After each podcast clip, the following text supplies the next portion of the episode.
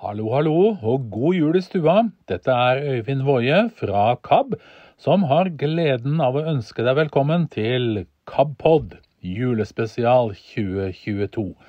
Dette er en direktesending fra Bergen fengsel, og der finner vi Kurt Ove Mæland. Vær så god!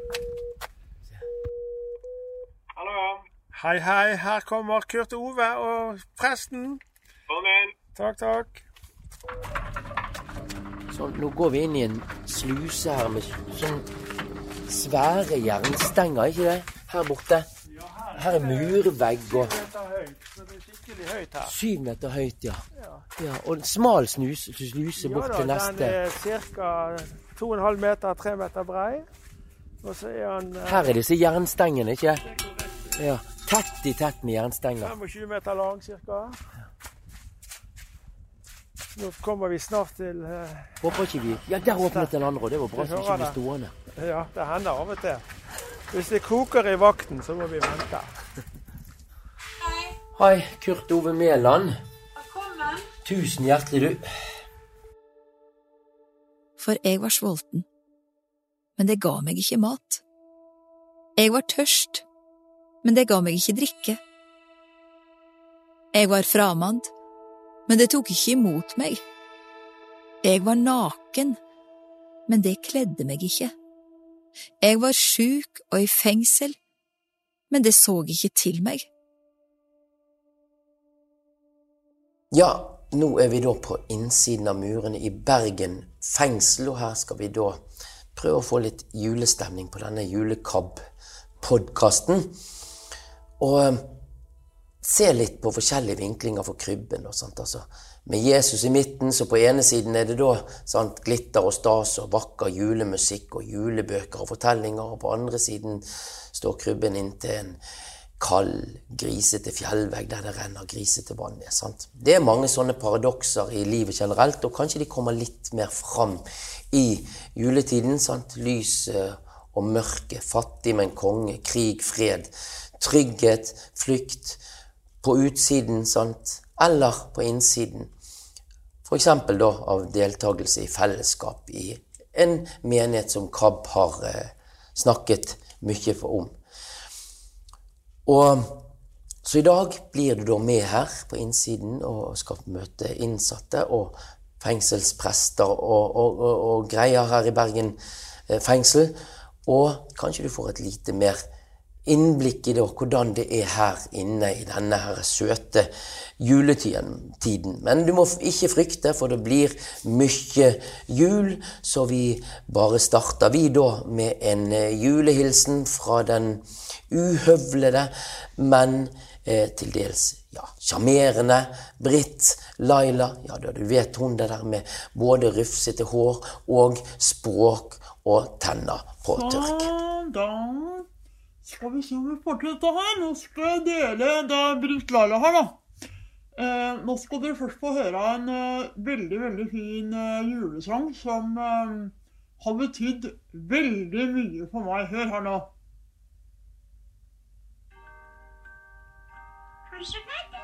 Christmas, and all through the house, not a creature was stirring, not even the mouse.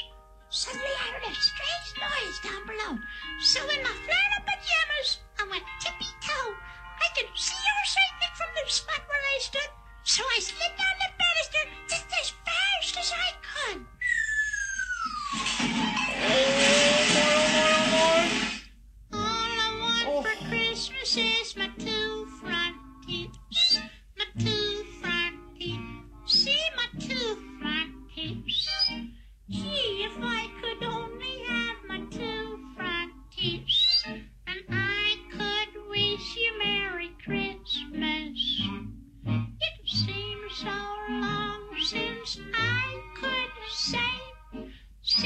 Susie said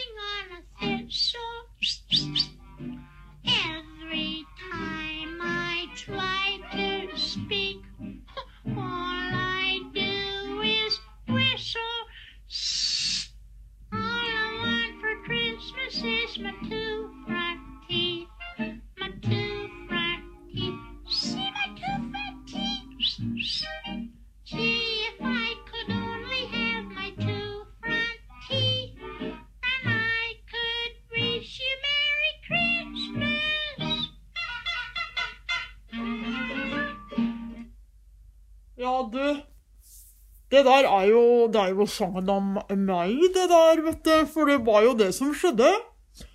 Eh, noen av dere syns jeg snakker litt utydelig. Og det er fordi jeg også på en måte bare mista noen tenner, da. Det var et lite uhell, kan du si, på en eh, sykkel. Ja, men i hvert fall. Så derfor så kan, lar ikke jeg heller alle disse eh, lydene som han synger om, men jeg kan si God jul! Det er jo bra at ikke vi prater sånn eh, som de gjør borti over, eh, over there, over dammen, som vi sier.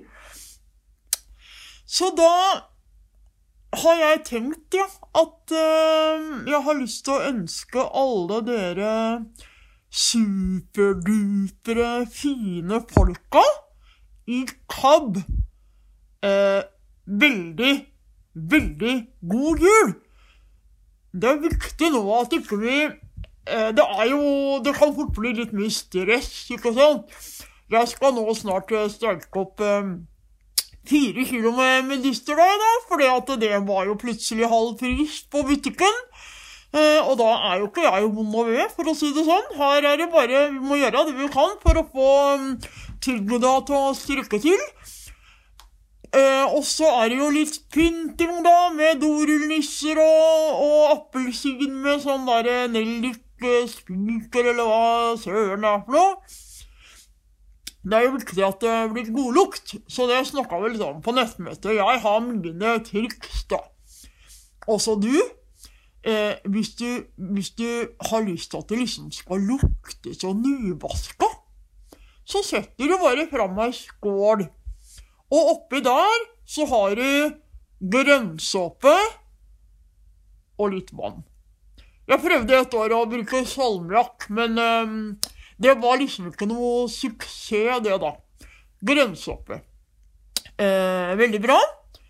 Eh, jeg skal forresten hilse fra Hydiakon. Altså, hun, hun holder på, vet du. Nå har hun, hun har også, Vi var i butikken sammen, da.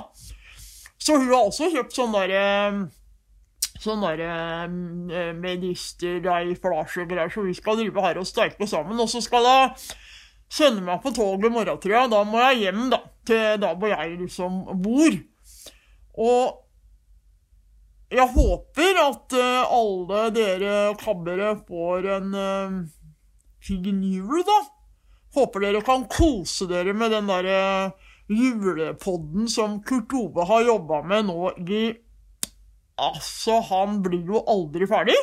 Så noen av dere får kanskje dette her eh, i romjula, men da er det godt å ha noe å kose seg med i romjula òg. Og så må vi huske på, da, dere, at eh, vi feirer jo ikke jul fordi vi skal ha nyvaska vinduer og nypussa sølv, eller hva søren er vi driver med. Eller eh, alt annet som skal være så på stell. Nei, vi feirer jul, for da kom denne ungen til oss her på jorda. Eh, det var jo Jesus, ikke sant, som blei født. Det er jo helt fantastisk. Og det var jo så fantastisk at det var englesang, og det var hyrder som jubla, og det var sånne revismenn vismenn, da, som gikk i dagevis, og dem hadde jo ikke noe GPS. Men den fant Jesus. Og vi er så heldige at vi har jo også på en måte funnet Jesus, det. Og så må vi kanskje huske på at det er derfor vi feirer jul. At himmelen kom ned til oss. Og så har vi noen som vi alltid kan være sammen med, som kan bli med oss eh, når det er litt eh, tøffe dager, og som syns det er gøy å være med oss når vi har det bra. Men uansett så er Jeg tror jeg vil si at Jesus liksom er uh, min eh, beste venn, ja, faktisk. Så jeg håper at du også har uh, Jesus som en venn, da, Uh, i livet ditt. Hvis ikke så kan du jo snakke litt med hun diakonen om det, for eksempel, for hun liker å prate med folk om mye rart, hun altså. Så vi har hatt noen sånne fine prater her, men nå ser jeg at klokka tikker og tida går, og det er slutt på timen vår. Kanskje får dere høre noe veldig veldig nydelig nydelig barnesang etterpå. Det er jeg ikke sikker på, men uansett. Riktig god jul. Eh, så håper vi at eh, 2023 det, det blir litt bedre enn eh, det har vært nå på tampen av 2022. Eh, men vi holder motet oppe, dere. Og så snakkes vi igjen. Eh, om ikke så lenge, håper jeg. God jul og godt nytt år. Det var en eh, julehilsen, det. Og nå eh, sitter jeg her med, i kapellet i Bergen fengsel, eh, Søfteland. Du er fengselsprest der. Det stemmer. Det er jeg. Ja, hva skjer her i, i dette rommet, sånn i et fengsel, i dette kapellet? Her har vi eh, masse gudstjenester. Her kommer de avdelingsvis til gudstjeneste.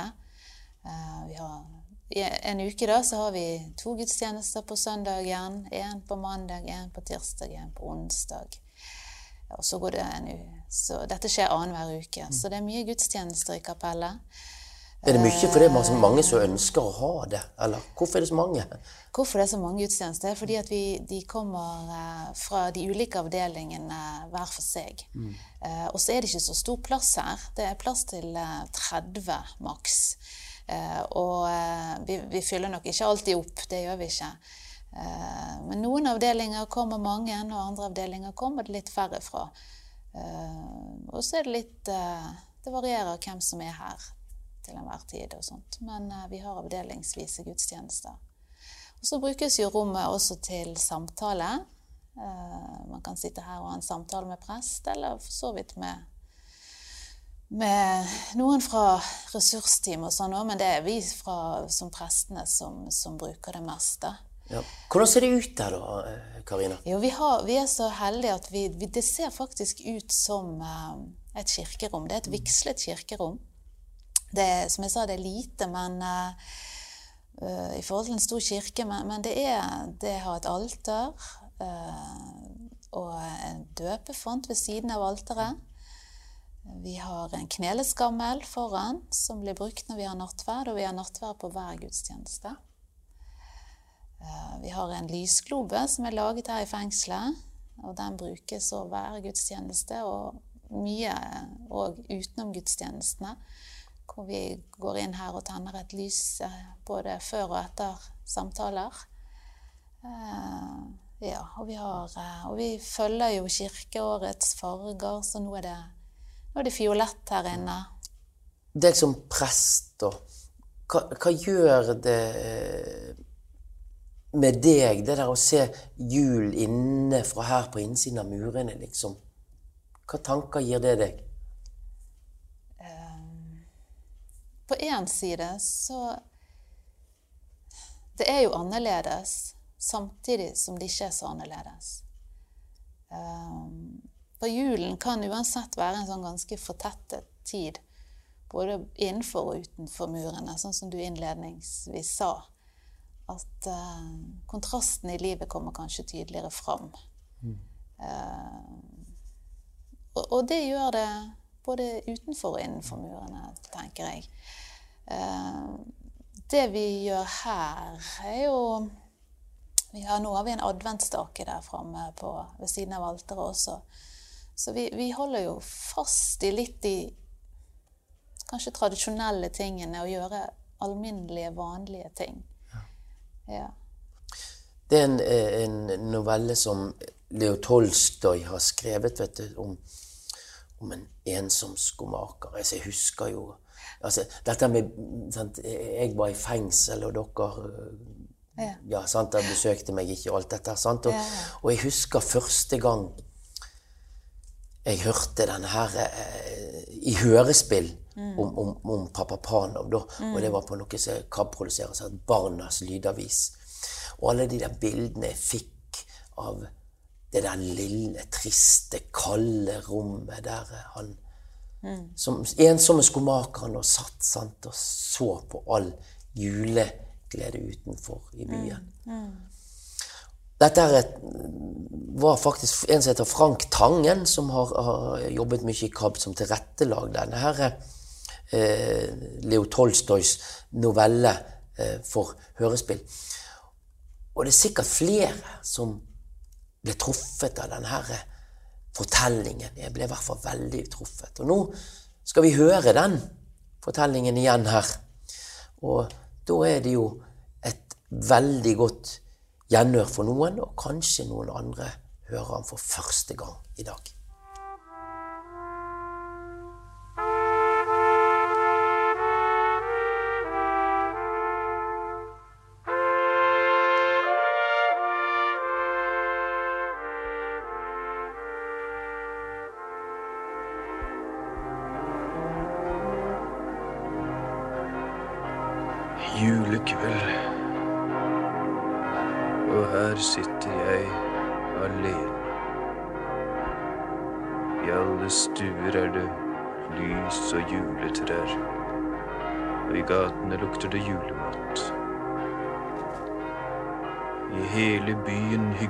Seg med familien sin. Ja, de som har noen familie, da. Mon tro om noen kan være mer ensom enn den som er alene en julekveld. Ok, ja. Anna skulle vært hos meg nå. Og Ivan. Vi kunne gledet oss sammen i kveld. Men de gikk bort fra meg så altfor tidlig. Hva er det? Sang? Det er barna som er på vei til kirken. En gang var min sønn også i den flokken.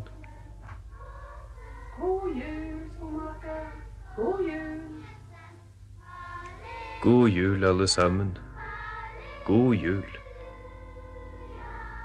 God jul. Jeg får vel prøve å få litt jul i huset, jeg også. Juleevangeliet kan jeg vel lese, selv om jeg er alene.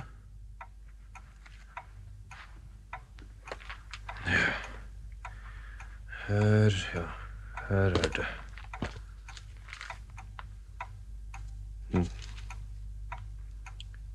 Hun fødte sin sønn, den førstefødte, svøpte ham og la ham i en krybbe for det var ikke plass til dem i herberget.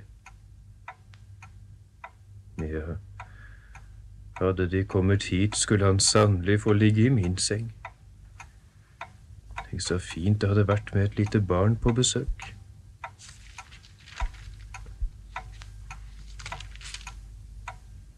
Vismennene gikk inn i huset og fikk se barnet hos moren Maria og de falt på kne og hyllet det. Så åpnet de sine skrin og bar frem gaver til barnet. Hva kunne jeg gitt ham om han var kommet hit? Alt jeg har å gi bort, er de siste skoene jeg har laget. Men hva skulle nå Jesus med dem?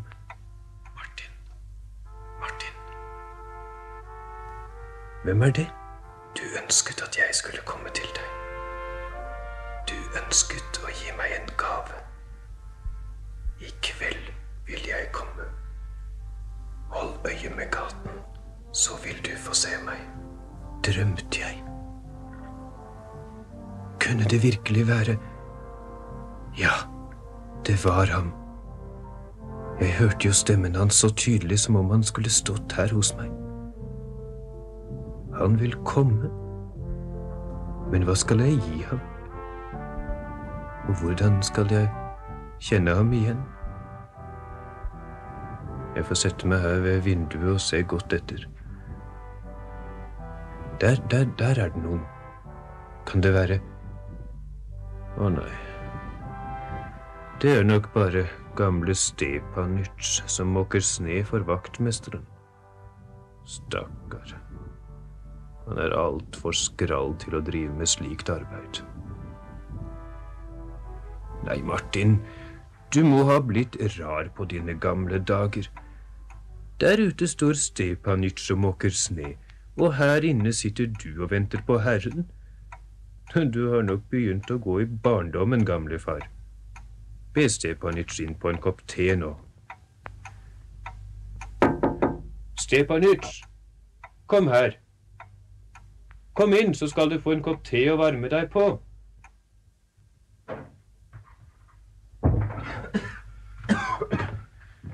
Takk for det, Martin. Men jeg er svært våt. Jeg skal nok tørke opp siden. Sett deg nå her og, og få en kopp varm te. Så, vær så god. Takk for det. Jeg har gått for en gammel kopp. Men jeg kom kanskje ubeleilig. Jeg ser du kikker ut av vinduet hele tiden. Venter du kanskje noen? Nei, nei, nei, nei, du må bare sitte. Om jeg venter noen Ja, både ja og nei. Jeg er nesten flau for å si det, men jeg venter altså besøk av Jesus i kveld. Av Jesus.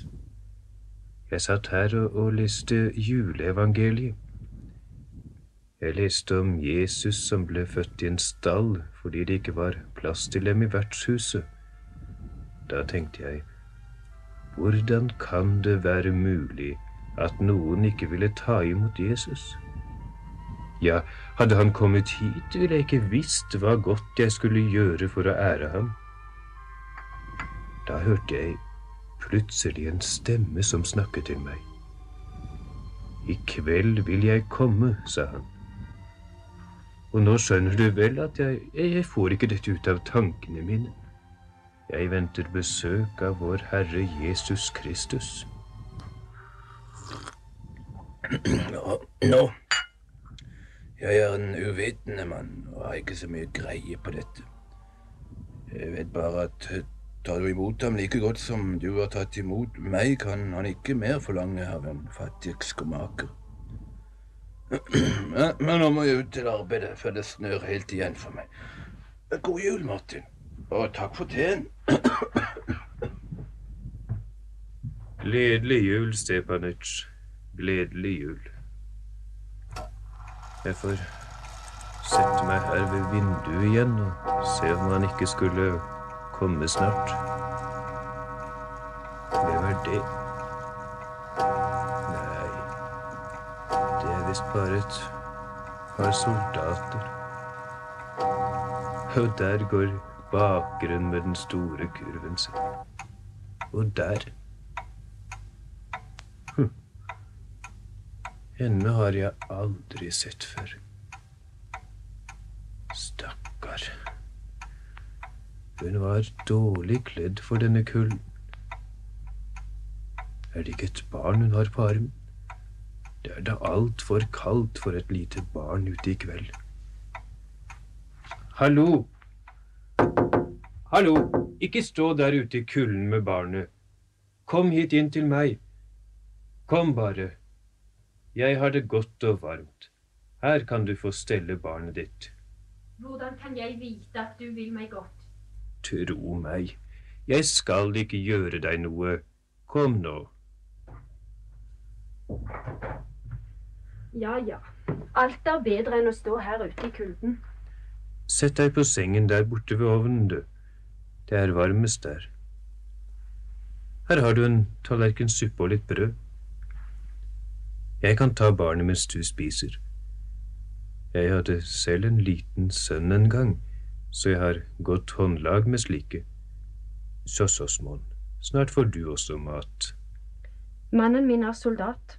For åtte måneder siden ble han sendt langt av gårde, og siden har jeg ikke hørt fra ham. Har du ikke noe sted å bo? Jeg hadde plass, som kokkepike hos noen rikfolk. Men da jeg fikk barnet, ville de ikke ha meg der lenger. Nå har jeg prøvd å skaffe meg arbeid i tre måneder. Men ingen vil ha en kvinne med et spedbarn i huset. Har du ingen varme klær? Hvor skulle jeg ta dem fra? I går pantsatte jeg tørkleet mitt for å få noen kroner til mat. Jeg har en trøye til sønnen min her i skuffen. Se her. Den kan du ta. Gutten min døde for mange år siden. Jeg får aldri mer bruk for denne. Å, Gud velsigne deg, gamle skomaker. Hvordan skulle det vel gått med barnet mitt om ikke du hadde vært? Nå har kanskje Gud medlidenhet med meg likevel. Kanskje det var han som fikk deg til å se ut av vinduet da jeg kom forbi? Ja, det kan nok være. Du forstår. Det var ikke uten grunn at jeg har sittet ved vinduet i kveld. Kristus har lovet å komme på besøk til meg i kveld. Er det slik det er? Ja, alt er mulig for Gud. Takk skal du ha. Her, her har du noen kroner. Nå kan du gå og løse inn tørkleet ditt og kjøpe litt mat til deg og barnet. Og trenger du mer, så kom bare hit. Å, Gud velsigne deg, gamle skomaker. Og god jul. Gledelig jul til deg og barnet ditt. Så var jeg alene igjen. Da får jeg vel vente videre her ved vinduet. Bare han ikke gikk forbi mens jeg var opptatt med den stakkars kvinnen. Martin, Martin, kjente du meg ikke? Så du gikk altså forbi? Nei, Martin, jeg var hos deg. Dette var meg. Jeg var sliten og trett, og du tok imot meg, Martin. Og sa dette er meg. Jeg var sulten og manglet mat og klær. Du ga meg mat og kledde meg. Men Herre, det var jeg som kom til deg. Alt det du gjorde mot en av disse mine minste brødre, det gjorde du mot meg. Så var du her likevel.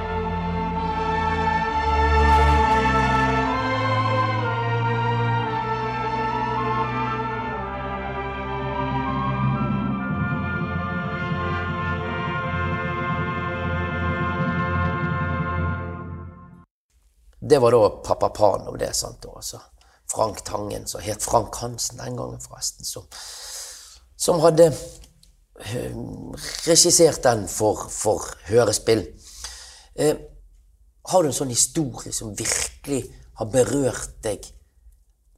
Virkelig å få til å tenke i etterkant her inne? Oi.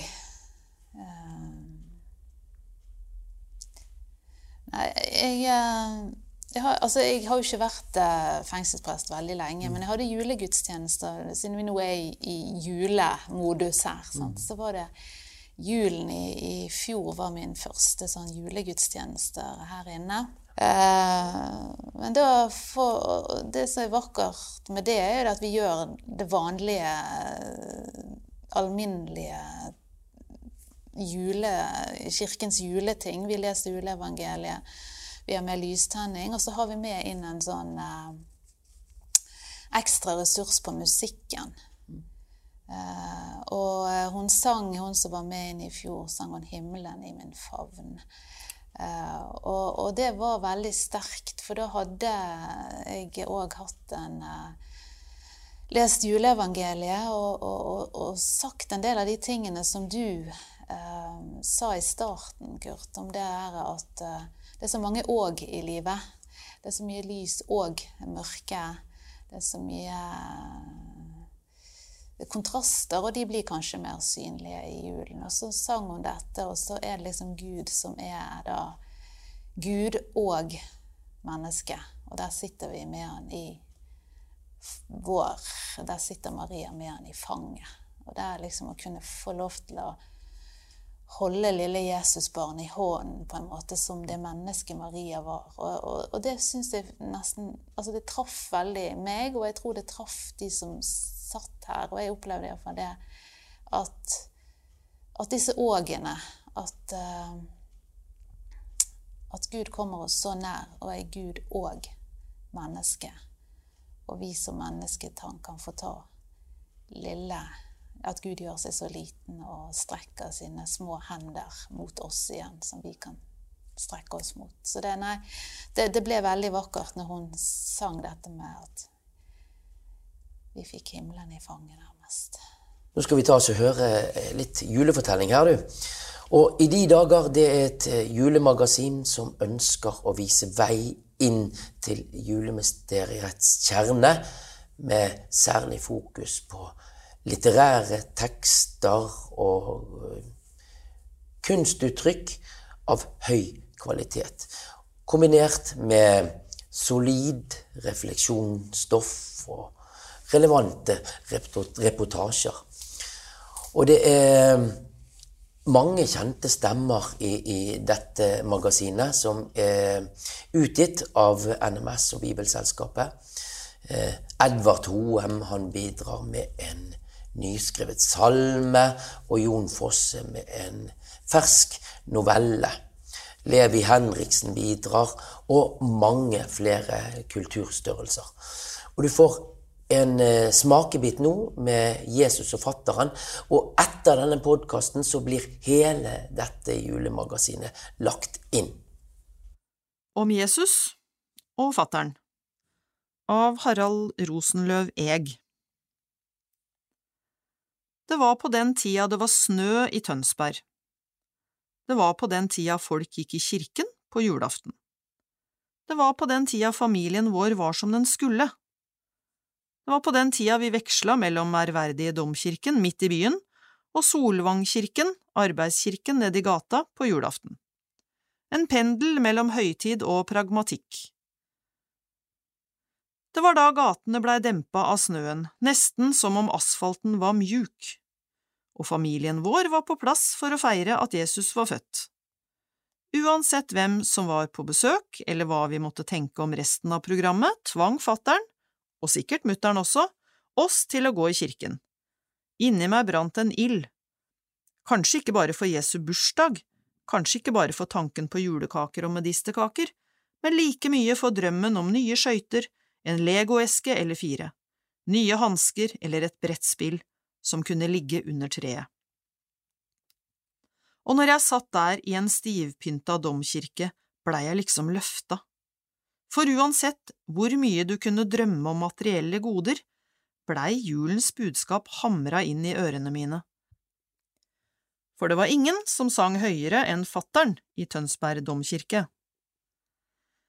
I Bibelen står det mye om evig liv, og da er det lett å tenke på fattern. Han var en evig leirgutt, en seig sprinter, en forbeder av dimensjoner, en hagemann som ikke ga seg før siste ugresset var luka. Han var en fyr som hadde alt som skulle til. Han hadde humøret, han kunne snakke med en stein og få livshistorien av en fremmed på toget, spesielt hvis han kunne snakke tysk. Og han kunne glede seg stort over 30 år gamle episoder av Derek. Han hadde en fantastisk helse. Jeg kan ikke huske at han var sjuk en eneste gang i oppveksten. Han la ikke på seg et gram, men han begynte likevel å jogge igjen da han var nærmere 70. Han bestilte alle mulige trimapparater på postordre, men han trengte aldri å bruke dem, de sto og støva ned. Og han hadde troen. Fattern tok med Gud i enhver situasjon, og akkurat som Vår Herre var fattern overalt.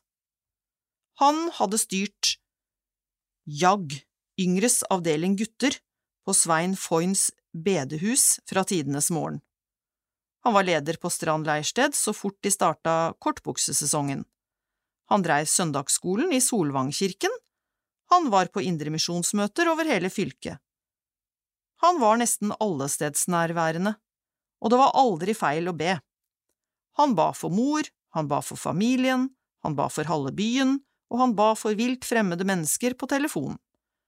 Han og mor ba til og med en kort bønn for bilen hver gang vi skulle kjøre en tur. Nå kjører vi i Jesu navn. Fattern streka under det viktigste i Bibelen med en rød lærerblyant.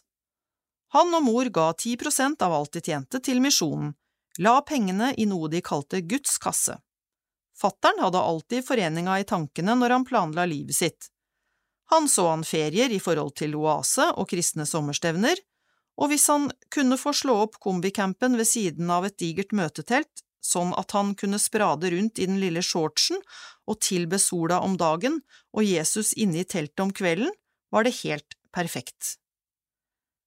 Men jeg tenkte ikke på det de julene i barndommen, de juleøyeblikka i domkirken. Jeg tenkte ikke på hva som måtte drive en mann til å bli den han blir da. Jeg så framover i kirken og måtte dukke litt når fattern sang, så høyt var det. Kanskje han dirigerte litt forsiktig med armene, mest på tull? Så jeg måtte se bort og speida mot altertavla med det klassiske bildet av Jesus, en vakker mann i rød kjortel, sammen med disiplene ute i Getsemane eller noe, og han knelte for noen engler. Kanskje han ba? Jesus virka uansett helt fiksert på disse englene. Han virka uinntagbar, som om han var sikker i sin sak, uansett hva som måtte komme, og jeg tenkte bare på at fattern var en mann som sang høyere enn alle andre, og når han gikk inn i domkirken, var han nesten umulig å nå. Sjøl om fattern var relativt gammel da han fikk meg, hadde han et hue klart som blekk og et blikk som alltid gløda.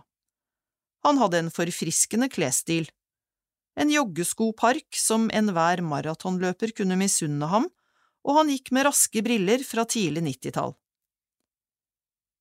Men han var ikke typen til å tyne dette heller. Han forsto at han blei eldre, han kjente sine begrensninger og solgte bilen da han skjønte at kjøringa ikke var noe for han lenger. Han begynte med stokk etter å ha gått på trynet i et betongskille på billigferja Mr. Shoppy, han hadde en eventyrlig syke, en evig optimisme og en nesten irriterende positivitet.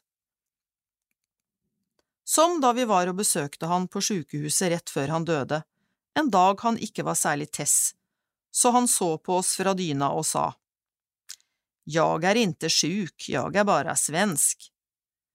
Han mista jo sin nærmeste bror, altfor tidlig, og han mista sitt livs kjærlighet, mutteren, på kanskje verst tenkelige tidspunkt. Som en mann med såpass gode forbindelser oppover fikk han ikke særlig godt betalt for bønneinnsatsen. Han kunne vært bitter, han kunne vært sint, han var jo knust, men sjøl ikke tapet av mutteren fikk han av sporet, snarere tvert imot. Han ga kanskje enda mer i tjenesten for Gud etter det. Hvis jeg hadde smuglest på en av alle de små lappene han omga seg med, hadde jeg kanskje funnet ut hva han skulle gi meg til jul den gangen jeg satt der i domkirken, for livet hans var fullt av små sirlige huskelapper med alt han skulle gjøre, alt han skulle handle inn, alle han skulle be for, og alt han skulle organisere. Han lagde lapper overalt, og lappene lå overalt, inni blader og bøker, under kopper og i poser og sakte var det som om disse lappene var et kart over verden, et kart over alle navnene. Alt han som allestedsnærværende måtte huske. Fattern var en sherpa, en bærer, ikke bare av handleposer og kofferter, men av folk, av medmennesker, som igjen visste at han tenkte på dem, ba for dem. Han besøkte dem på sykehuset, sang for dem på sengekanten, han møtte opp i begravelsene deres og sang, akkurat som med mutteren. Han satt på sengekanten hver kveld før han la seg og leste kjærlighetsbreva deres, og så streka han i dem med samme rødblyanten som han brukte i Bibelen. Han fulgte alle langt forbi døden. Fattern ga masse. Han ga familien julaftener i domkirken, han ga oss historier fra krigen, campingferier og bilturer, men han ga like mye ut i verden. Eller kanskje mer?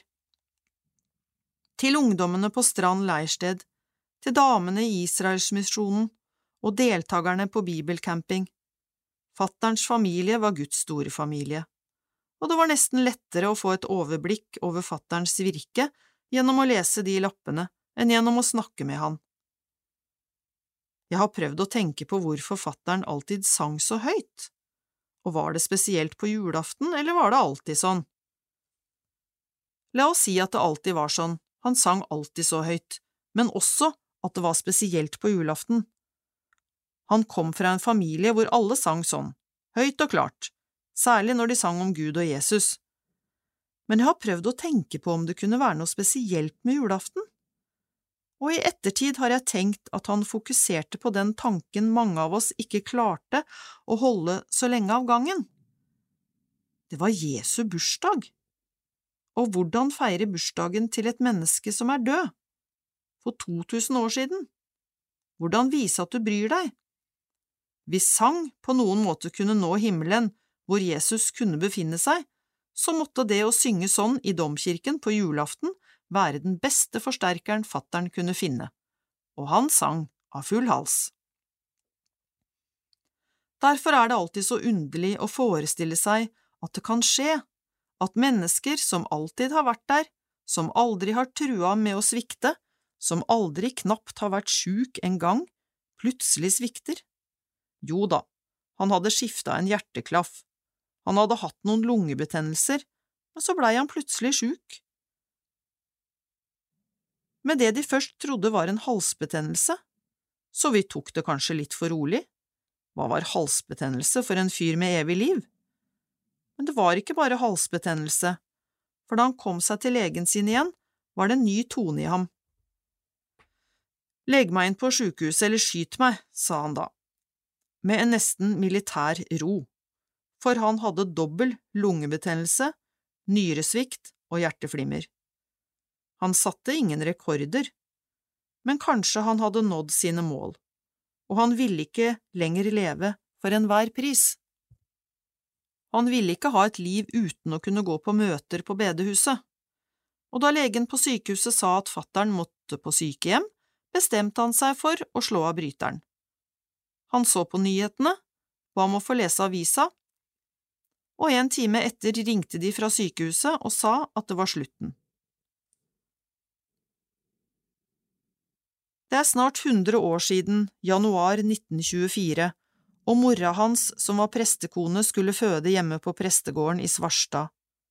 Det var frost på rutene og langt til folk, så det blei faren hans, presten, som måtte ta imot barnet før jordmora rakk fram. Men etter den første guttebabyen var ute i livet, kom det jammen en guttebaby til som ingen hadde visst om, og det var fattern. De var så små at de kunne ligge i hver sin skuff på prestegården. Og tvillingbroren hans døde etter ni dager, men fattern, den minste av dem, på 1500 gram, klarte seg. Kanskje tenkte han at det var et under i seg sjøl, at han blei født, at han fikk livet, akkurat som Jesus. Så når han brukte sine siste krefter på å kalle opp tårnet, der i sjukesenga på sentralsykehuset, så var det ikke meg han spurte etter. Det var ikke broren min, eller søstera mi, eller noen av barnebarna. Det var ikke engang mutter'n han spurte etter, det var Jesus.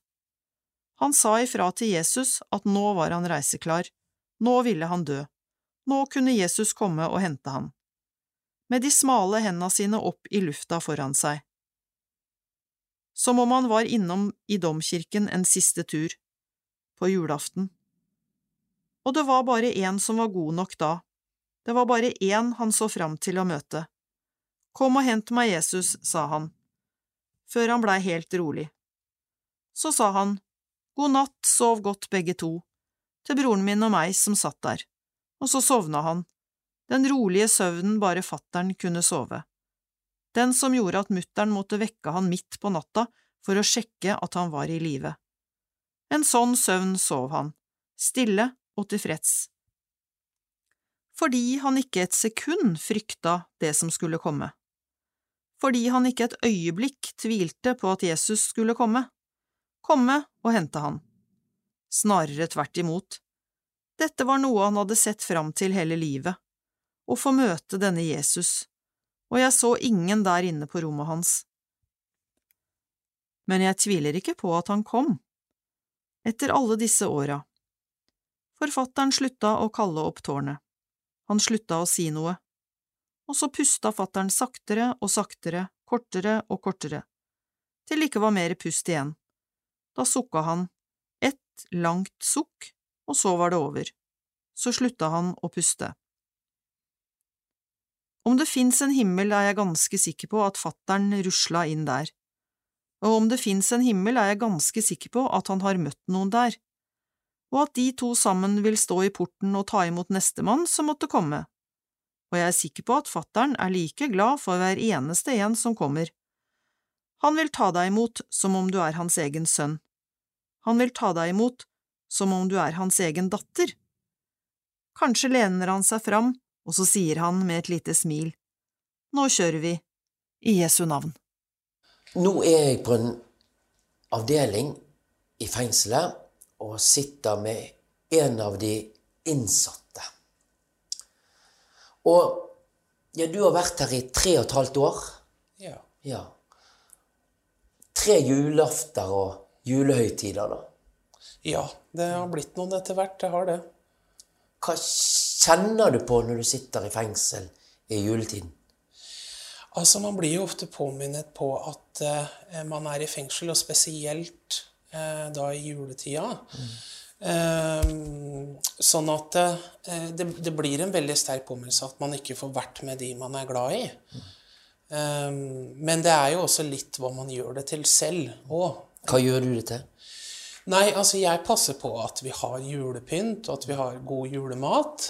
Ehm, og at eh, alle rundt meg òg føler at de har det bra. Fordi at eh, hvis man ser at eh, noen av de man sitter på avdeling med, ikke har det så kjekt i jula, så påvirker det en sjøl også, egentlig. Så hvis jeg ser at noen har det tøft og vanskelig, så prøver jeg å lyse opp dagen deres litt òg.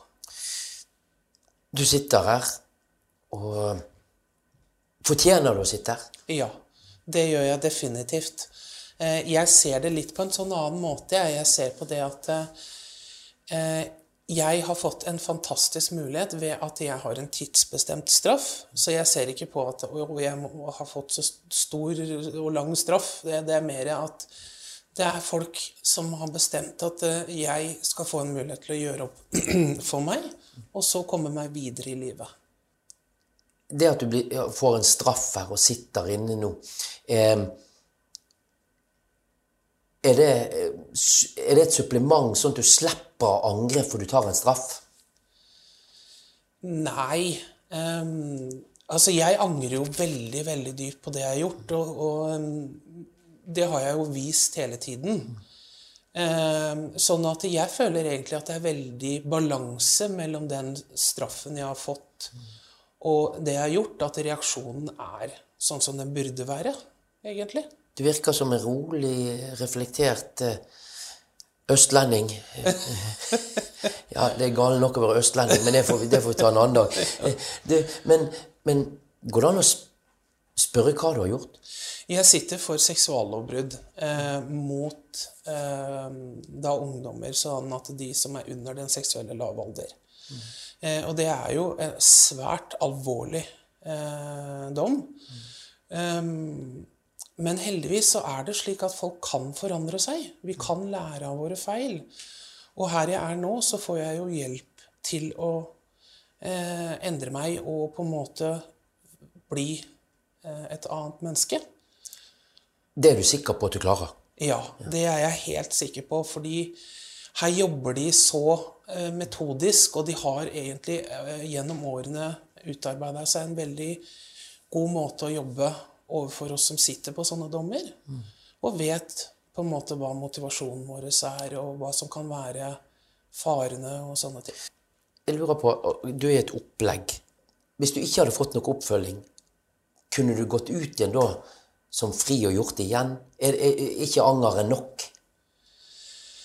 Ehm, altså, jeg tror hadde ikke jeg fått oppfølging, eh, så hadde jeg jo måttet sittet med alt dette alene og måtte prøvd å få noe orden på det eh, i, i eget hode helt uten hjelp. Og jeg tror nok ikke at det, jeg hadde gjort det igjen, men jeg tror også det hadde vært at da kunne jeg ikke garantert det, fordi at det hadde fortsatt vært store ukjente momenter i hvordan jeg har det og hvem jeg er. Og de føler jeg at jeg har fått veldig styr på her. Eh, egentlig fått kontroll over og forstår det bedre. Um, vi har en reporter, vi i, i, i, i KAB. Hun heter Anne Sanne, og hun eh, nå til nyttår så slutter hun. Hun er jo en kjent og kjent, kjær stemme her i KAB sine reportasjer. Og altså til nyttår, da slutter hun. Og jeg har tatt en liten prat med henne, og da spurte jeg først om hva det var det kjekkeste med å jobbe i KAB. Det tror jeg må være de eh, menneskemøtene som jeg har hatt. Jeg har møtt utrolig mange flotte folk. Eh, KAB-medlemmer, kollegaer og andre som eh, ja, har Det har vært berikende i seg sjøl, da. Alle er liksom dedikert og opptatt av eh, samme sak, da. Og eh, og fremme rettighet og, og et godt liv for eh, de som har eh, blinde eller svaksynte. Så det har vært veldig berikende å møte mange engasjerte folk. Hva har eh, gjort mest inntrykk på det, da? Um, det er vel kanskje nettopp det at det er så mange som uh, lever et, um, et et liv som er ganske prega av det uh, synsnedsettelse, da. Men, men samtidig er skikkelig feitere og, og uh, finner uh, løsninger og kjemper imot systemet, for å si det sånn. Um, og har en ukuelig vilje da, til å likevel uh, ja, fungere, være i jobb, studier. Det syns jeg er veldig imponerende. Hva er det viktigste som du har lært i denne eh, arbeidssituasjonen her, da? Ja, um, jeg har jo lært mye om den uh, situasjonen uh, som en har da, når en har en funksjonsnedsettelse. Det være seg å være blind eller svaksynt eller andre funksjonsnedsettelser òg, da.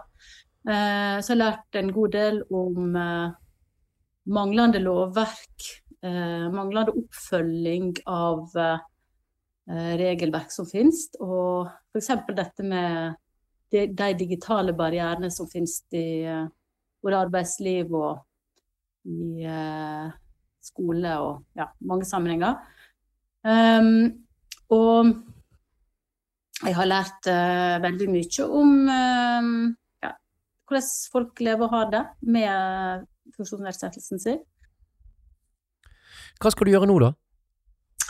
Ja, jeg er jo frilanser, så jeg uh, har jo uh, har uh, oppdrag for forskjellige medier og organisasjoner. Så jeg fortsetter jo å jobbe fleksibelt med ulike saker. Og det er jo journalistikk først og fremst jeg jobber med, da. Så både med lyd og bilde og tekst. Så ja fortsette sånn som jeg liker da, å jobbe fleksibelt. Anne, du har jo lagt mange reportasjer her, altså? Ja, det har blitt noen. Um, portrett og diverse innslag til podkast og store og, og, lange og korte og forskjellige typer intervju, da. Så uh, både på nett og på papir og podkast. Mm, så det har vært Det òg i seg selv har jo vært veldig lærerikt. For uh, nå er det en, uh, Jeg har uh, hatt et langt arbeidsliv som medielærer, jeg, da. Mm. Det er det jeg jobber lengst med. Men jeg har en journalistikkbakgrunn og jobba i media for mange, mange år siden.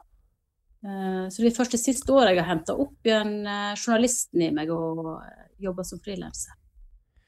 Men vi må jo ønske deg lykke til, eh, Anne, og så må jo, må jo du eh, eh, si en eh, fin ha det her, og god jul til de som har hørt på deg jevnt og trutt.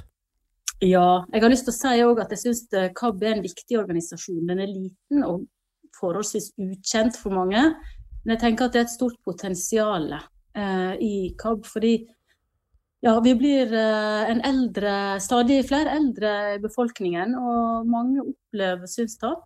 Og mange har en kristen forankring, så jeg tror eh, KAB kan vokse og nå enda flere i tida som kommer. Og jeg ønsker alle sammen en riktig god jul og et godt nyttår. Hvordan er det å få besøk her inne i jula? Får du det? Ja da. Jeg har en um, ung sønn som bor på Danmarksplass her i Bergen. Eh, og han har akkurat eh, vært og besøkt meg, eh, fordi at det her inne en, eh, Når det nærmer seg jul, så har man det som kalles Barnas dag, hvor det, da, det blir mulighet for alle eh, barn av folk som sitter i fengsel, om å komme og besøke foreldrene eller faren sin eller moren sin her inne. Eh, og det var faktisk i går. Hva gjorde dere da? Da hadde vi stor juletrefest i gymsalen her inne i fengselet. Hvor vi fikk besøk av nissen og hadde utdeling av julegaver. Eh, og spiste noen gode julekaker og litt pølse. og Hva kjenner du til som far når sønnen din må gjennom sluser og inn og besøke deg her i et fengsel? Eh, altså, jeg syns jo det er jo kjipt, men det er en del av gamet når man har gjort det jeg har gjort. Eh, jeg skulle ønske at jeg kunne skåne ham mer for det, men det kan jeg ikke, eh, dessverre. Eh, sånn at de gangene jeg har hatt mulighet til f.eks. å treffe han utenfor murene gjennom permisjon eller det som kalles for framstilling, så har jeg benyttet meg av den muligheten. Snakker du med han om at du er i fengsel? Ja, eh, det gjør jeg, og, han vet jo det veldig godt siden han har besøkt meg her inne. Eh, Med han så har jeg vært veldig åpen om at jeg har gjort noe galt, eh, og prøvd å forklare det på en sånn alderstilpassa måte. Eh, og at da er det riktig at pappa er i fengsel en stund fordi at jeg har gjort noe galt som ikke er i orden. Hva er ditt høyeste ønske for framtiden? Mitt høyeste ønske det er at eh, de jeg sitter med, skal få muligheten til å kunne komme ut herfra og begynne gode og eh, fine liv, hvor de holder seg på riktig side av loven, men også føler at eh, de får leve helhetlige liv, egentlig. Men du bryr deg veldig mye om dine medfanger. Jeg tror det er flere ting. Jeg tror det er et veldig bevisst valg fra min side om at den beste eh, forsikringen mot at jeg noen gang gjør noe galt igjen, det er å være et empatisk menneske som har det bra. Og også at jeg sitter med innsatte som bryr seg om meg, og derfor så bryr jeg meg om dem. Eh, og vi, vi er i en avdeling hvor vi ønsker hverandre det beste, egentlig. Du, Vi skal litt videre her, og da er det snakk om julelitteratur. Og diakon Hilde Grumstad hun er virkelig kommet i det man kaller jule, julestemning, og ønsker nå å anbefale noen litt sånne julestemte bøker for deg. Hei, da ønsker jeg deg velkommen til eh, Diakonens eh, lille julebokhjørne. Det er travelt for Heidi på biblioteket om dagen med skole og eksamener og det ene med det andre, så jeg har rigga meg til med en liten liste med bøker. Gløgg i koppen, og som du kanskje hører, fin julemusikk på radioen. Den første boka jeg skal si noe om, den heter Hjemme i julen. Skrevet av Dagfinn Høybråten. Han husker vi jo alle sammen. Og han holder jo fortsatt koken, han, nå i Kirkens Nødhjelp. Men her altså er det en bok med betraktninger om den største fortellingen av dem alle. Jula er jo tradisjonenes og forventningenes tid. Vi gir og mottar gaver. Og ofte kan det være litt krevende å få nærkontakt med julens kjerne i alt det ytre som omgir den. Og i denne boka så deler Dagfinn Høybråten sine erfaringer med å pakke ut julebudskapet om Jesus. Så har vi en bok som heter I de dager. Det er altså 24 julefortellinger, redigert av Brynjulf Jung Kjønn. Og da er det jo 24 ulike forfattere som har fått frie tøyler til å skrive en fortelling basert på juleevangeliet. Nå går det jo en liten eh, debatt her og der om hva er verdens beste og mest kjente julefortelling. Er det Charles Dickens som har skrevet, eller er det juleevangeliet? Og vi holder vel en knapp på juleevangeliet. Så her altså har de fått frie tøyler til å skrive en fortelling basert på juleevangeliet. Jon Fosse, Kari Bremnes, Gro Dale, Gaute Heivold og Levi Henriksen er blant de heldige utvalgte. Og nå tar det løs på julemusikken her med pauker og saker. Så da går vi over til Mitt umulige barn. 25 adventsmeditasjoner skrevet av Jostein Ørum. Han er prest i Vestfold. Og dette er en bok hvor vi åpner små luker i julefortellingen. Én for hver dag i desember, til og med første juledag. Og her tar vi forskjellige aktørers perspektiv gjennom hele julefortellingen. Til slutt så må vi si et par ord om Verdens beste julespill av Barbara Robinson. En litt mer morsom bok. For så vidt kanskje beregna på litt større barn, men altså, du kommer til å kose deg med den selv om du er godt voksen. Jeg leser det som står bak på boka, jeg. man, ungane, er de verste ungane i hele verda. De ertar og plager, bråker og ødelegger, nasker og stel. Kort sagt, de er en pest og en plage for alle rundt seg. Heilt til de roter seg bort i kyrkja og julespelet. Alle på staden kjenner julespelet. Det er samme prosedyre hvert år. Men ikke denne gangen. Ikke med Hørdmann-unger i alle hovedroller. Da har du fått noen tips om eh, litt eh, julelitteratur.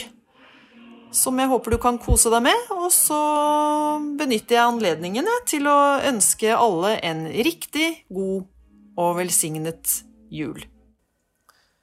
Og ja, det er en til som har et lite ord med i laget her. Her får du høre en liten melding fra bibliotekar Heidi Vestby.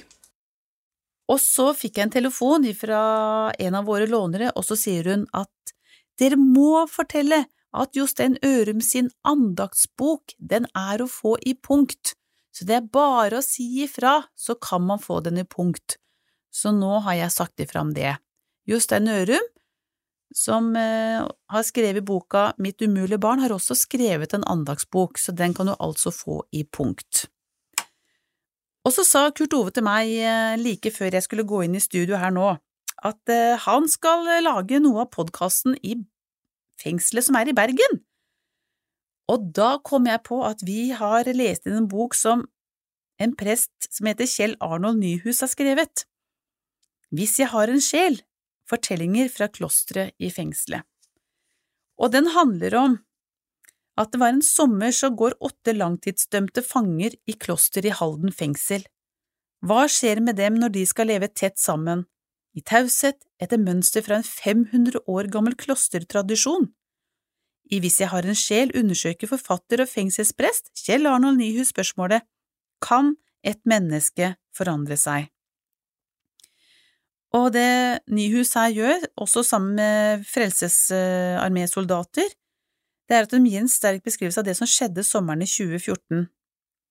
Dette tiltaket, som gjør at noe med alle som er involvert, men det er spesielt gripende å lese hvilken utvikling de innsatte gjennomgår i løpet av de 21 døgnene de er i Halden fengselskloster. Så absolutt en eh, bok som er verdt å lese. Har du lyst til å si unnskyld?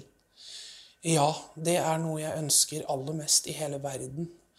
Eh, Jeg beklaget under rettssaken, men da var det jo ofte sånn at de tenkte at det sa jeg bare fordi at jeg ønsket lavere straff, eller prøvde å fremstå som kanskje eh, mer positiv overfor eh, retten. Um, men jeg skulle ønske at jeg fikk en mulighet til å si beklager nå i ettertid. fordi at selv om jeg hadde beklaget nå, så hadde ikke det betydd at jeg hadde fått noe lavere straff. Men det er opp til eh, ofrene. Så jeg kan ikke på en måte eh, bestemme at de skal snakke med meg. Nei, men det hadde hjulpet deg? Det hadde det, men det er mest egentlig for dem sin skyld at jeg ønsker å si det. Fordi at siden jeg har hatt veldig, veldig lite kontakt med dem annet enn med rettssaken, sånn etter at jeg ble pågrepet, så kan det hende at de sitter med tanke om at jeg er noe sint på dem, eller eh, ikke ønsker dem noe godt. Og, og det er eh, ikke sant i det hele tatt. Eh, det er kun ett menneske jeg har å skylde på for det som har skjedd med meg, og det er meg sjøl, ingen andre.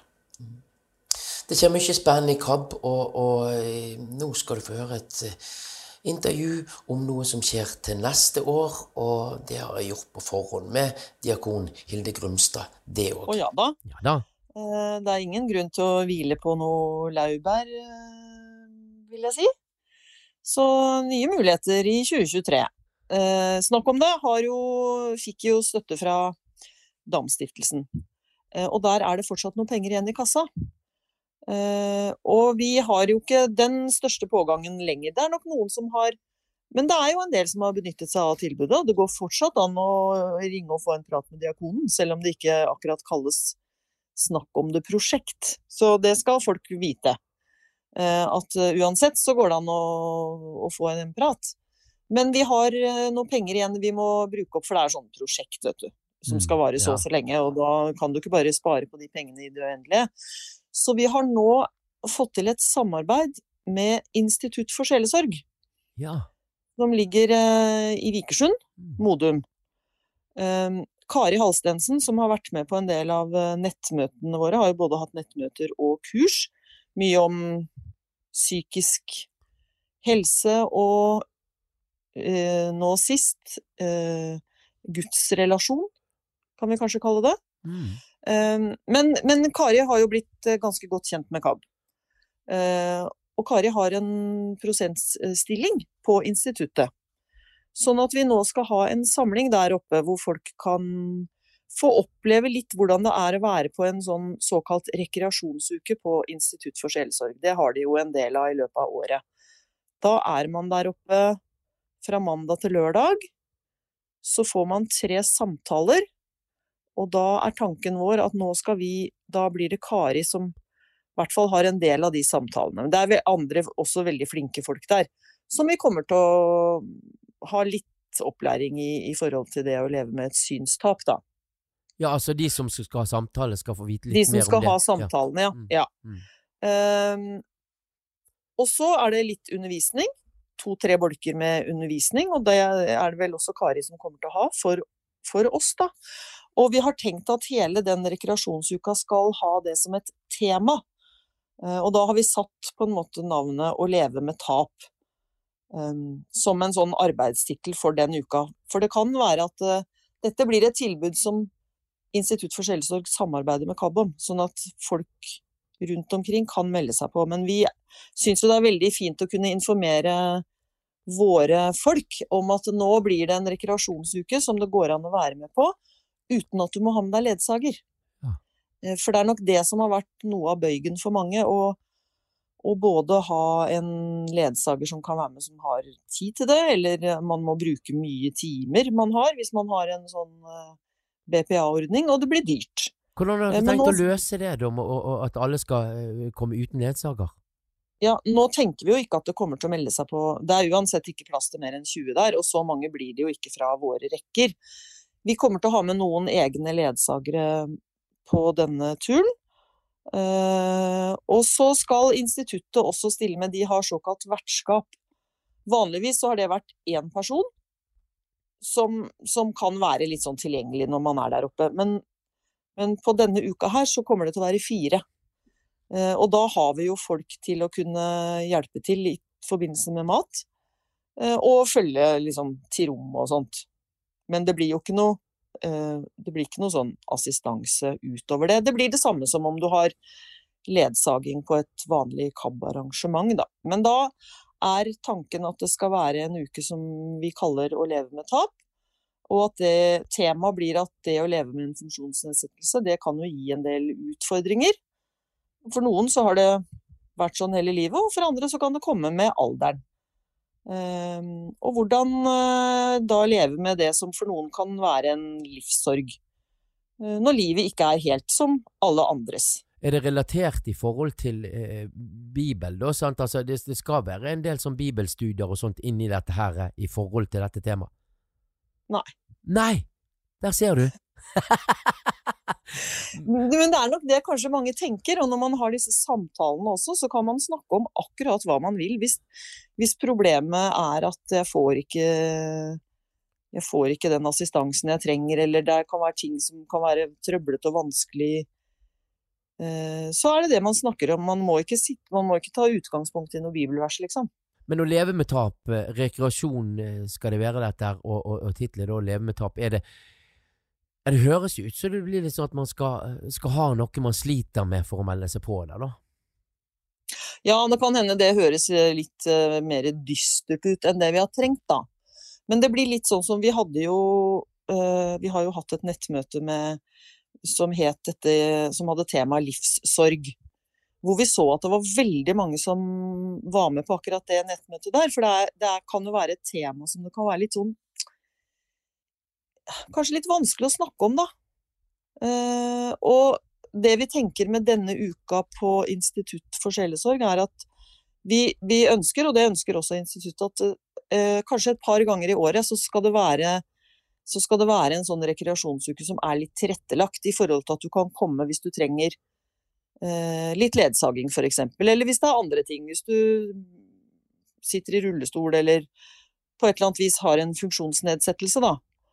Eh, og da, det, da kan det være naturlig at det også kan være litt tema i forhold til det man snakker om. Men det skal jo ikke være noe sånn norgesmesterskap i å ha det verst. Men- det, går fint an å, det går fint an å komme selv om man har det bra, for å si det sånn. Rekreasjonsuka er i uke ni, begynner mandag 27. februar og går inn i mars. De som har vært med i Snakk om det-prosjektet, får selvfølgelig tilbud om å være med, men det er også mulig å være med hvis man ikke har vært med på det. Det man må gjøre, det er å ta kontakt med KAB og meg. Så skal vi um, ordne med påmelding. Vi har en uh, slump penger igjen, for vanligvis så er disse rekreasjonsukene litt kostbare, men nå skal vi gjøre dette på en, på en måte sånn at eh, de som er med i KAB, skal få glede av de pengene vi har igjen. Så ta kontakt med meg, så skal vi eh, ordne det praktiske. Det høres bra ut. Og nå, Hilde, skal du få lov å En liten sånn adventshilsen fra meg her. Jeg pleier ikke å gi deg lov til det, du, du ønsker du bare Trygve Skau hele tiden. Men i dag, Hilde, så skal du få lov å ønske deg en sang. Og jeg vet ikke hva du har tenkt å ønske deg, så nå Ja. Og siden du, du er liksom litt ute etter meg, du, Kurt Ove, når jeg liker Trygve Skau. Men jeg ønsker meg jammen meg eh, Jeg ønsker meg jammen en låt med han, ja, for han har nemlig eh, lagd en plate som heter Seine natt desember, hvor det er veldig mye fine julesanger. Og han er jo litt kjent for å klå på originaltekster. Skriver om litt. Gjør det litt til sitt på indre østfoldsk, som han sier. Eh, og han har vært og klådd litt på denne julesangen Her kommer dine arme små. Da- Så den Ja? ønsker jeg meg. Men da skal du jammen meg få den, Hilde. Tusen takk, Kurt Ove. Og du, Ja. god jul! God jul!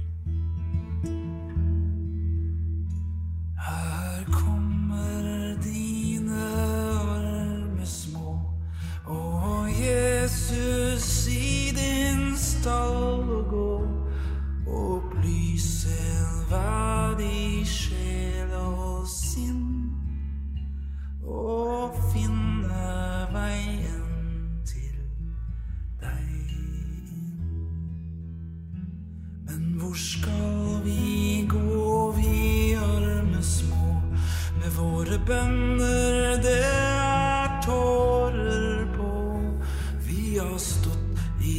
i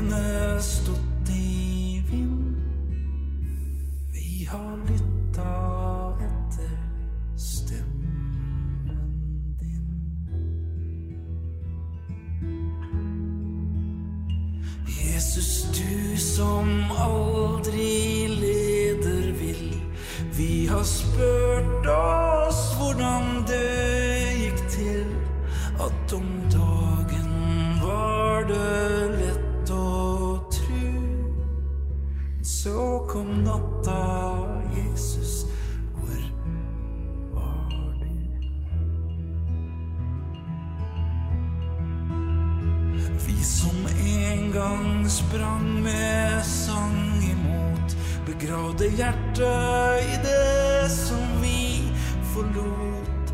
Vi holdt høyre hånd mot himmelen, mens den venstre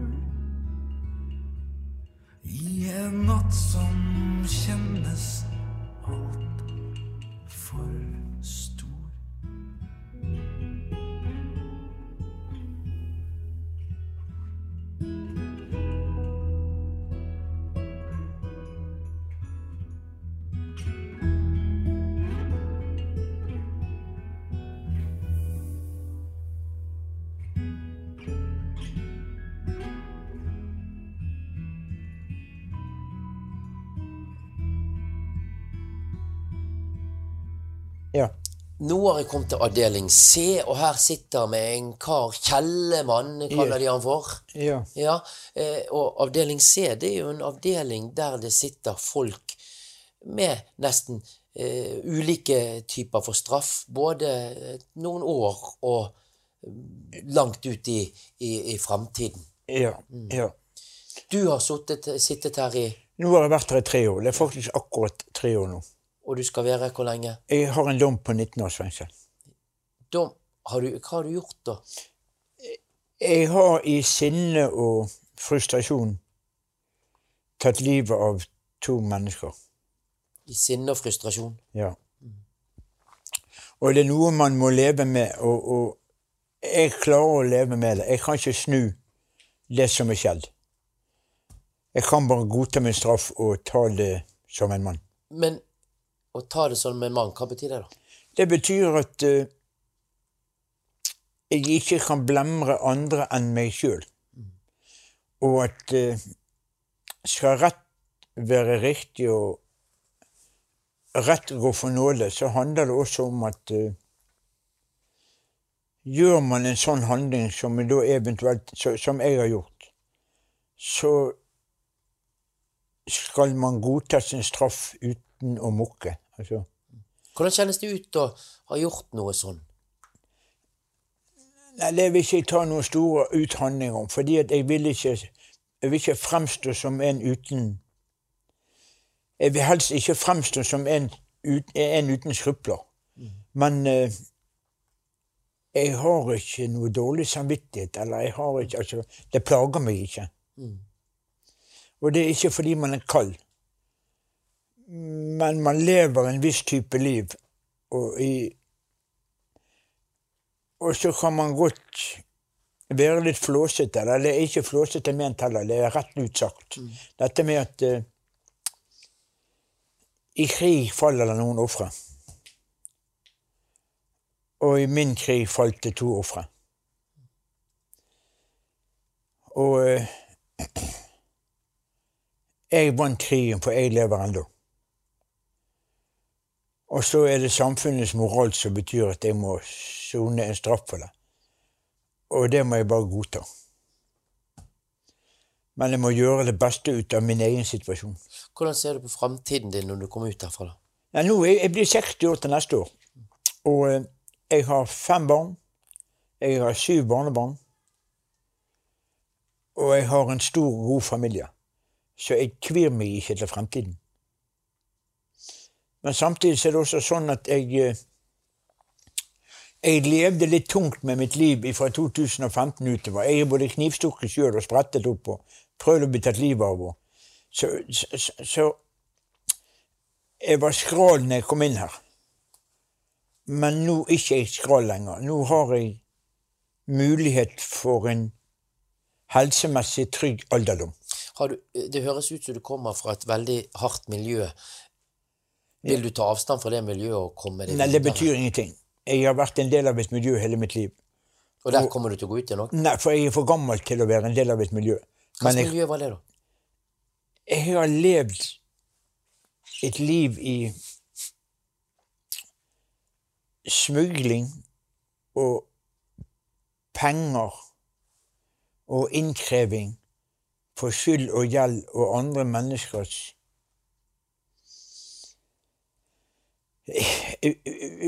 andre menneskers velvilje til å låne på steder der når banken, er lenger, når banken sier nei, så, så, så låner de andre steder. Og så er det ikke alltid de betaler, men da må man nesten Man kan ikke sende de inkassobrev, men man kan sende de en hilsen og si at det er best å gjøre opp for seg.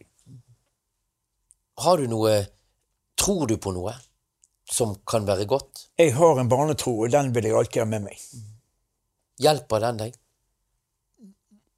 Ja, jeg, jeg har regelmessig kontakt med, med prestene her inne. Jeg rår i kirken de åtte-ti gangene i året. Man har Man kan kirkens liturgi, holdt jeg på å si. Og eh, jeg fryder meg over at jeg kan si at jeg har en tro. Og jeg ber min aftenbønn hver, gang, hver kveld. Altså. Og om det hjelper eller ikke, det vet jeg. Men det gjør i hvert fall meg til det mennesket jeg selv ønsker å være. Du sier du ikke angrer, på en måte. Ja. Eh, fordi at du vant krigen. Ja. Men du ønsker jo ikke å gjøre sånne ting. Nei, det, det er akkurat det det handler om. Men det hjelper ikke meg at jeg angrer og blir et tapende menneske i livet. Jeg har fremdeles en familie jeg må stå til ansvar for. Jeg har jo mine som er bekymret for meg. Det hjelper ikke de at jeg går mentalt til grunne av å ligge og gruble på en skjebne som ble som den ble. Er du en god far? Ja, det håper jeg. Hvordan er du en god far? Med at jeg alltid har vist at jeg er i også, men jeg har, også, jeg har også levd så mye opp gjennom fengselslivet at den tiden man har fått vært for, så har man gledet seg over å være for. Og det får jo igjen nå når de er voksen. Så du har flere ganger i fengsel? Ja, dette er ikke første gangen, nei. Ha, eh, kan du si at du ikke har lært, eller har du Men hva skal man lære? Ja, hva skal man lære?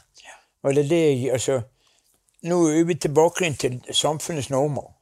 Vi har jo, vi har jo tross alt noe som heter at eh, Eller for å ta det veldig grovt Alle demokratiske land har eh, noen spilleregler, og de har noen lover. Og så sier man med lov og rett skal man, skaper man, skaper man landet og demokratiet. Men samtidig er det også sånn at eh, vi lever i et humant land og et humant samfunn. Og det betyr at hva skal en straff være? Noen, men jeg har aldri vært danser. Jeg har aldri arbeidet. Jeg har vært nødt til å ha noe arbeid innimellom bare for det blir for mye spørsmål om mine penger. Hvor de kommer fra. Men samtidig er det også sånn at uh, jeg sitter jo i dag som et 60 år gammel Jeg blir 60 år i mars om tre måneder. Og ser på mennesker som til dagen og på nyhetene som viser hver dag mennesker som er fortvilet.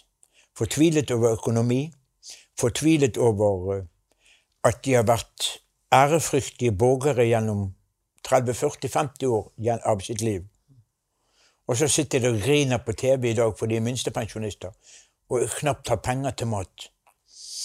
Og man må høre om penger som skal leveres ut av landet til krig til, til Ukraina og alt sånt. Og samtidig skal jeg forstå at folk som kommer fra Syrien og over Middelhavet, de drukner på veien. Og de er bare 200 stykker, de kan ikke komme inn i landet vårt. Mens jeg skal ta imot 60 000 ukrainske flyktninger.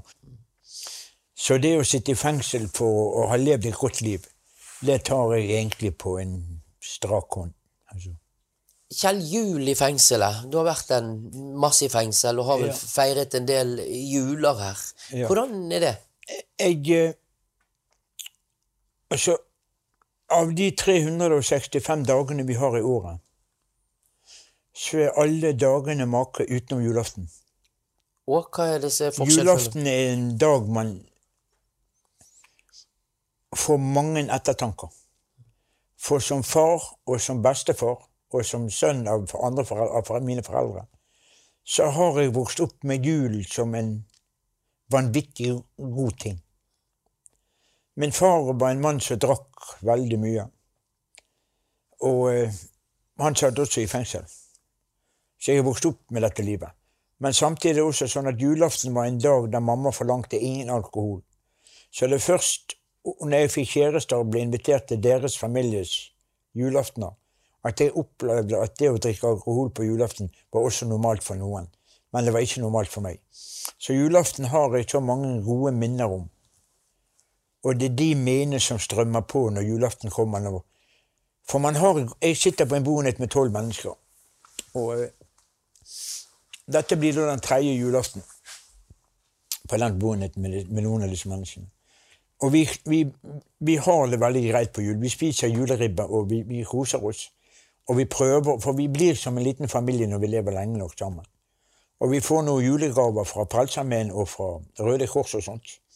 Og så får vi de gavene som familien sender inn. Men du vet, når klokken blir åtte om kveld, kvart over åtte om kveld, så, så, så er fellesgleden slutt. Da skal man inn på rommet sitt.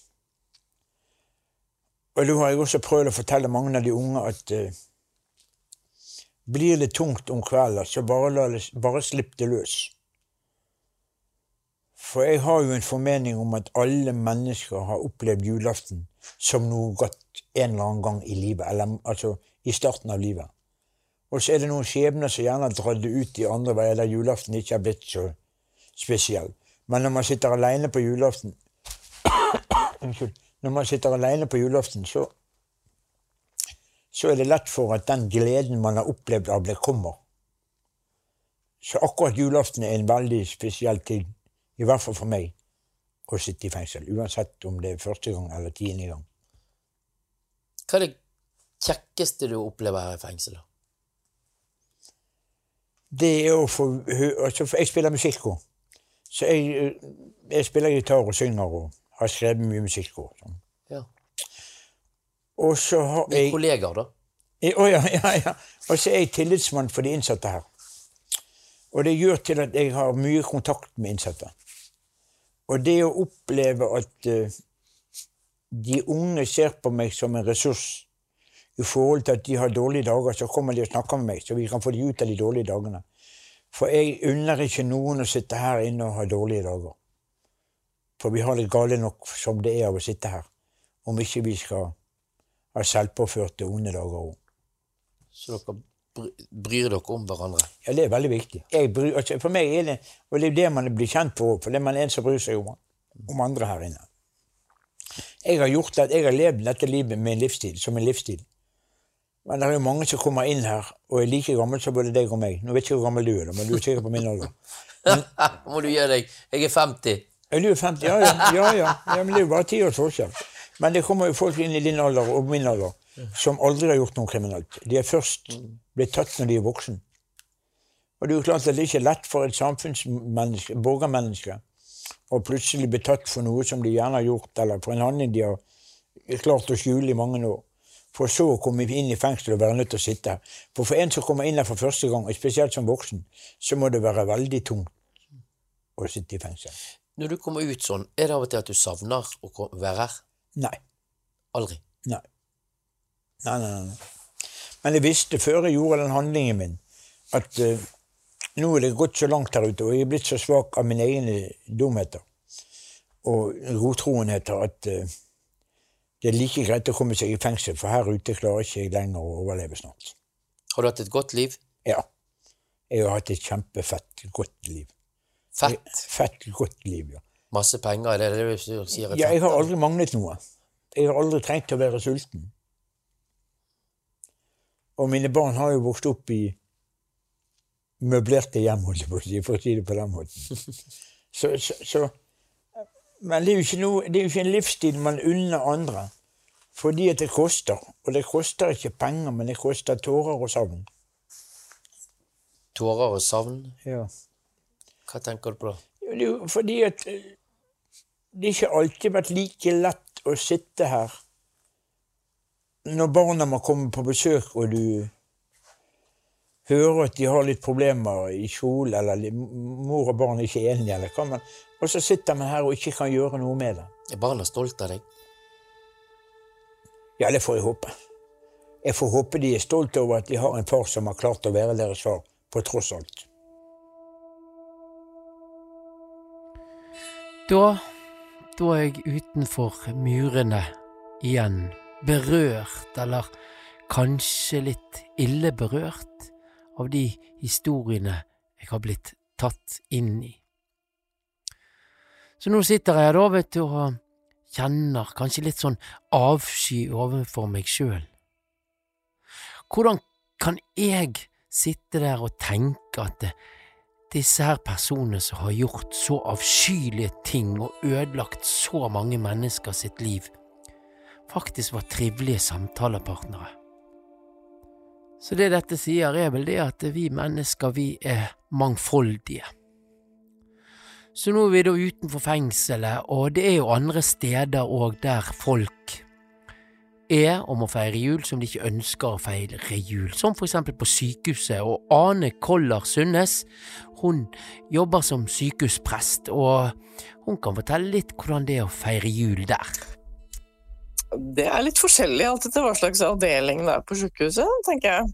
Men vi klarer å skape jul, eh, både vi og de som er ansatt rundt omkring på, på de ulike avdelingene, klarer å skape i hvert fall litt jul. Og noen steder ganske mye jul. Ja. Um, jeg jobber i psykiatrien, og der er det jo sånn at uh, noen gjerne vil være på sykehuset i jula, fordi de kanskje ikke har så mange rundt seg når de er hjemme. Men det finnes selvfølgelig også de som slett ikke vil være der, men som må, da, av en eller annen grunn. Du sier du jobber i Eh, psykiatrien, og hvordan er det du aner med Da er det jo folk som sliter, det snakk om dette, og, og, og dette med alt dette lys og i mørket og glitter Mhm. Det er nok eh, i psykiatrien som veldig mange andre steder at det er mange ulike meninger om jula. Eh, noen gleder seg veldig og syns det er koselig, eh, og andre syns det er helt grusomt. Og vil helst bare at det skal være over. Og det, på et eller annet tidspunkt så får jo de rett, det går jo over. Ja, ja det... sånn ut i januar en gang går det jo over, på en måte. Um, men men det, er, eh, det er nok ikke sånn at alle som, eh, som er syke, syns at jula er fæl. Det, det tror jeg nok slett ikke. Eller det vet jeg at det ikke stemmer. Noen syns at det er veldig hyggelig. Um, men det, jeg pleier å snakke om jula som et sånt forstørrelsesglass. Eh, På, på følelser og, og livsbetingelser. Altså, hvis du lever et liv alene og kanskje er veldig ensom resten av året, så kan det være at den ensomheten blir større når det er jul. Og hvis du har det fint med familien din eller vennene dine, og sånn stort sett det meste av tiden, så blir jula blir den følelsen større i jula. I det, i det somatiske sykehuset, altså der hvor folk som, som har en eller annen fysisk sykdom, der hvor de eh, Altså kreft, for eksempel, og ja, nevrologiske sykdommer og på intensiven og sånn. Og alle mulige andre slags altså medisinske avdelinger. Uh, der er det sånn at uh, vi går rundt på avdelingene og, eh, og lese litt juleevangeliet og synge litt julesanger og ha med musikere. Det er et ganske stort apparat. Og det gjør vi fordi at eh, folk som er innlagt i somatisk sykehus på julaften, er veldig ofte ikke så flyttbare. de er ganske sjuke. Eh, Så da må jo vi komme til dem, da. Og så er det ikke alltid alle orker. Men så er det jo noen ansatte som også kan sette pris på at det kommer noen og synger litt julesanger, og det er litt musikk og sånn. Eh, Så vi har ganske mange sånne mm, treffpunkter på de ulike avdelingene. Det er i, det somatiske sykehuset, da. Altså I psykiatrien der er det litt annerledes, for der kan jo folk stort sett flytte på seg. Ikke alle kan det, men mange kan det. Eh, Så da har vi felles gudstjeneste for alle postene.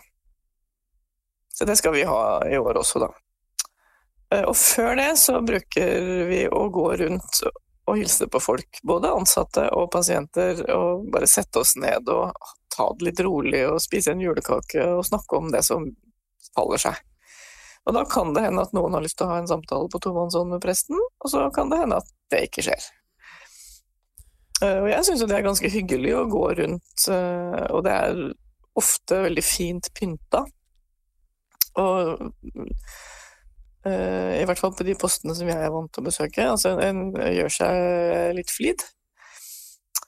Eh, Så det er hyggelig å komme, og folk har stort sett god tid og Men det er jo dette her med, med, med Ja, nå har, vi jo, er vi jo har denne julepodden fra fengsel, sant, der det er mye mørke tanker og, og, og ting der òg, og sant, og, og Jesus, han, det var jo der han var. Det var jo liksom blant de som sleit. Ja, det, det tenker jeg. Det er ikke så ofte jeg snakker om det. Eh, Kan hende jeg skal snakke om det i julepreken i år, da. Vi får se.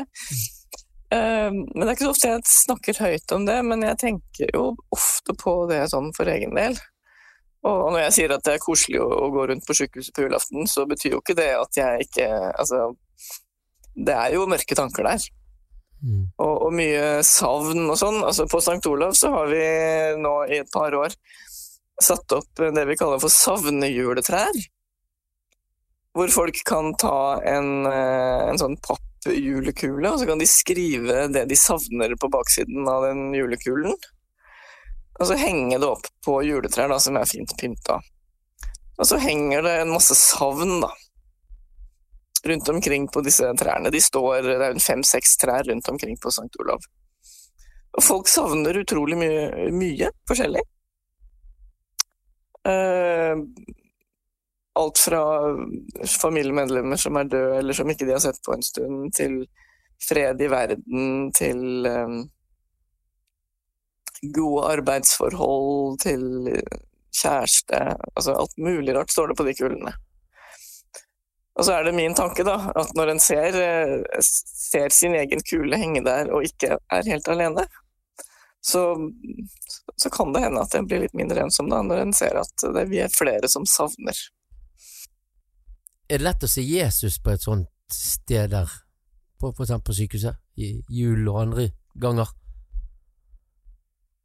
Det kommer litt an på. Eh, Det er nok litt lettere på julaften enn ellers. Eh,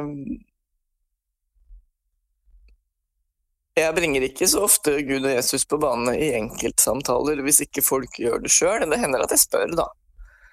Men eh, vi, vi forsøker jo å, å- være det vi kaller for liksom, livssynsmangfoldig. Og det betyr ikke at jeg skal underslå mitt eget livssyn, men det betyr at når jeg snakker med folk, så må jeg ta utgangspunkt i, i det livssynet de har, og det de tenker om tingene, og ikke, ikke forsøke å overbevise, da. Og er det gjør mange aldri. som vil snakke om f.eks. for eksempel eh, kristendommen og tro? Ja, det er det. Men det er, Ja, det er veldig mange, mange som vil snakke om helt andre ting også. Eh, eh, eh, Det er ikke å Du føler ikke at det er å gå på akkord med noe? Liksom Nei, nei, nei. Det å være et godt menneske, det. Og det er jo evangeliet, ikke? Jo, og så tenker jeg Gud har nå skapt oss. Eh, og han har skapt eh, de som ikke tror på han òg. Og, og den jorden vi bor på. Og, så jeg tenker at det, at det er god skapelsesteologi, da, som, eh, som det heter på, på teologisk. Ja, Eh, og, og snakke, om, eh, altså, snakke om livet sånn som det er. Du Anne, dette her var eh, vi, vi må jo ønske deg en god jul. Ja, til slutt, Anne, litt mer på det materialistiske plan. Vi må jo vi, Det blir jo litt mye av det. Er det harde eller myke pakker du blir mest glad for? Eh, det er harde, tror jeg. ja! det har jeg ikke tenkt så mye på på ganske mange år. Det er viktig å tenke på det òg, altså. Jeg for min del jeg syns jo de der harde pakkene er mer spennende, ja. Men kanskje de myke er litt mer nyttige. Det var da Ane Koller Sundnes, da, da.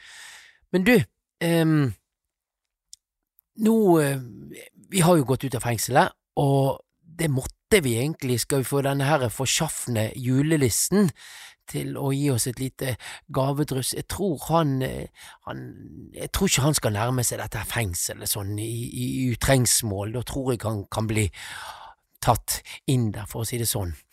Men eh, han er still going strong, denne julenissen, så det at eh, nå skal han drysse litt gaver, forhåpentligvis, i hvert fall for meg og Ane Koller Sundnes, så er det mest harde gaver.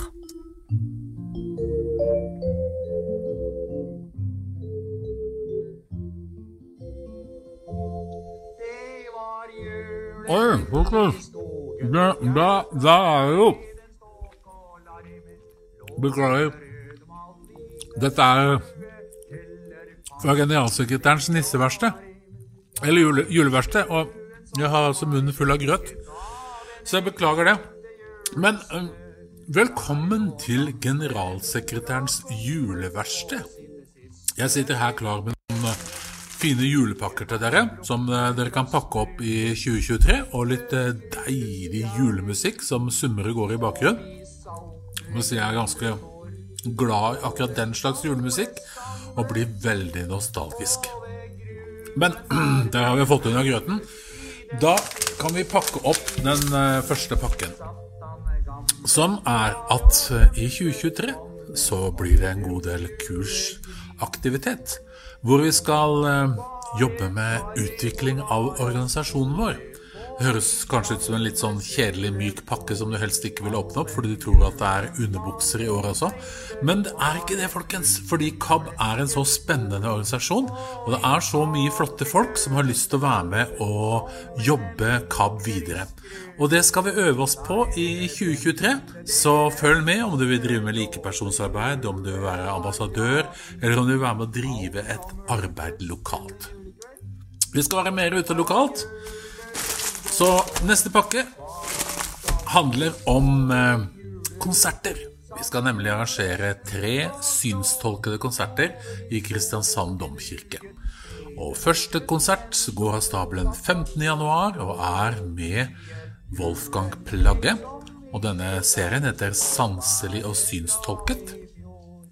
Og så kommer det en konsert den 25. mars. Den er med Ulf Nilsen og en som heter Georg Reis. Den er også i Kristiansand domkirke. Og den siste konserten den går av stabelen 23. april. Og det er rett og slett en framføring av Mitt Narnia-forestillingen. Det ble litt sånn høy eh, julemusikk fra Just Nilsen her nå. Vi hopper da tilbake, og så skal vi se om vi kan finne noen eh, flere gode pakker som vi kan eh, pakke opp. Ja, det blir faktisk noen bokbad rundt omkring i lokalforeningene.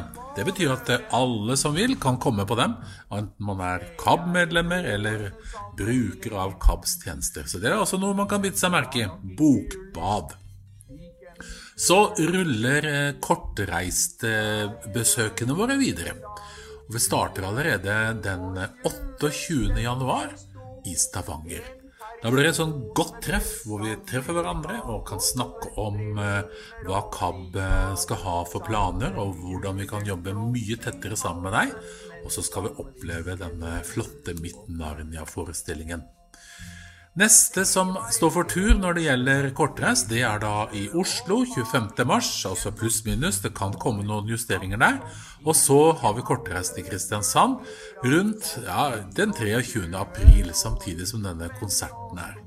Det kan bli fine opplevelser der vi møtes og har et godt fellesskap med hverandre og får si hva vi ønsker og mener om KAB framover.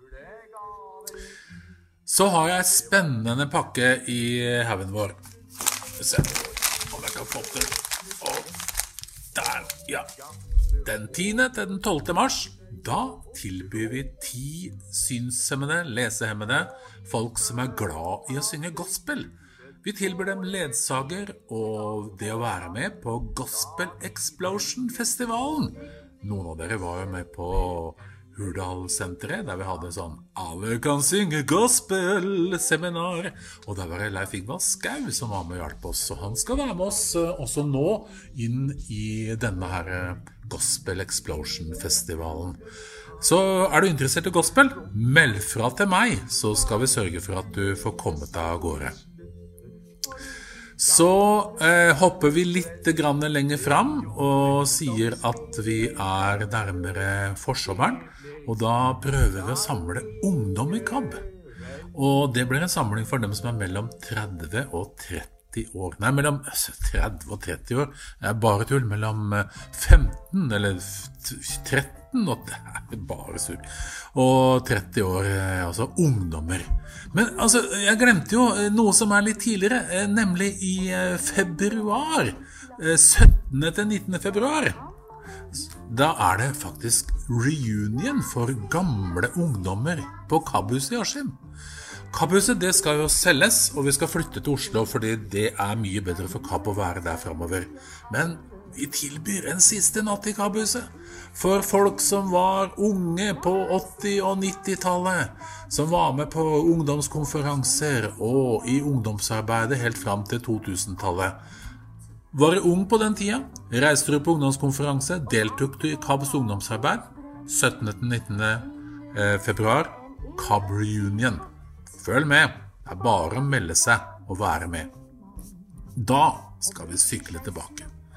Og så skal vi ta opp den svære her.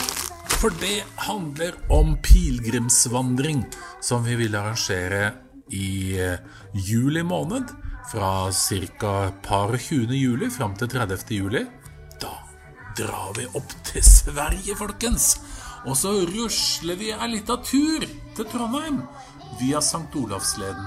Det blir ikke rusling hele veien, skal kjøre litt bil også, men dette er en nordisk pilegrimsforhandling. Vi har plass til 15 synshemma deltakere. Og vi har plass til 15 ledsagere. Så skal du være med der, så må du kunne gå på beina minst 2,5 mil uten problemer en dag.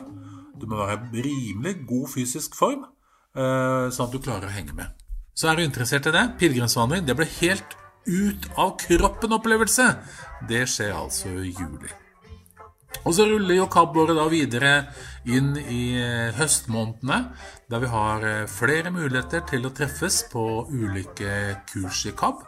Og så ruller og går hele året ulike nettmøter og ulike webinarer som du kan delta på.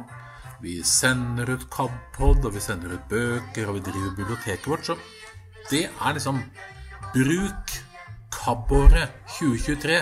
Det er mye spennende du har i vente. Og er du interessert i mer informasjon, følg med på det som sendes ut av e-poster til deg. Følg med på det som legges ut på nettsiden vår, og det som skjer på Facebook. Så gjenstår det egentlig bare å si riktig god jul. Kos deg masse, og hold fast på det som jula egentlig handler om, nemlig at det der lille Jesusbarnet er det aller viktigste. Og så får vi tulle og tøyse litt sånn gjennom jula. Så god jul, alle sammen! Zibbeditten dittei, hei, ho, nå er det jul igjen, dette døse så deppedødala. Hei, ho, dette det. Ja da, det er jo Zibbeditten ditten der, da er det jul igjen.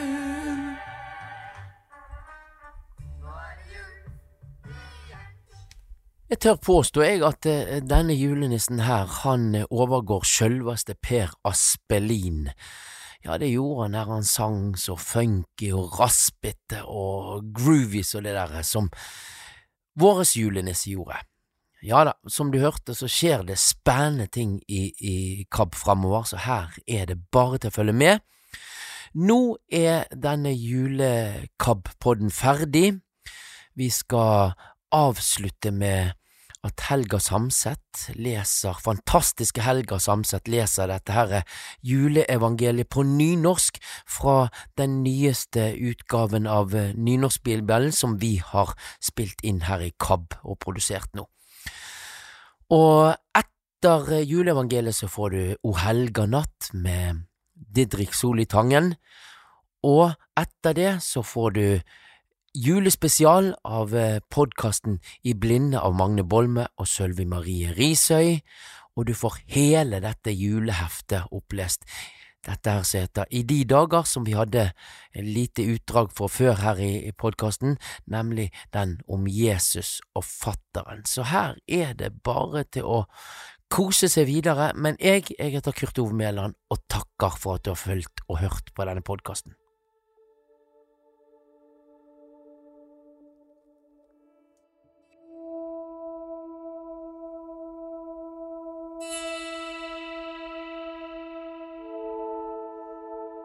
I de dagane let keiser Augustus lysa ut at det skulle takast manntal over heile verda.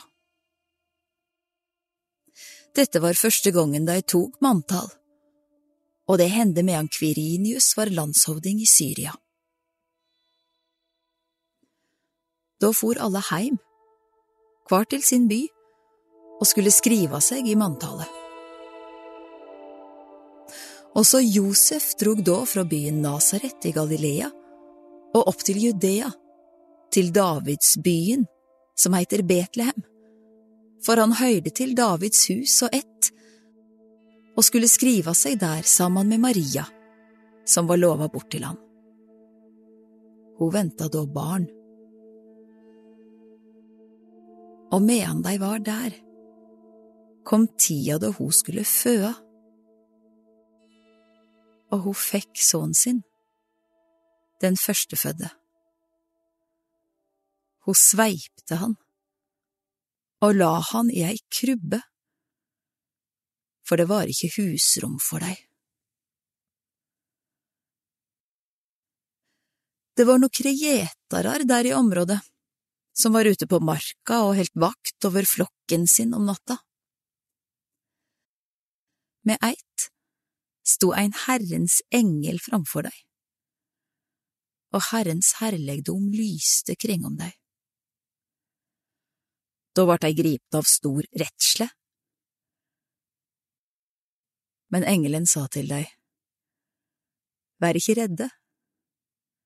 Sjå, eg kjem til dykk med båd om ei stor glede, ei glede for heile folket. I dag er det født dykk ein frelsar i Davids by. Han er Messias, Herren. Og det skal det ha til teiken. Det skal finne eit barn som er sveipt og ligger i ei krubbe. Brått var det ein stor himmelhær saman med engelen. De lova Gud og song. Ære være Gud i det høgste og fred på jorda, blant mennesker Gud har glede i. Da englene hadde fare attende til himmelen, sa gjeterne til hverandre. Lat oss gå inn til Betlehem og sjå dette som har hendt, det som Herren har kunngjort for oss. Så skunda de seg dit og fant Maria og Josef og det vesle barnet som lå i krybba. Da de fikk sjå det, fortalte de alt som hadde vorte sagt deg om dette barnet. Alle som høyde på, undra seg over det gjeterne fortalte. Men Maria gjøymde alt dette i hjertet sitt og grunna på det. Og gjeterne venda attende. De lova og prisa Gud for alt de hadde høyrt og sett. Alt var slik som det var sagt dei.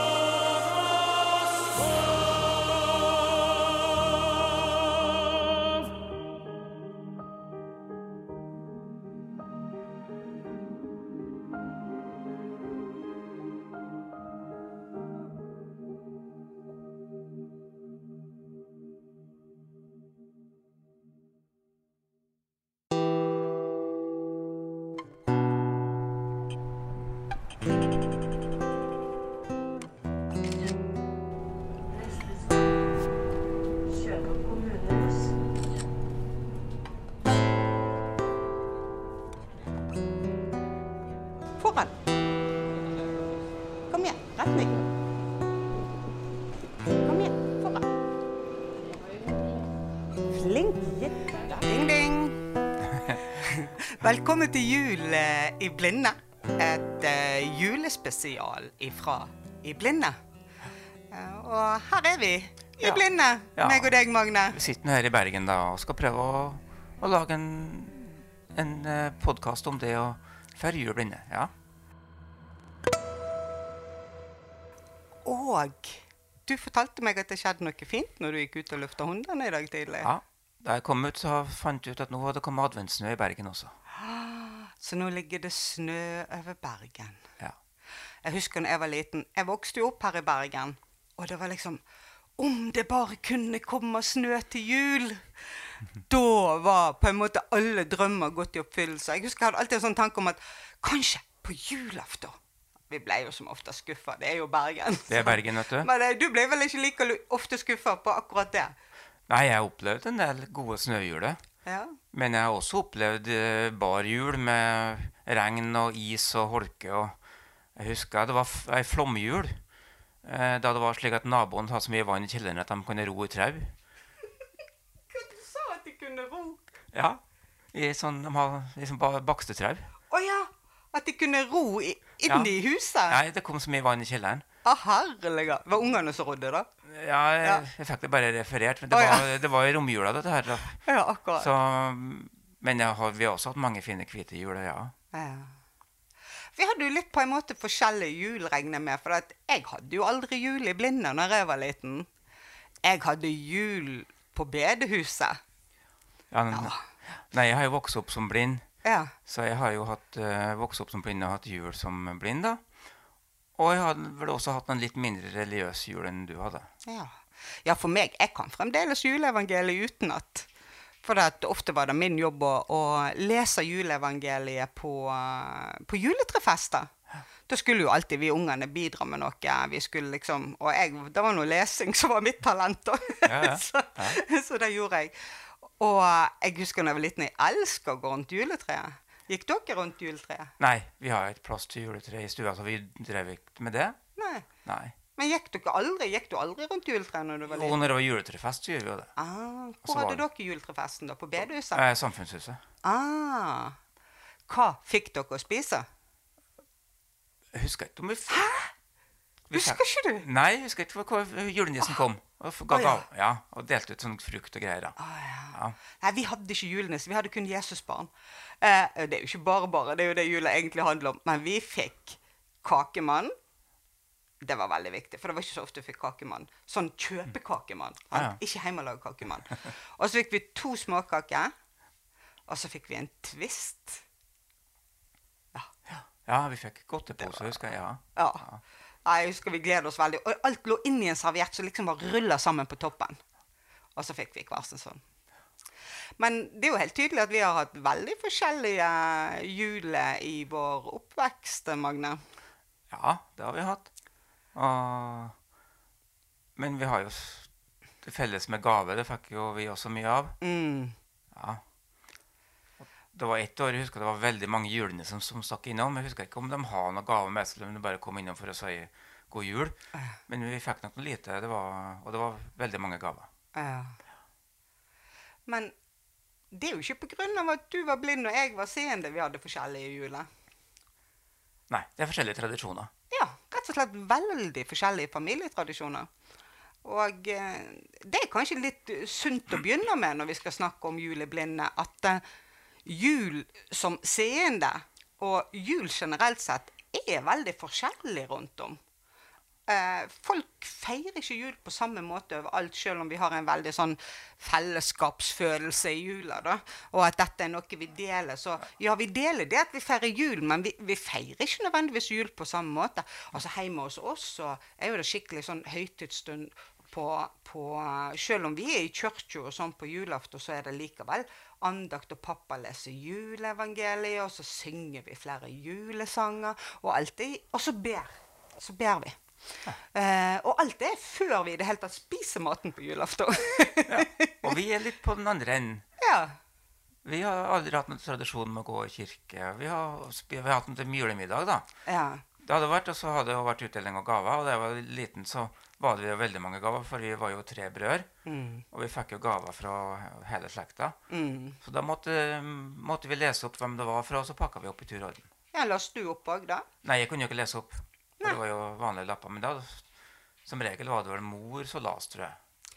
Vi har jo bedt eh, andre som har synsutfordringer, kan vi si, om å gi oss tilbakemelding om hvordan de opplever jula, sånn at jul ikke bare skal være basert på meg og deg sine opplevelser i jula. Takk for mange fine tilbakemeldinger. Marie. Tusen takk. Og takk for at dere fikk oss til å føle oss litt normale.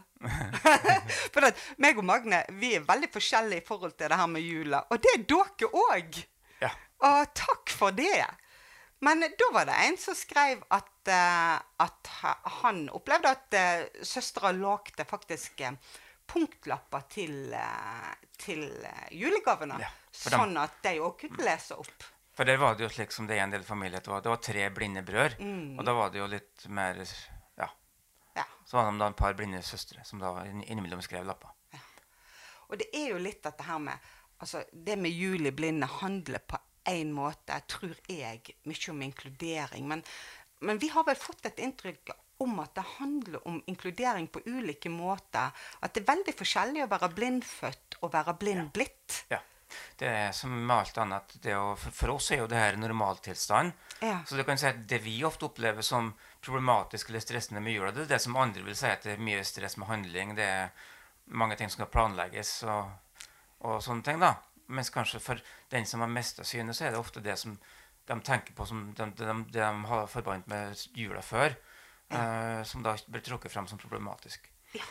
Og det er vel det som veldig har kjennetegnet fortellingene vi har fått. At, eh, at blindfødte de forteller om jul egentlig sånn som jeg fortalte om jul før jeg ble blind.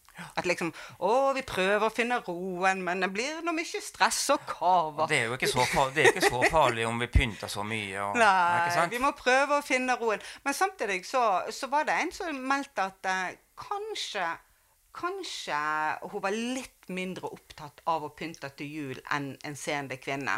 Eh, av at hun ikke så det på samme måten. Mm. Så det kan jo være en faktor.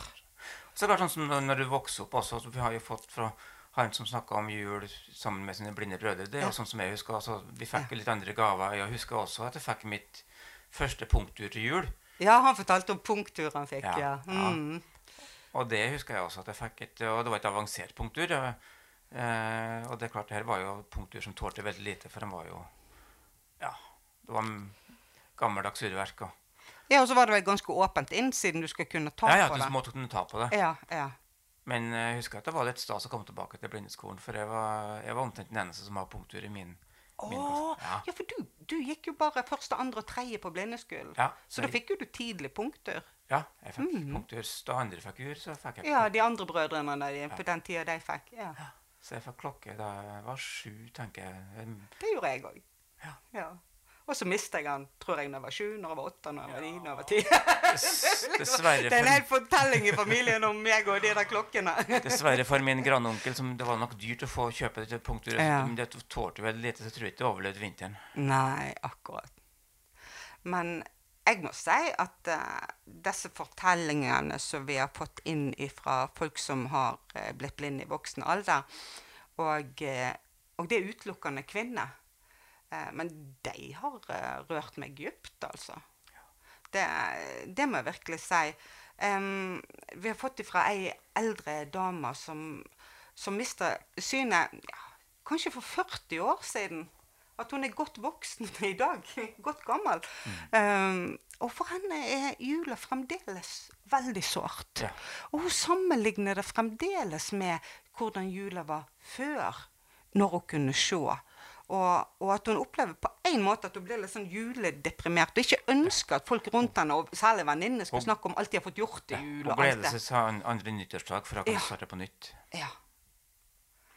Og det eh, Jeg synes jeg, jeg kan veldig godt forstå at det er sånn. For for meg er jo òg jula nå, nå Nå skal jeg feire min eh, femte jul som blind. Og for meg er jula òg veldig sånn sammenligning. Eh, jeg sammenligner veldig mye med hvordan jeg opplevde jula før. Ja. Um, ei som har uh, skrevet til oss, um, hun forteller at uh, den aller første jula etter hun, hun ble blind sånn bam! Nå er jeg blind. Mm. Uh, og den aller første jula etter hun var blind, så sto liksom alle rundt henne for å hjelpe henne. sant? Venner og alle stilte opp. Virkelig. Men neste jul så var alle vekke. Det er det som er en veldig vanlig ting med den typen sorg eller ulykke. Til å begynne med så er folk, så er folk til stede og, og tenker på det, men etter hvert så de går jo videre, og da, og da blir du ofte litt glemt. Da, og tenker kanskje ikke på at det er de periodene som er minst like vanskelige. Og for henne ble jo jula bare vanskeligere og vanskeligere. Og eh, etter en gang hun hadde vært på en sånn eh, tilstelning på en skole der det var blitt vist masse lysbilder. Og de lysbildene bare kom bam, bam, Mm. bam, masse lysbilder. Og alle de andre foreldrene bare ha, ha, ha, se, der er hun. Og, og, og hun her følte seg bare mer og mer utenfor. Og, det, og det hele kulminer, kulminerte i at hun en av eh, de første julene i på en måte raseri og fortvilelse prøvde å, å hoppe ut av bilen på motorveien i fart. Og da kjente jeg at eh, dette var sterkt, altså. Det var sterkt. Ja. Og hadde fortellingen slutta der, så Uff. Ja, da ville jo dette virkelig bli trist. Men Men, heldigvis den slutta jo ikke der. Nei, Nei. Hun, har på et vis klart å, å ta og, og, og re, redefinere jula, tenker jeg vi kan si. Det er det hun har gjort. Hun har rett og slett jobba med dette. Hun har sagt at eller sagt, hun skrev jo at hun valgte å bli kaptein i eget liv. Ja. Ja. Det er nok noe med det som er veldig enkelt å si, Ja. men som er vel sikkert dit en må, altså med utgangspunkt i å tenke rundt at det er faktisk veldig mange utgangspunkter, veldig mange må, forskjellige måter å feire jul på. Og da er det vel noe med at Altså, jeg har jo et intellektuelt forhold til det her, men jeg, jeg forstår jo. Altså, og jeg, ser jo også i din, din hverdag hvordan det er når du fortsatt sliter med ting du så før. Ja. så tenker jeg at det er viktig tror jeg, å unne seg sjøl både å føle på sorgen for det som har vært, men samtidig kanskje da tenke at jeg må prøve å skaffe meg en- nye gleder. Og det hun eh, skriver, det at hun gikk ifra å være en ultrajuleperson som pynta i hvert eneste centimeter av huset, til å ha en rimelig nedskalert jul. Og hun sier jula er noe annet nå. Det er andre ting som har betydning. Det er mye mer andre mennesker. Og luktene og det du kan ta på, og, og det å ha ro. Ja. Det er blitt veldig viktig for henne med ro i jula. Jeg tenker det er viktig å, å finne nye, nye gleder, nye måter å feire jul på, men samtidig Mm. kanskje å ta tilbake. Hvis du liker å pynte, så kanskje du kan alliere med denne pynte sammen og lage en ny, ny tradisjon på det. Ja, og det er jo jeg som forteller. Det er ei annen kvinne som òg er ei godt voksen kvinne. Hun forteller jo at hun òg mister synet i voksen alder. Og forteller at liksom, det er veldig sårt eh, for meg ennå, det her med jula. Eh, og forteller litt på samme måte, sant? sånn som jeg òg føler det. Men så sier hun òg at Men samtidig så har det at jeg ikke ser, åpna opp for noen vakre opplevelser som jeg ikke ville hatt ellers. Og, og hun beskriver bl.a. hvordan en og hun og en av hennes nærmeste nå har fast juletradisjon om å bake ulike ting sammen og gjøre ulike sånne juleting sammen. Og så sier det ville jeg bare gjort sjøl før. Og ikke fått den rolige og verdifulle tida med min nærmeste. Og det, jeg synes hun, hun fikk veldig godt fram det her med sorg og glede. Ja. Og nye gleder. Og nye gleder. Men den aller vakreste var nok korvoksne voksne dama som òg mister synet i voksen alder, men som sier at uh, jula er favorittida hennes. Ja. Og det, det var så kjekt å lese. Sant? For hun, hun, Ja. ja, hun har klart på et vis da å, å skaffe seg et nytt rom i jula. Ja, og så ser hun liksom sånn at Ja, hun ser jo ikke. Det, det blir alltid Jeg klarer ikke det der ennå, jeg. altså. Jeg syns det er litt vanskelig. Jeg vet du ikke syns det er problematisk. Nei, det er språket vårt. Det er språket vårt. Men eh, hun ser jo at eh, jula bringer òg mange ting med. Mange ritualer, mange ritualiserte ting. Mange av de samme sangene som hun sang i hele oppveksten. Så hun sier at i jula kan jeg være med og synge. Ja. Sånn som de andre. Eh, og jeg kan dele Jeg kan dele på en måte julestemningen og juleopplevelsen. Og jeg kan dele det som skjer i kirka. Ja. Men Det er litt interessant, for det er en annen som sier litt av motsatte om det i kirka.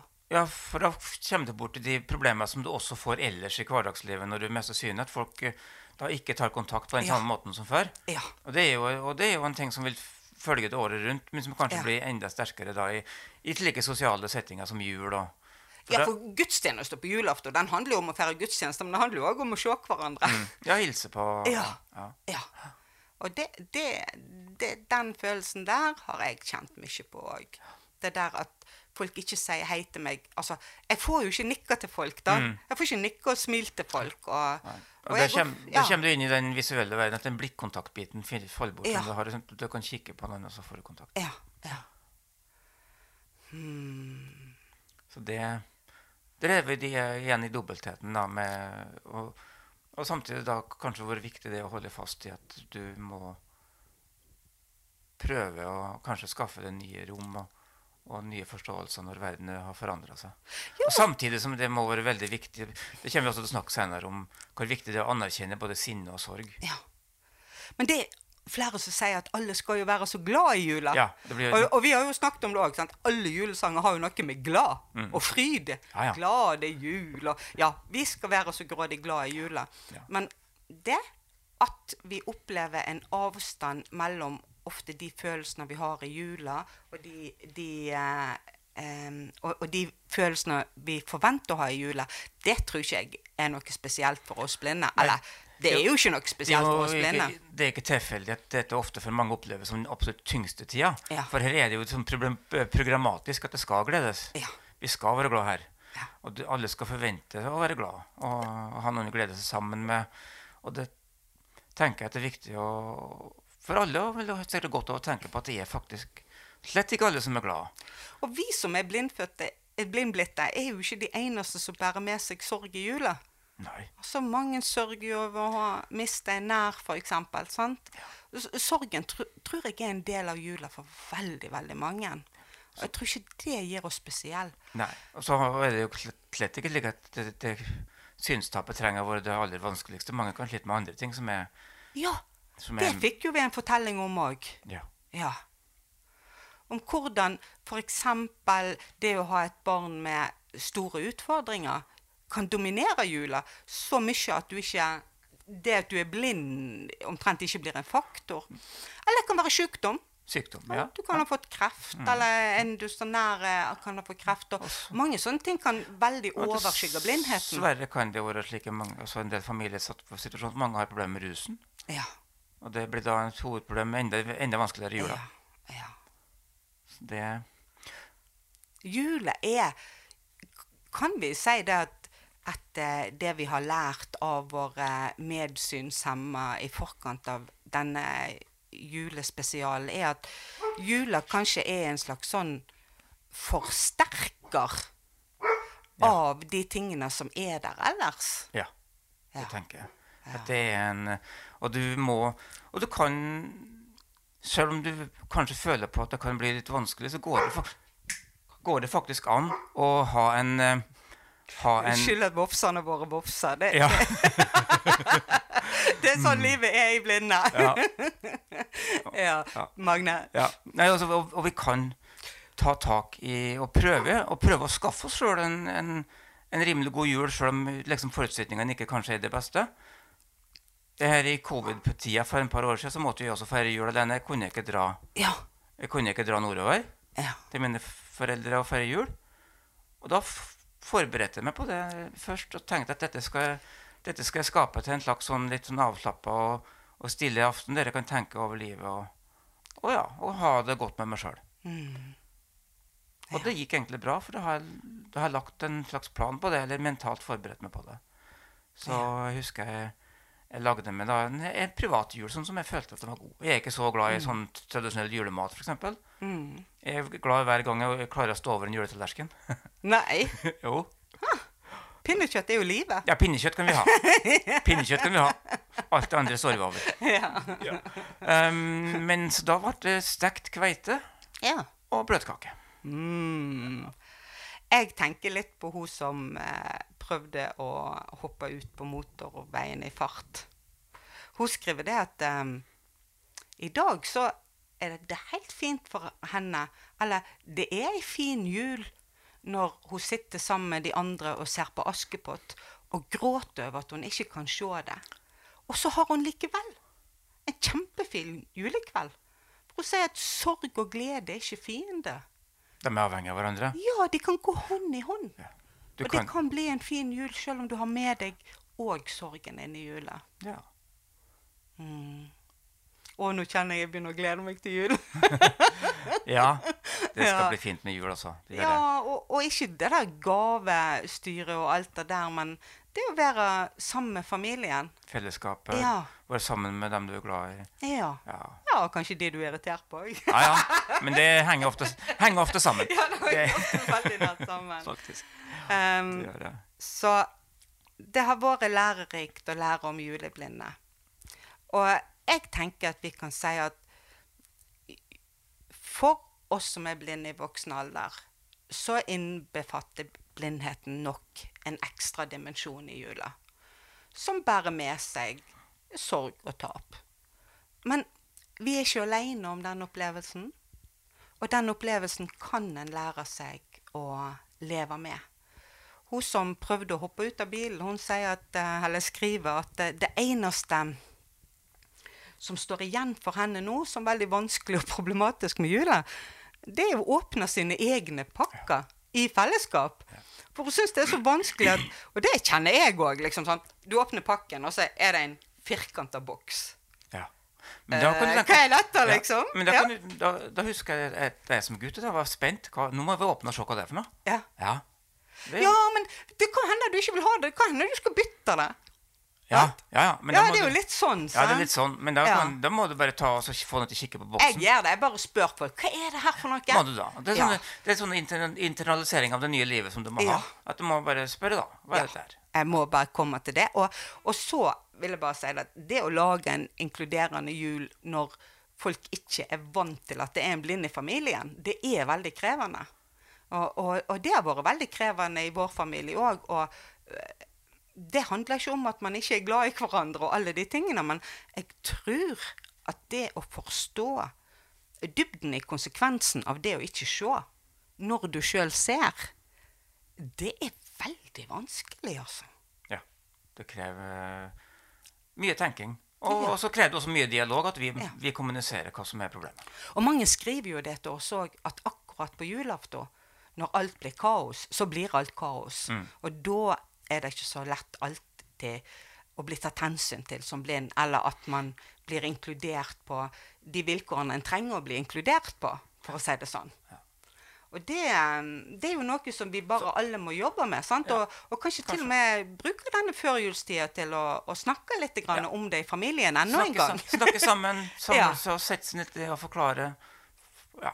Mm. Legge en liten plan sammen, kanskje. Og så jeg kanskje være flink til å slippe tak sjøl og tenke at nå er det ikke slik som det var før. Så nå må jeg kanskje alliere meg med flere, sånn at vi kan få, feire god jul sammen. Så kanskje vi skal, når vi avslutter nå For vi skal selvfølgelig avslutte med noe veldig fint. For det var jo ei som skrev noe veldig fint til oss òg. For uh, hun, uh, hun er sterkt truende, og hun skriver at eh, for henne Det som står igjen som det vakre med jula, det er det samme som alltid har vært vakkert med jula. Og det er selve julebudskapet. At i dag er det født dere en frelser. Eh, og at dette kan alle samle oss om. Og det er ikke noe Det er ikke et budskap som er lagt for den seende eller for den blinde. Det er et budskap til menneskene. Og det syns jeg var veldig fint skrevet. Så takk til deg for det. Og så tenker jeg at kanskje vi skal avslutte med ikke bare god jul, men kjære deg, lag deg Skaff. ei god jul. Prøv så godt du kan å skaffe skaff deg sjøl ei god jul med fred. Og, og med fred med verden og deg sjøl. Ja. Skap din egen juleglede. Det har du makt til. Du er kaptein i ditt eget liv. Og det er lov å føre på sorg og glede samtidig. Det er det så skal vi ønske god jul ifra Julesnø advent. ja, vi sier god jul fra et ja. julesnøkledt eh, adventsbergen. Kjære deg, ha ei god jul i blinde. God jul.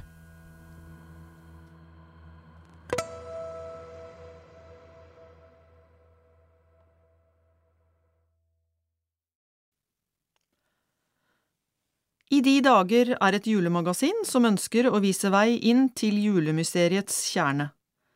Med særlig fokus på litterære tekster og kunstverk av høy kvalitet, kombinert med solid refleksjonsstoff og relevante reportasjer, er dette et magasin som åpner for ettertanke og sanselig opplevelse.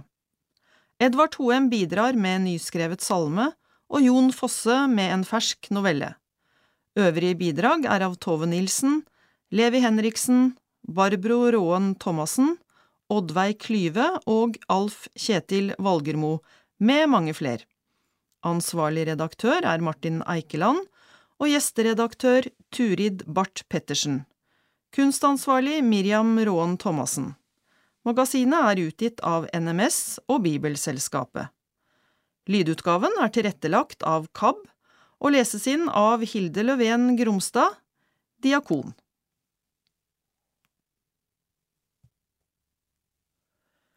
Lyset bæres hjem av Martin Eikeland Langt sør på Jylland i Danmark ligger den særegne byen Kristiansfelt. Byen står på FNs verdensarvliste. Den spesielle og gjennomtenkte byplanen og arkitekturen har gjort byen verneverdig. Men det er ikke bare gatene og bygningene som er særegne i Kristiansfeld. Midt i byen ligger kirken til Brødremenigheten. Hver søndag samles menigheten til gudstjeneste her. De fleste gudstjenestene skiller seg lite fra det kirkegjengere opplever andre steder, men gudstjenesten på julaften skiller seg ut. Det er nemlig tradisjon i den lille danske byen at folk spiser middag før de går til kirken på kvelden. Sammenlignet med andre kirker starter gudstjenesten sent, først klokka 19.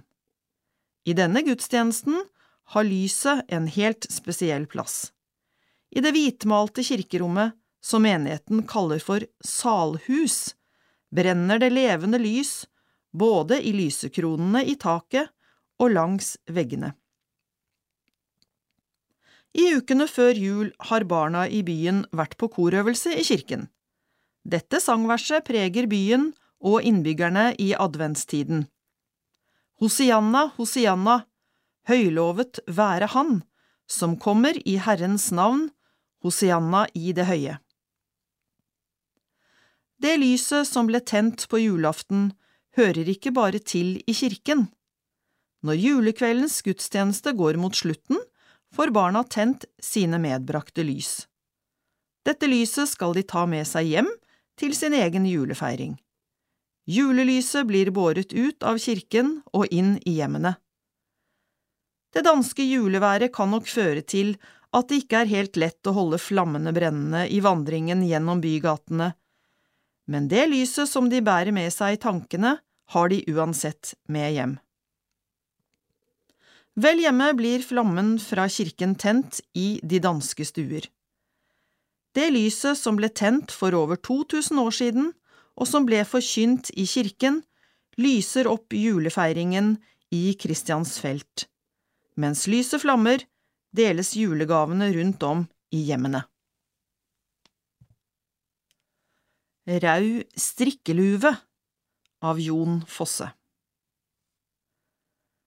Det var lenge siden, sa hun, og jeg såg opp, og der sto hun. Jeg vart overraska. Eller det er ikke rette ordet.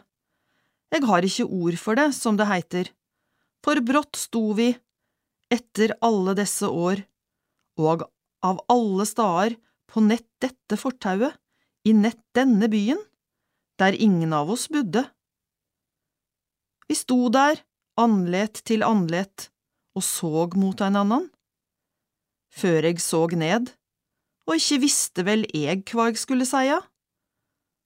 Og ikke visste vel ho det heller, så ingenting vart sagt. Men så, etter at togna hadde vart lenge, glytte jeg bare så vidt opp mot henne. Ja, sa jeg, og atter vart det stilt, og jeg såg ned att. Men at du og jeg skulle gå på hverandre, sa hun. Og jeg såg framleis ned, og det vart stilt, så stilt som det nesten umågelige kan bli. Og det nett i dag, sa hun. Og det nett her, sa hun. Og jeg visste ikke hva jeg skulle seia, men noe måtte vel seiast. Ja, sa jeg, og jeg sa det utan å sjå opp. Og atter vart det stilt, ei lang stille la seg som over oss og tyngde oss på et kvart vis ned. Nei, det var uventa, sa hun. Ja, sa jeg, etter alle de år, sa hun. Ja, det er mange år siden sist, sa jeg. Ja, verkeleg, sa hun, og jeg tenkte. Og tanken for att og fram, at jeg var så usikker på om jeg skulle sjå mot henne, eller om jeg skulle lata det være. Men jeg kunne vel ikke bare stå og sjå ned heller?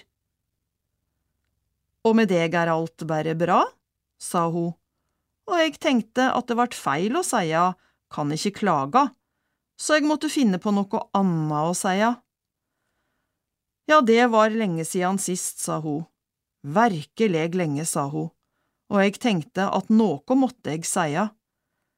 Veldig lenge, ja, sa jeg, og med det samme tenkte jeg at det ikke måtte lyde korkje glede eller saknad i røsta mi, for det hadde vært så altfor mykje, og nå hadde tida om ikke lækt alle sår, slik det seiast, så i alle fall dekk dei til på eit kvart vis, og livet hadde vorte, om ikke vanleg, slik det var før, ja, så temmeleg vanleg, ja, kvardag, hadde vorte til kvardag, liksom. Ja, sa hun, og jeg tenkte at jeg måtte sjå opp, og jeg såg rakt mot henne, og jeg såg at håret hennar, det som stakk fram under luva, var temmelig grått vorte. Mørkt framleis, men med mykje grått i det mørke. Og eg sjølv, ja, mitt hår var då heilt grått, så kva måtte ikkje ho tenkje? Ja, sidan eg tenkte på det grå håret hennar. Du har æren på desse kantar, sa eg, og ho svarte ikkje, og eg tenkte at det var eit altfor nærgående spørsmål, det var mest av skammeleg å spørje på den måten. For hva hadde vel eg å gjøre med hva hun gjorde på desse kantar? Det var lenge siden jeg hadde nokon rett til å spørje slik, om jeg da nokon gong hadde hatt det. Men før, ja, den gongen, og den gongen var mange år av livet mitt, hadde det i alle fall kanskje vært greit å spørje slik, men da, ja, da hadde vi jo aldri møtst slik. Nei, sjølvsagt ikke, for den gangen visste vi i alle fall om ein av oss skulle på reise. Ja, skulle være ein annan stad enn heime, tenkte jeg, og hun svarte da heller ikke noe på spørsmålet mitt. Og med deg går det bra? sa hun, og jeg tenkte at hadde hun ikke nettopp spurt om det, jau, kanskje, eller kanskje ikke. Vi vart vel begge forvirra og forkava av å møtast slik, så aldeles uventa, at vi ikke heilt visste hva vi sa, hva vi hadde sagt og ikke hadde sagt. Jeg kan ikke klaga, sa jeg, og jeg tenkte at det sa jeg vel da nett i stad til henne, eller kanskje gjorde jeg det ikke, nei, jeg hadde visst ikke gjort det. Og med deg, sa jeg. Det er med det same, sa hun. Men, sa jeg. Ja, sa hun. Men jeg har litt dårlig tid, sa hun. Du skal, sa jeg, og jeg braut meg av. Jeg skulle til å spørre om hva hun skulle, men sjølvsagt hadde jeg ingen rett til å spørre om det. Spørsmålet helt bare på å gleppe ord meg i rein tankeløyse, og jeg ser mot den raude strikkeluva hun har på seg, og kvifor går hun med ei slik luve, ei raud strikkeluve, alltid, i alle de år, likte hun å ha på seg litt merkelege, ja, utstikkende klede, men aldri det jeg kan minnast hadde hun gått med ei raud strikkeluve. Ikke det, i alle fall.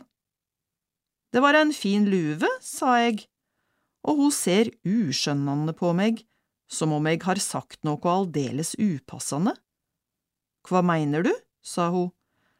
Ja, den du har på deg, den rauve luva, sa jeg, for jeg måtte vel seia det, ja, når hun spurte om hva jeg meinte.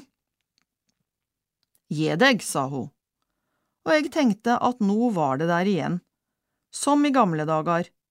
Nå helt vi på å byrja igjen, og jeg ser henne nesten som med et brått kast snu seg, og så ser jeg henne gå bort etter fortauet, de raske røslene, slik røslene hennar alltid hadde vært når noe plaga eller irriterte henne. Og så de lange stega, og jeg skulle aldri ha sagt noe om den raude strikkeluva, det var torsa av meg å gjøre, og kvifor gjorde jeg nå det, tenker jeg. Ja, jeg er meg sjølv lik, som det heiter, tenker jeg, og jeg, jeg har inga luve på meg, enda så kaldt det er. Ja, slik jeg har for vane alltid å gå utan luve, og jeg ser henne stogge og hun snur seg mot meg. Ha det godt, sier hun, eller mest av ropar. Ha det godt du òg, sier jeg, men jeg roper det ikke, så kanskje hører hun ikke hva jeg sier. Og god jul, sier hun, eller roper hun.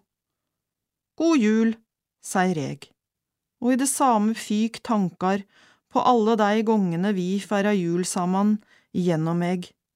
De er liksom ikke bare i hovedet, de er i all kroppen, og jeg tenker at jeg vil ikke tenke på det, ikke nå, det er så lenge siden.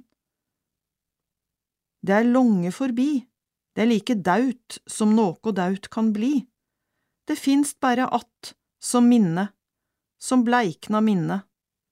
Det er som i ei grav, og ikke veit jeg kvar hun skal feire jul, og ikke veit hun kvar jeg skal feire jul, tenker jeg, og jeg byrjar gå fram etter fortauet, i motsatt retning av henne, og etter ei stund snur jeg meg og ser baketter, men da er hun ikke lenger å sjå, og jeg tenker, eller jeg veit med urokkelig visse, at nå har vi sett hverandre og snakka sammen for aller siste gang. Eit barn er oss fødd av Alf Kjetil Valgermo Jenta kraup saman på den vesle benken i busskuret. Bussen var forseinka, og det var kaldt. Nå prøvde jenta, hun kunne være i slutten av tenåra, å forsvinne inn i ei stor boblejakke. To ganger prøvde hun å trekke knea opp under seg, først uten hell, før hun lykkast på neste forsøk og blei sittende der på benken som ei tjukk og underleg puppe. Det var ikke godt å seie hvem som hadde det mest mistrøystige oppsynet, jenta eller den falma kokongen hennar.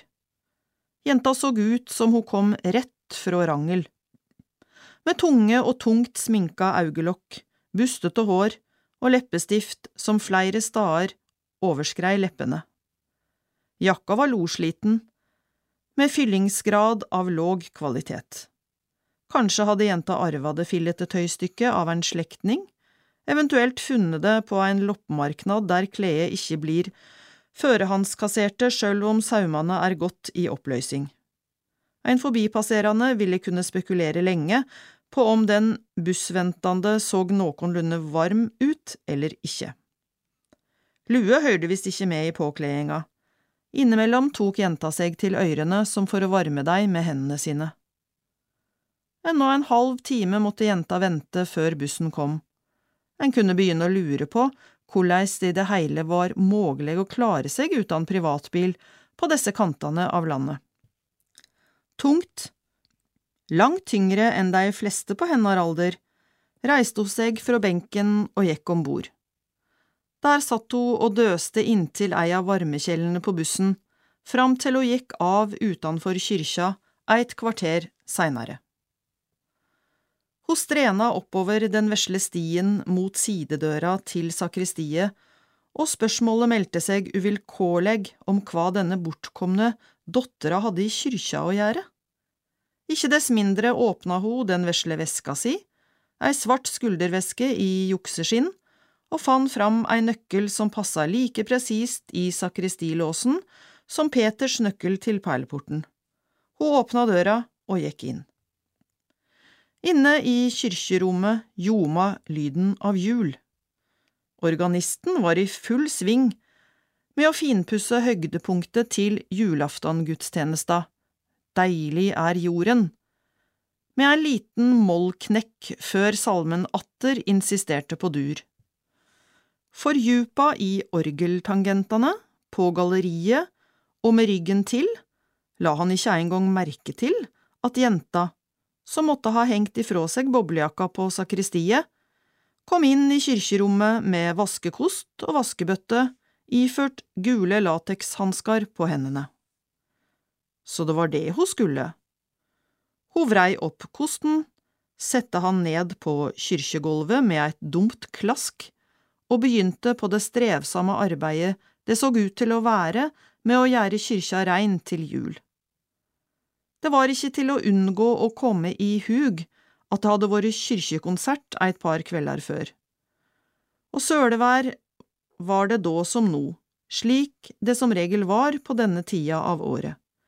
Jenta skulle ha nok å gjøre. Hun flytta seg bortover gulvet i lange, seige sveip.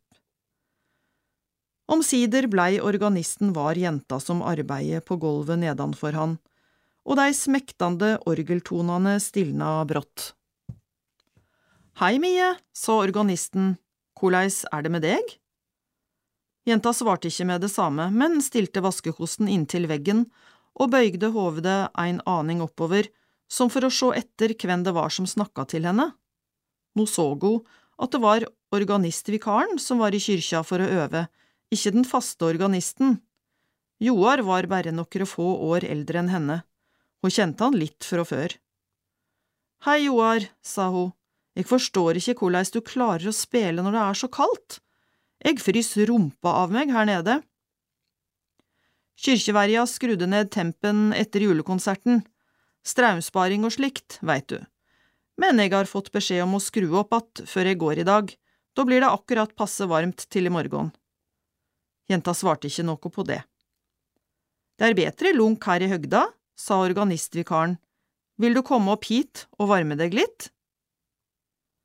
Har ikke tid, må vaske ferdig kyrkja før butikken stenger, ellers blir det havregryn til julemiddag.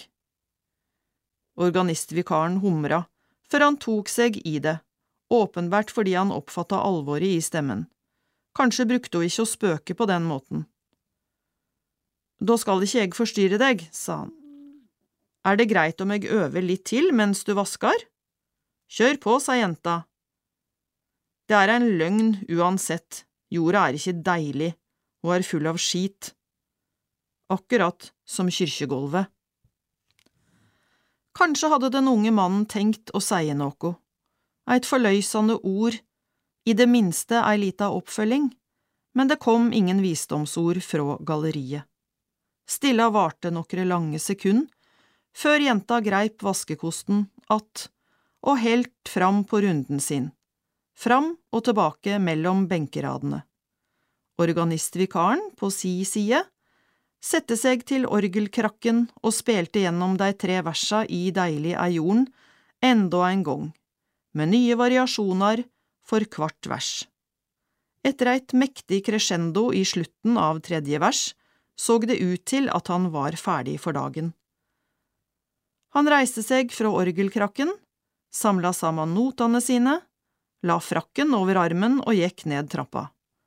Straks etter kom han inn svingdøra til kyrkjerommet. Jenta var ikke kommet svært mye lengre enn i stad, musikken hadde kanskje makta å sette ørlite mer fart i henne, men det var framleis noe seindrektig over arbeidet. Jeg er lei for det mye, sa han, jeg synes det er vanskelig å finne dei rette orda. Takk uansett, sa jenta. Skal du ut på grava etterpå? Hvis jeg får tid. Jeg ønsker deg alt det beste for julehøgtida, i den grad det går an. Si ifra om det er noe jeg kan gjøre for deg. Det går bra, sa jenta, men takk. Organistvikaren strekte seg fram og gav jenta en klønete klem, en slik klem du gir når du ønsker å vise omsorg, men samtidig er redd for å trø den andre for nært. Jenta sto stiv som en pinne, og organistvikaren trekte seg raskt attende. Ha det da, Mie, sa han på veg ut døra. Håper jeg ser deg i morgen. Vi får sjå. Jenta vaska videre. Men brått let hun vaskekosten falle i gulvet med et smell. Hun sette seg rett ned på den nærmeste kirkebenken og hulkegråt. Det var åpenbært eit menneske i stor sorg, ei ung jente med ei grav å gå til. Gråten stoppa like raskt som han var begynt, og det slitne, men innbitende uttrykket i ansiktet hennar sto om mogleg enda klarere fram. Hun tok seg saman. Det var tydeleg. Vaske, vaske, ikke knekke. Kyrkjegolvet skulle vaskast ferdig, og ikke med tårer. Utpå tidleg ettermiddagen var hun ferdig, sette bøtte og vaskekost på sakristiet og gikk ut sidedøra til kyrkja med den slitne boblejakka på. Hun låste etter seg og stakk nøkkelen i veska. I stedet for å gå ned mot bussholdeplassen, gikk hun inn på kyrkjegarden, skrått i retning de nye gravene i venstre hjørne. Flere oppkasta jordhaugar låg på rad og rekke, somme framleis med friske blomsterkranser. Døyde det virkelig så mange her i distriktet? Kanskje bodde her flere enn en først skulle tru? Jenta blei stående framfor ei mindre grav. Det var grava til eit barn. Steinen var ennå ikke kommet på plass ved grava. En liten og hvit trekross lyste opp i enden av den vesle jordhaugen. Jenta sokk ned på kne, men hulka mindre høylytt nå enn under utbrotet inne i kyrkja. Barnet mitt, kviskra hun stille, du vesle barnet mitt. På den vesle krossen sto det eit navn, eit kjent, men litt gammelmodig nordisk navn. Bak navnet sto det en dato, barnet måtte ha døyd for ikke mer enn fire måneder siden. Jentene blei sittende på kne i jorda. Munnen hennes røyvde på seg, som om hun sa fram bøner eller mumla til seg sjølv. Det varte og rakk. Det var allereie begynt å bli mørkt. Var det butikken hun skulle til, sa hun? I så fall ville hun få problem med å nå fram i tide. Brått reiste hun seg att, gikk målmedvite de hundre metrene mot kyrkjegardsporten, lukka etter seg og gikk ned til busstoppen. Jenta kikka på klokka. Det slepte et sukk ut av henne. Truleg hadde hun forstått det sjølv, at hun var for seint ute til å rekke nærbutikken. Den lokale bensinstasjonen var moglegvis åpen framleis, der kunne hun i det minste kjøpe seg en pizza eller en pakke med grillpølser. Hvis ikke måtte hun reise tre mil ut til den nærmeste tettstaden. Der var det kveldsåpe, og endatil åpe i morgen på julaftan, fram til klokka 16. Men korleis skulle hun komme seg dit? Hun blei stående ved busstoppen og kikke i begge retninger. Kanskje så hun etter biler som kunne gi henne skyss. Men det var aude her ute ved kyrkja, det kom ikke så ofte folk forbi i bil når det ikke var gudstjeneste. Gikk det virkelig heller ikke flere busser i ettermiddag? En rask sjekk av tabellen gav henne negativt resultat. Bussen hun egentlig skulle ha tatt, var gått for over en halvtime siden, den neste kom ikke før i kveld. Jenta slo floke i den slitne boblejakka. Hun var truleg kald etter å ha sete stille så lenge framfor grava. Skulle hun ta beina fatt og gå den lange vegen heim? Kanskje få haik undervegs? Hun vurderte åpenbart alternativet, gikk rastlaust fram og attende ved busstoppet. Så ombestemte hun seg tydeligvis og gikk i staden opp den vesle stien attende til kyrkja. Hun plukka opp nøkkelen fra veska, hun skalv på handa denne gangen og låste seg inn. Om det hadde kommet folk forbi kyrkja akkurat da, ville de sett at lyset gikk på inne i kyrkja, at de vakre glassmåleria i vindauga blei opplyste og skein med alle slags farger. Truleg ville de tenkt at de hadde vært vitne til noe uvanleg, nesten spektakulært. De ville prise seg lykkelige over at nettopp de hadde vært så heldige å være utenfor kyrkja akkurat idet lyset blei tent. Inne i kyrkja på eksakt samme tidspunktet var det likevel ikke lyset fra de takhengte kandelabrene eller de elektriske lysa på veggen som strålte mot den kalde og sørgende jenta. Oppe på galleriet, omtrent på samme staden som den unge organistvikaren hadde stått og snakka til henne nokre timer tidligere, sto det ein lysende engel. Jenta måpte nede på kyrkjegulvet. Det ville ikke være rart om hun var slått av skepsis, i like stor grad som av undring og frykt. Hun hadde i hele sitt tenåringsliv aldri sett noe liknande, verken i drøyme eller, aller minst, i levende live. Engelen sto heilt stille og kikka på henne. Han svevde ikke, men så ut til å støtte seg til rekkverket på galleriet, lik en ungdom som nysgjerrig bøyer halve overkroppen utfor rekkverket for å få auge på en bestemt person nede i benkeradene. Jenta visste åpenbart ikke hva hun skulle sie. Forventa engelen at det var hun som skulle gripe ordet? Men det er jo framleis bare vesle julaftan, stotra hun fram til sist. Det laud komisk, som en replikk i et humoristisk julespel. Engelen så ikke ut til å bite seg merke i dette. Han breide ut de lysende vengene, som hadde et vesentlig større spenn enn jenta sjølv kunne ha forestilt seg. Bær helsa, du som har fått nåde, sa engelen, Herren er med deg.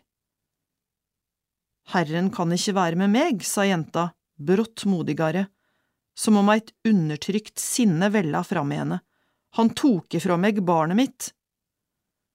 Engelen sto stille ei stund uten å seie noe. Så steig han sakte ein meter til værs og sveiv over rekkverket på galleriet, før han dalte stille ned på det grove teppet i midtgangen av kyrkjeskipet. Jenta var gått ned på kne og helt armene vagt utstrekt framfor seg. Engelen gikk bort til henne.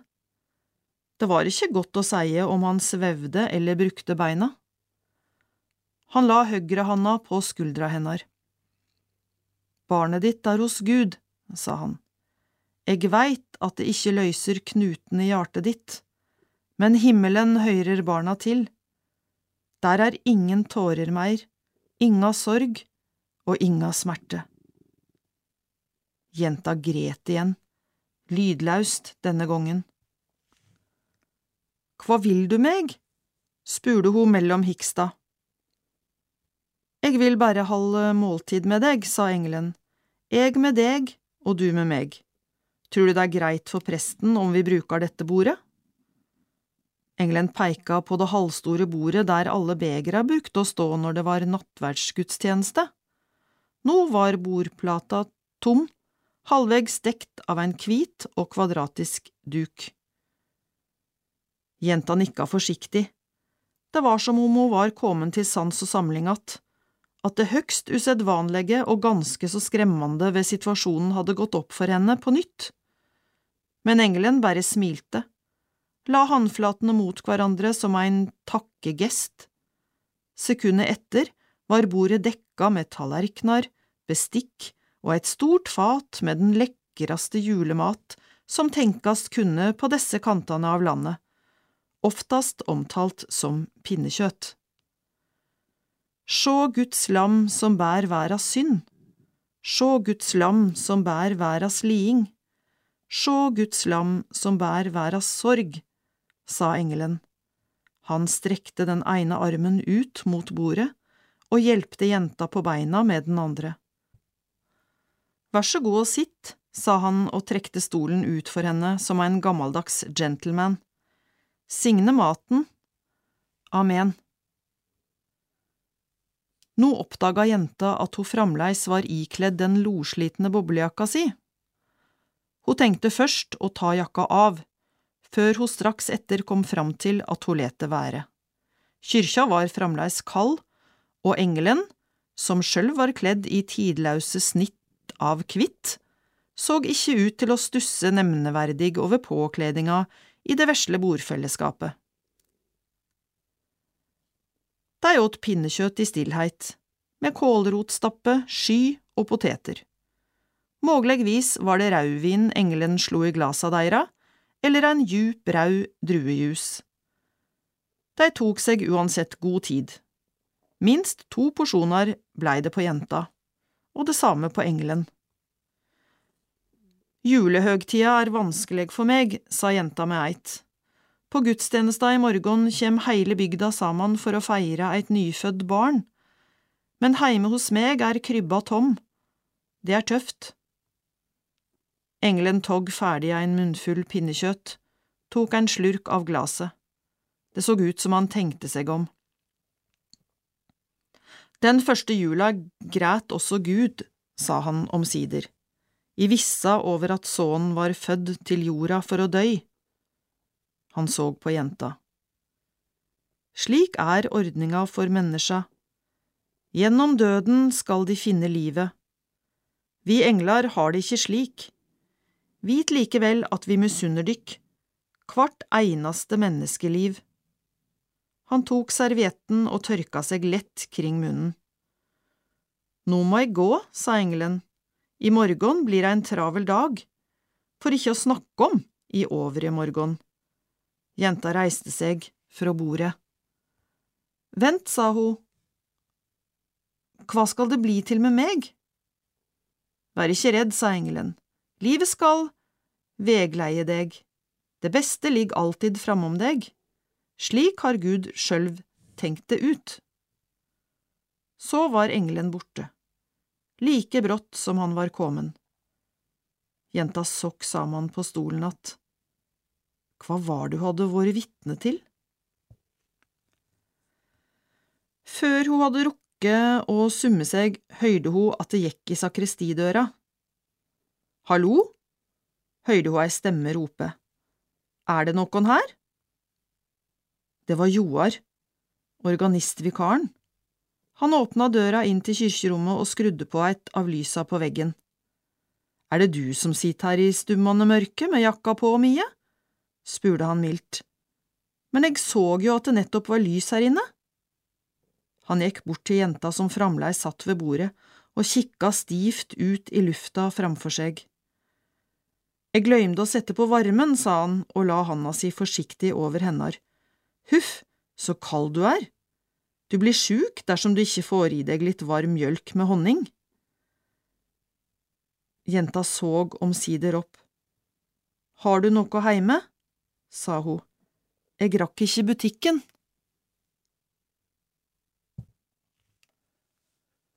Og mennesket ved juletid Originaltittelen The Wexford Carol Oversatt av Edvard Hoem Å menneske ved juletid Da stig vår song, da takkar vi. Gud Herren, Han som ser vår von, og sender oss sin kjære sønn. Ja, med Maria Møy i lag, ber vi til Gud på juledag. I Betlehem med englekor, kom Kristus til vår arme jord.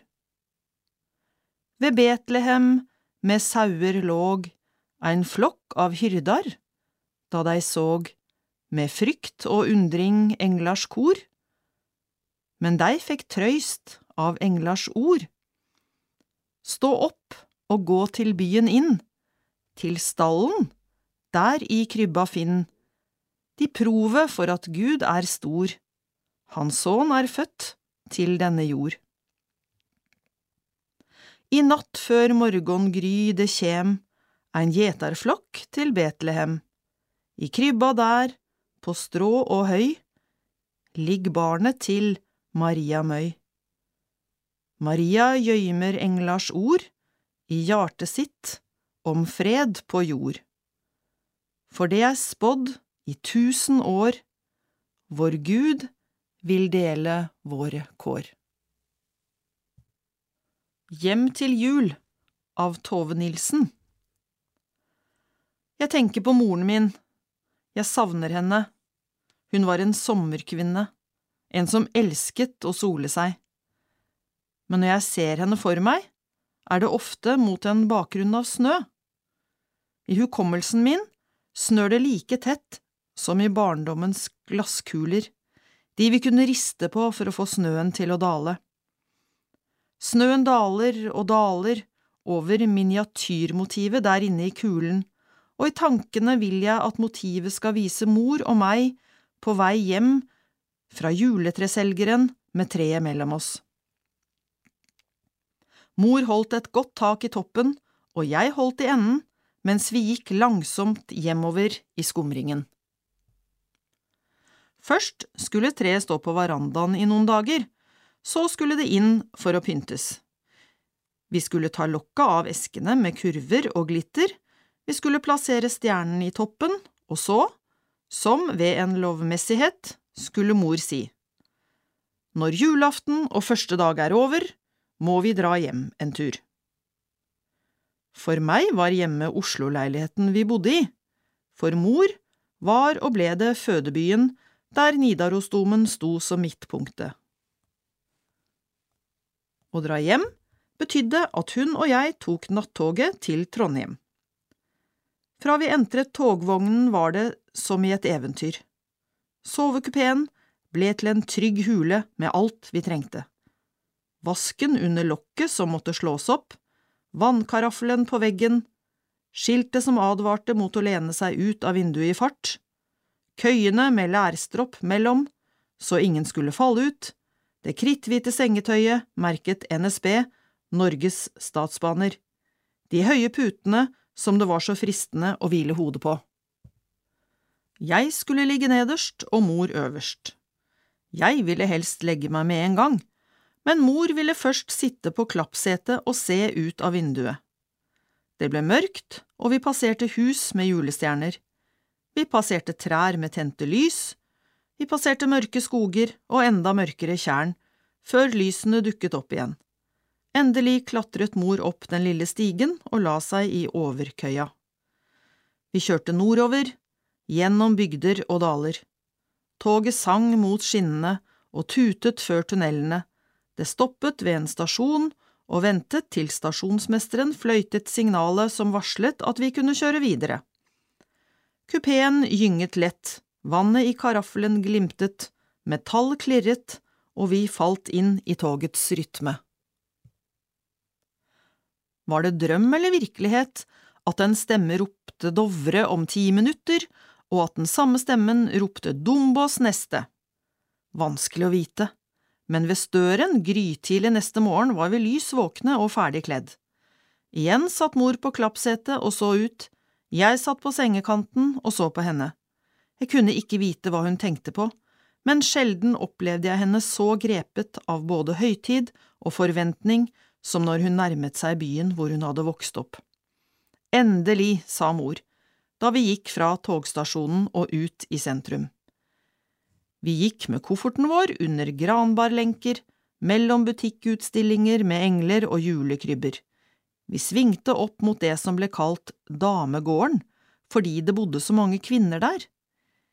De var ekte enker, eller såkalt sjømannsenker, de var unge og gamle, de var mødre eller barnløse, de hjalp hverandre så godt de kunne, de laget mat sammen, de bakte, de sto i vaskekjelleren med såpeskum oppover armene, de rullet lakener og dynetrekk så dampen gjorde dem røde i kinnene, de pratet og lo.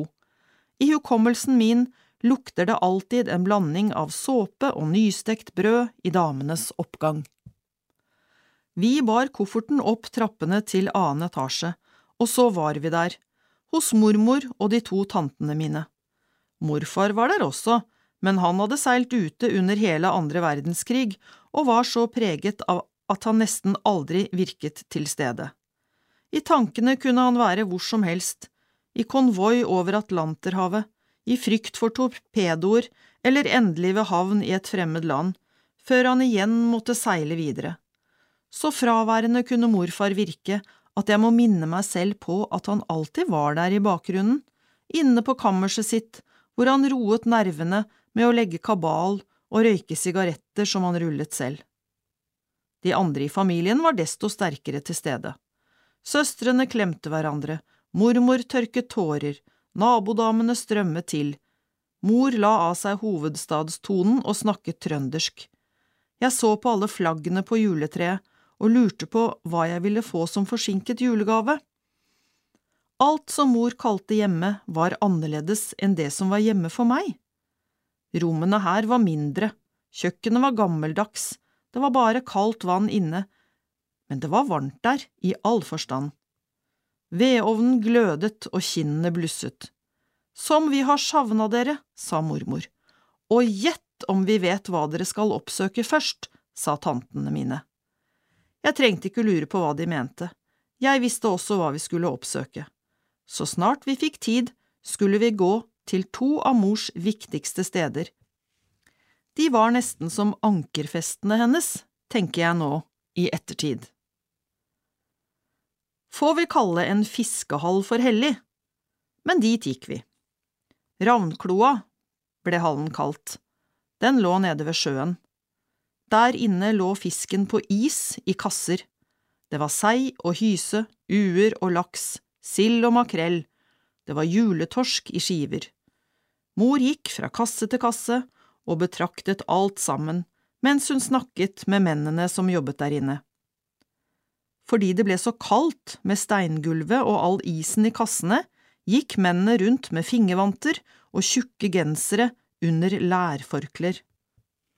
På føttene hadde de gummistøvler, fordi de så ofte måtte spyle gulvet for slintrer og blod. Ser De noe som frister, frue? Mor så nok mye som fristet, men hun stoppet ikke før siste kasse. Der lå den flate fisken, som ikke lignet noen andre siden den hadde begge øyne plassert på samme side av hodet. Hellebarn, sa mor, de minste kveitene, ingenting smaker bedre. Det har de rett i, frue, sa en av ekspeditørene. Han nikket fornøyd da mor ba om to hellebarn skåret i skiver. Ikke visste jeg at ordet hellebarn var avledet av ordet hellig, fordi akkurat den fisken kunne spises i katolikkenes fastetid. Ikke visste jeg at fisken var et av de kristne symbolene, og at det å tegne en fisk i sanden kunne brukes som kode mellom de første forfulgte kristne. Heller ikke visste jeg at det greske ordet for fisk kunne brukes som forkortelse for Jesus Kristus, Guds sønn. Det eneste jeg visste, og det visste jeg av erfaring, var at vi skulle få fiskeskivene pakket inn i flere lag papir med hyssing rundt, og i hyssinghanken skulle det være en liten pinne av tre som gjorde det lettere å bære. Mor skulle bære pakken tilbake til mormors kjøkken, hvor den etter hvert skulle trekkes i vann med eddik, pepper og laurbærblad, for å legges på fat og spises med kokte poteter og smeltet smør. Jeg, som ikke likte fisk, og som var redd for å få fiskebein i halsen, ville slite meg gjennom måltidet. Mor, som elsket fisk generelt og hellebarn spesielt, ville spise med et uttrykk som om hun var i forværelse til paradiset. Før det ble middagstid skulle vi til Nidarosdomen, landets største katedral. Mors viktigste ankerfeste, selv om hun gjorde mye for å skjule årsaken. Hun lot som om vi var turister fra hovedstaden, som om vi bare skulle oppsøke en severdighet, på lik linje med tyskere og franskmenn. Jeg husker hvordan det var å komme fra det skarpe vinterlyset og inn i halvmørket. I de første sekundene var øynene som blindet, men så justerte synssansen, og jeg så flammen fra stearinlysene og de intense fargene i rosemaleriet, jeg så søylene, buene og alteret der framme. Først forsøkte mor å underholde meg, hun hvisket om munken som kunne vise seg som en grå skygge ved midnattstid. Hun og venninnene hadde en gang sett denne grå skyggen og hadde blitt så skremt at håret sto rett opp på hodet og de måtte løpe hele veien hjem. Fortellingen hennes lød lite troverdig, og snart ble hun så stille som om hun sank innover i seg selv. Vi satt ved siden av hverandre på en av benkene i det store rommet, det som ble kalt kirkeskipet, et uttrykk jeg trodde var ment som honnør til alle sjøfolk og dermed også til morfaren min, han som gikk rundt og skalv på hendene. Jeg så for meg at Nidarosdomen seilte gjennom nattemørket, og at morfaren min mønstret på sammen med andre sjøfolk. Tanken var egentlig ikke så rar, siden skip hadde mast og kirker hadde skip. Det rare ved kirkeskipet i domen var at søylene og steinveggene virket så massive, samtidig som rommet ga inntrykk av å være endeløst. Det var så høyt under taket, det var så stille at vi kunne høre kirketjeneren pusle med sitt der framme ved alteret. Jeg kunne høre mors pust. Uten å se på meg kunne hun si. Her pleide Leif å sitte, når det ble for mange damer, og han var den eneste gutten i gården. Leif var lillebroren hennes, som bare ble 19 år. Leif måtte rømme byen etter sabotasje mot de tyske okkupantene under andre verdenskrig. Leif og den unge kvinnen som skulle vise ham vei over fjellet, frøs i hjel sammen før de nådde tryggheten i Sverige.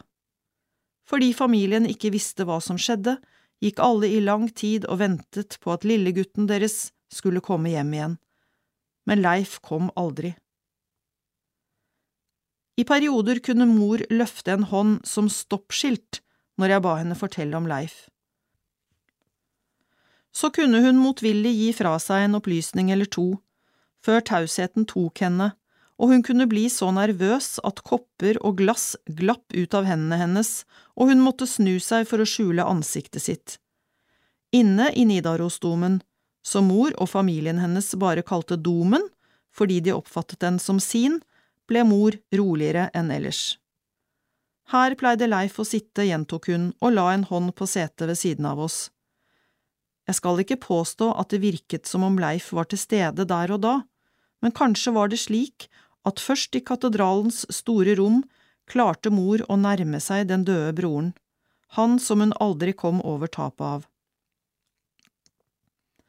Mor levde i 67 år etter at hun mistet lillebroren sin. Hun ble 86. Hun glemte aldri Leif. I nattbordskuffen lå det siste bildet som ble tatt før han måtte flykte, portrettet av en ung gutt med cowboyskjerf og et innbitt uttrykk. Mor klarte ikke å ha det fremme, men kanskje så hun på det etter at hun hadde lagt seg om kveldene. Jeg vet ikke, men jeg arvet portrettet, og det begynte å virke. Antagelig hadde det alltid virket i meg, siden han var et konstant nærvær i mor, og mor var et konstant nærvær i meg. Derfor er det logisk at jeg lurer på hvilket nærvær mor fornemmet der inne i katedralen. Var det nærværet av noe større enn både seg og Leif? De gangene jeg spurte om hun trodde på Gud, sa mor nei med så sterkt trykk at benektelsen virket paradoksal. Ønsket hun å tro uten at hun fikk til å overgi seg? Holdt hun troen sin hemmelig? Ba hun når hun la seg om kveldene? Eller lengtet hun bare etter et sted å sende bønnene sine? Heller ikke det vet jeg, men portrettet av Leif gikk i arv. Det havnet i nattbordskuffen min og ble til mine spørsmål og mitt savn. Hvem var denne unge, innbitte gutten som gikk så langt at han forsøkte seg på sabotasje og måtte flykte en novemberdag for å ende livet i en snøstorm på vei mot Sverige? Spørsmålene rundt lillebror Leif, han som skulle vært min onkel, ble så mange at jeg til slutt ikke kom utenom. Jeg måtte bruke tre år på å skrive bok om ham. Den eneste broren, kalte jeg romanen. Å skrive om en man aldri har møtt, en som levde i en annen tid, midt i en krig, var vanskelig. Hvordan skulle jeg klare å gi en levende beskrivelse av en ung gutt som jeg aldri fikk møtt? Det var mye jeg aldri ville få vite om ham, men det var lett å forestille seg hvor sterk han var. Den eneste broren må ha savnet faren i alle årene han befant seg til sjøs. Så mange ting en far kan lære en sønn, klart savnet må ha vært sterkt. I stedet for tilstedeværelsen av en far måtte han nøye seg med de tre søstrene. Det må ha vært jentesaker overalt i leiligheten, hårspenner, pudder, parfyme, pynt og fjas. Noen ganger må han ha ønsket seg langt vekk, helt til Egypten hvor faren hans gikk rundt og svettet mens skipet lå til reparasjon i Suez. Det var så mye jeg kunne se for meg, men enda mer som fylte meg med spørsmål. Mors bror, Leif Jacobs sønn, hvem var han egentlig, og hvem kunne han ha blitt? Det kom til et punkt da det virket som om han glapp for meg, men jeg orket ikke tanken på at han skulle glippe, og det var da jeg skjønte at jeg måtte sette meg på toget fra Oslo igjen, jeg måtte dra tilbake til Nidarosdomen. Kommer hid til mig, alle som arbeidet og besværede, jeg vil give eder hvile står det på en av gravstøttene utenfor domen. Det virket som en velkomst, og jeg ble ønsket velkommen av flere. Domprosten låste seg inn i den tomme katedralen og ledet meg fram til Kvinnenes minnekapell. Der rakte hun meg boka som Norske kvinners nasjonalråd skjenket kirken etter krigen, der hvor navnene på alle som ofret livet for landet i 1940 til 45 er ført inn med sirlig håndskrift. Domprosten trakk seg diskré tilbake og lot meg sitte alene. Der inne i det stille kapellet, med boka hvor navnet hans var skrevet inn på en av de første sidene, så jeg ham klarere for meg enn noen gang. Mors lillebror, han som satte utfor de bratteste bakkene på sykkel, og som kjørte ned de samme bakkene med moren min foran seg på rattkjelken. En søster og en bror som ramlet av kjelken og lå i snøen og lo sammen, før de børstet av klærne og gikk opp for å sette utfor igjen. Det var snøen som tok ham til slutt, sa mor, siden han frøs i hjel på flukt, men det var jo ikke snøen, det var krigen som tok ham.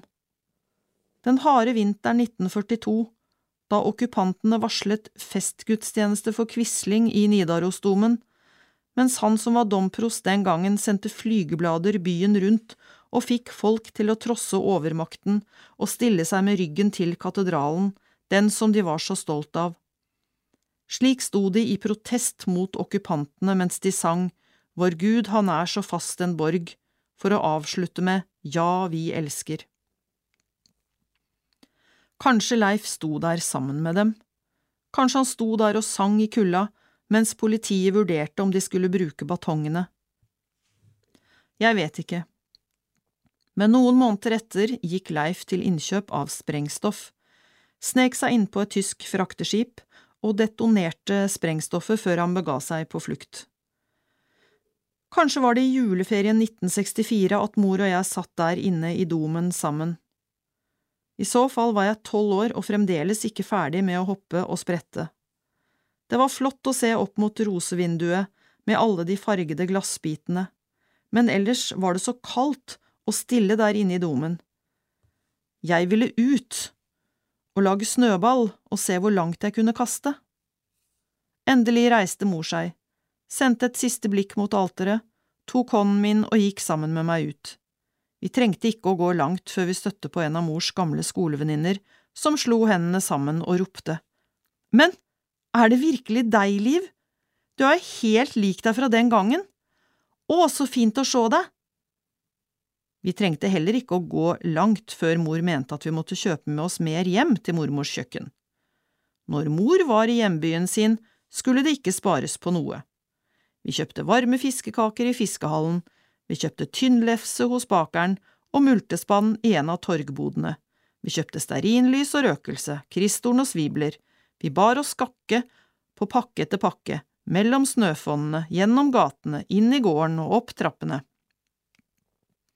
Så kom kvelden, vår forsinkede julekveld, og da satt vi ikke på kjøkkenet som vi pleide til hverdags, men i det som ble kalt finstua, og der var det pyntet til fest.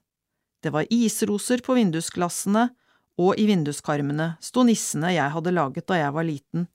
De sto på geledd med konglekropp, hasselnøtthode, røde kreppapirhatter og hvite piperenserarmer. På bordet var det hvit duk med røde servietter. Der sto fatene med poteter og fisk, hellebarna, som alle, bortsett fra meg, priste smaken av. Til den hellige fisken, en av havets mest verdifulle gaver, som fikk alle de voksne til å smatte salig, drakk vi kaldt vann. Mormor var en av de mildeste kvinnene, men for henne tilhørte alkohol djevelens bord. Hun sa det ikke med slike ord, hun ville bare ikke finne på å servere noe som kunne sløve tankene. Mormor sang i Frelsesarmé-koret. Med jevne mellomrom sto hun på torget med dem og sang. Om de onde makter vil meg friste, hvordan kan jeg Jesus miste? Midt i rommet sto juletreet, med norske flagg. Det pleide ikke vi å ha, men hos mormor var det norske flagg i lenke etter lenke. Det var heller ikke glitter som vi pleide å ha, men englehår som ringlet hvitt og mykt nedover flaggene. Endelig var alt båret av bordet og vi kunne åpne pakkene. Mor fikk alltid det samme, en bok om hjembyen med Nidarosdomen. Jeg fikk en ny bok i serien om Frøken Detektiv. Morfar satt der på den fraværende måten sin. Han fikk alltid mokkabønner og raggsokker, siden han hadde vært torpedert og ligget i isvann som gjorde at han aldri mer kunne føle seg varm nok. Desserten var Viddas gull, multer med krem som fikk mor og søstrene hennes til å snakke i munnen på hverandre om alle gangene de hadde funnet så mye multer at alle spann ble fulle og de måtte ta av seg jakkene og fylle dem med bær. Morfar satt der så stille. Et øyeblikk møtte han blikket mitt og smilte svakt. Siden har jeg innbilt meg at tankene hans der og da må ha streifet Leif, den eneste sønnen hans, og hvordan han hadde sett ut hvis han hadde fått leve og være der sammen med oss. Oppbruddets time kom. Det ble klemming og tørking av tårer, før vi bar koffertene ned trappene og tilbake til togstasjonen. Toget satte seg i bevegelse og begynte på reisen sørover. Nok en gang ble sovekupeen til en trygg hule med alt vi trengte. Vannkaraffelen på veggen og køyene med det kritthvite sengetøyet og de høye putene. Igjen sang hjulene mot skinnene, og vi passerte stasjon etter stasjon, til vi sovnet og lurte på om det var drøm eller virkelighet at en stemme i natten ropte Kvam, snart Vinstra.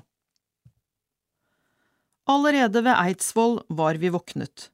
Vi satt på hvert vårt klappsete, og jeg kjente hvor fint det var at landskapet ble mer og mer velkjent, helt til vi rullet inn på det som het Østbanen den gangen, men som heter Sentralstasjonen nå. I minnet mitt vil det aldri hete annet enn Østbanen, og der, ved utgangen av stasjonen, brant den ukjente soldats flamme. I hukommelsen min snør det mens vi går mot trikken som skal føre oss tilbake til leiligheten vår. Igjen i hukommelsen snør det like tett som det gjorde når vi ristet på glasskulene vi hadde som barn. Det snør og snør over glasskulens miniatyrmotiv, og igjen ser jeg motivet som mor og meg, den gangen med kofferten mellom oss, der vi går hjemover mellom tente lys i skumringen. Kunsten å falle av Levi Henriksen Det er julaften. Snøen driver sidelengs og får snøflakene til å feste seg i øyenvippene mine. Prikker mot øyeeplet, som når oftamologen måler trykket hver gang jeg sjekkes for grønn stær. Første gang jeg var hos øyelegen, og hun presenterte seg som oftamolog, forsto jeg ikke hva hun mente. Men det er slik det er blitt. Kan folk bruke et vanskelig ord for å fine på ting, gjør de helst det. Selv var jeg i alle mine yrkesaktive år lastebilsjåfør, det tror jeg aldri jeg har hørt noe fint ord for. Jeg rister av meg snøen, setter meg inn i Volvoen og glir langsomt over gårdsplassen. Ta til venstre i riksveien, får jeg med meg at hun sier, og jeg bare nikker. Lyden av stemmen hennes er saklig, men jeg finner selskap i den.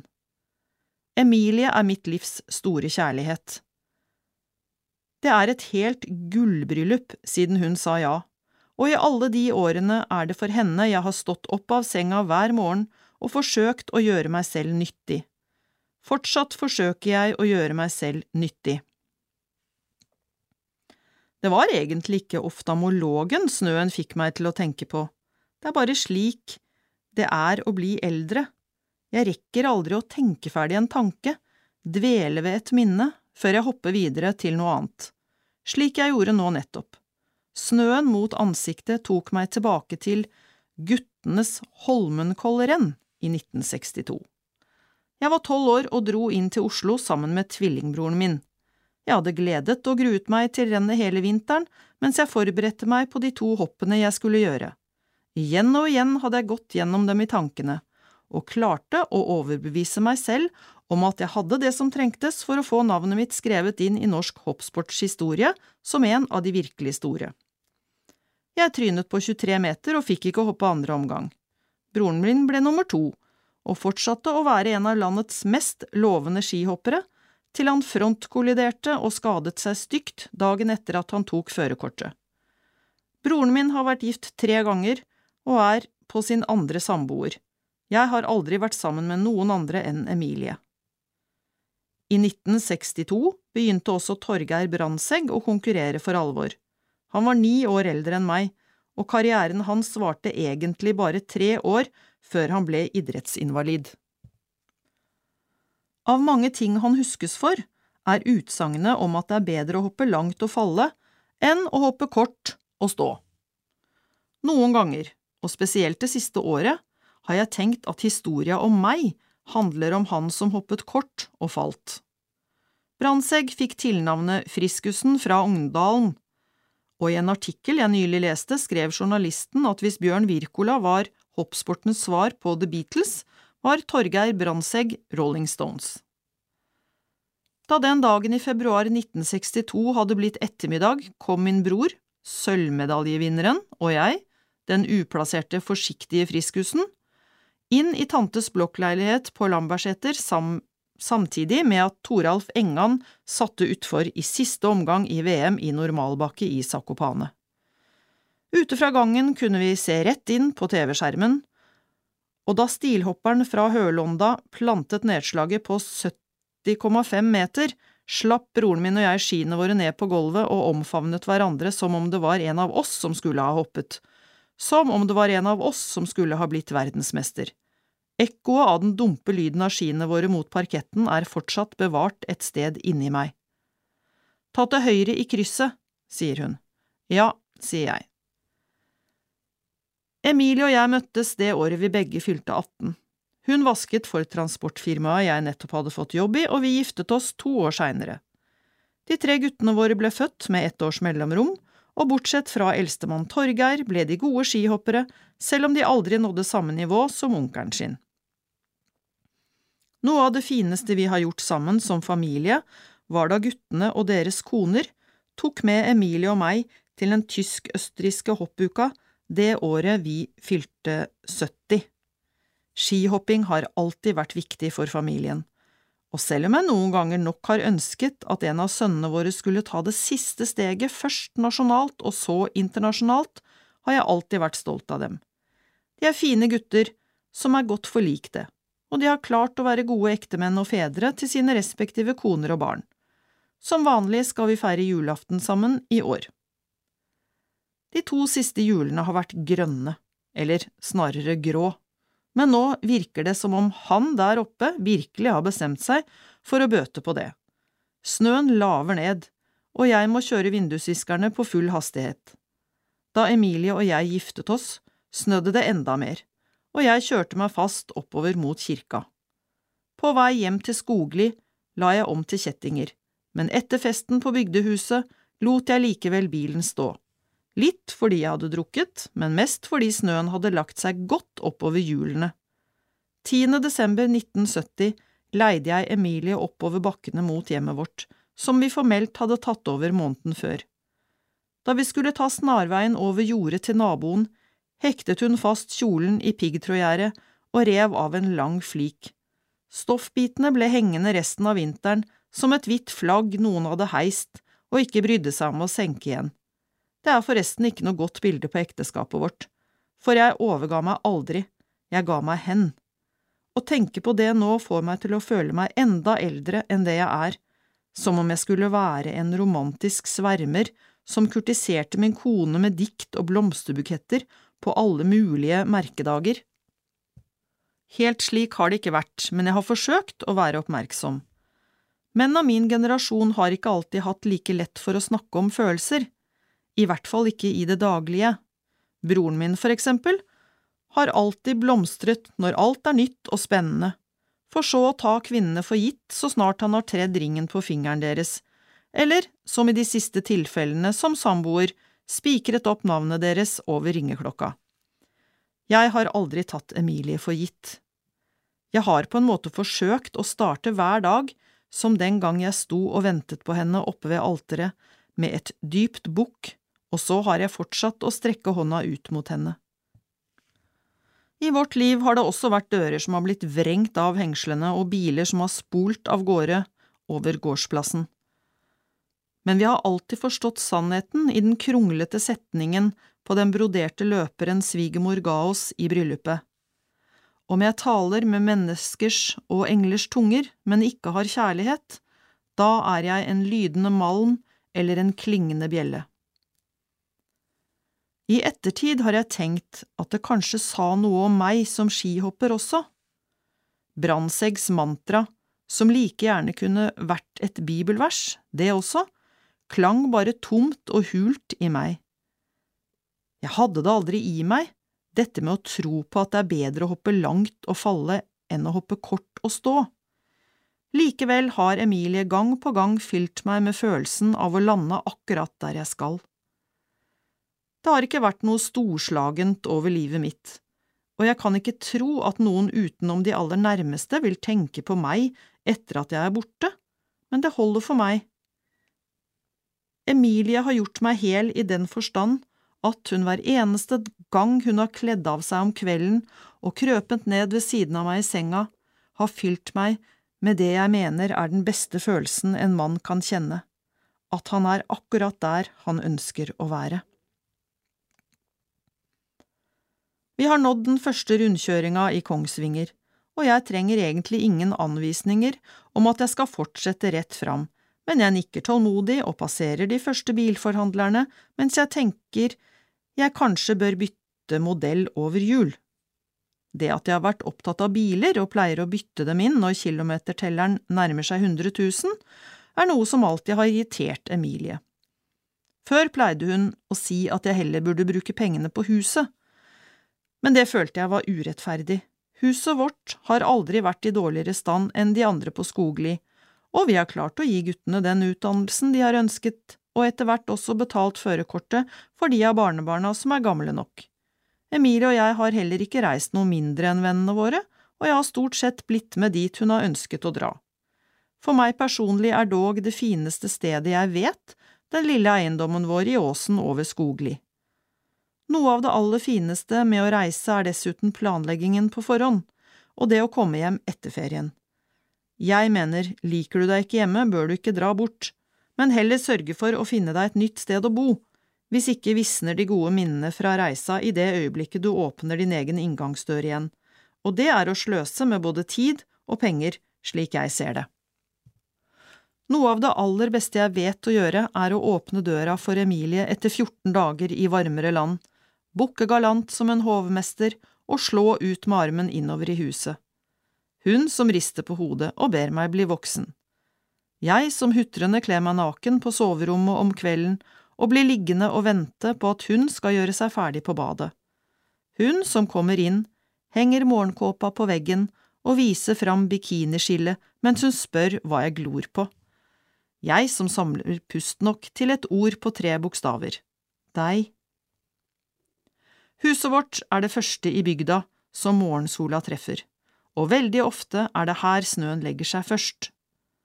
Etter at guttene var ferdig med å hoppe aktivt, syntes i grunnen Emilie at hun var ferdig med vinter og ikke lenger hadde noe bruk for den.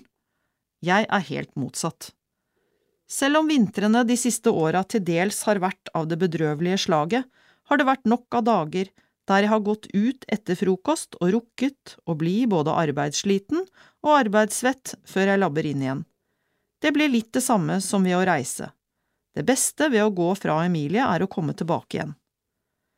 Nå er det en stund siden vi har diskutert dette med en leilighet i varmere strøk, solnedganger på altanen og sene middager på fortausrestauranter, men jeg kunne helt sikkert likt meg bofast på et sted omkranset av palmer eller sypresser også, i stedet for bare hengebjørker og skjørtegraner, så lenge hun var på samme plass.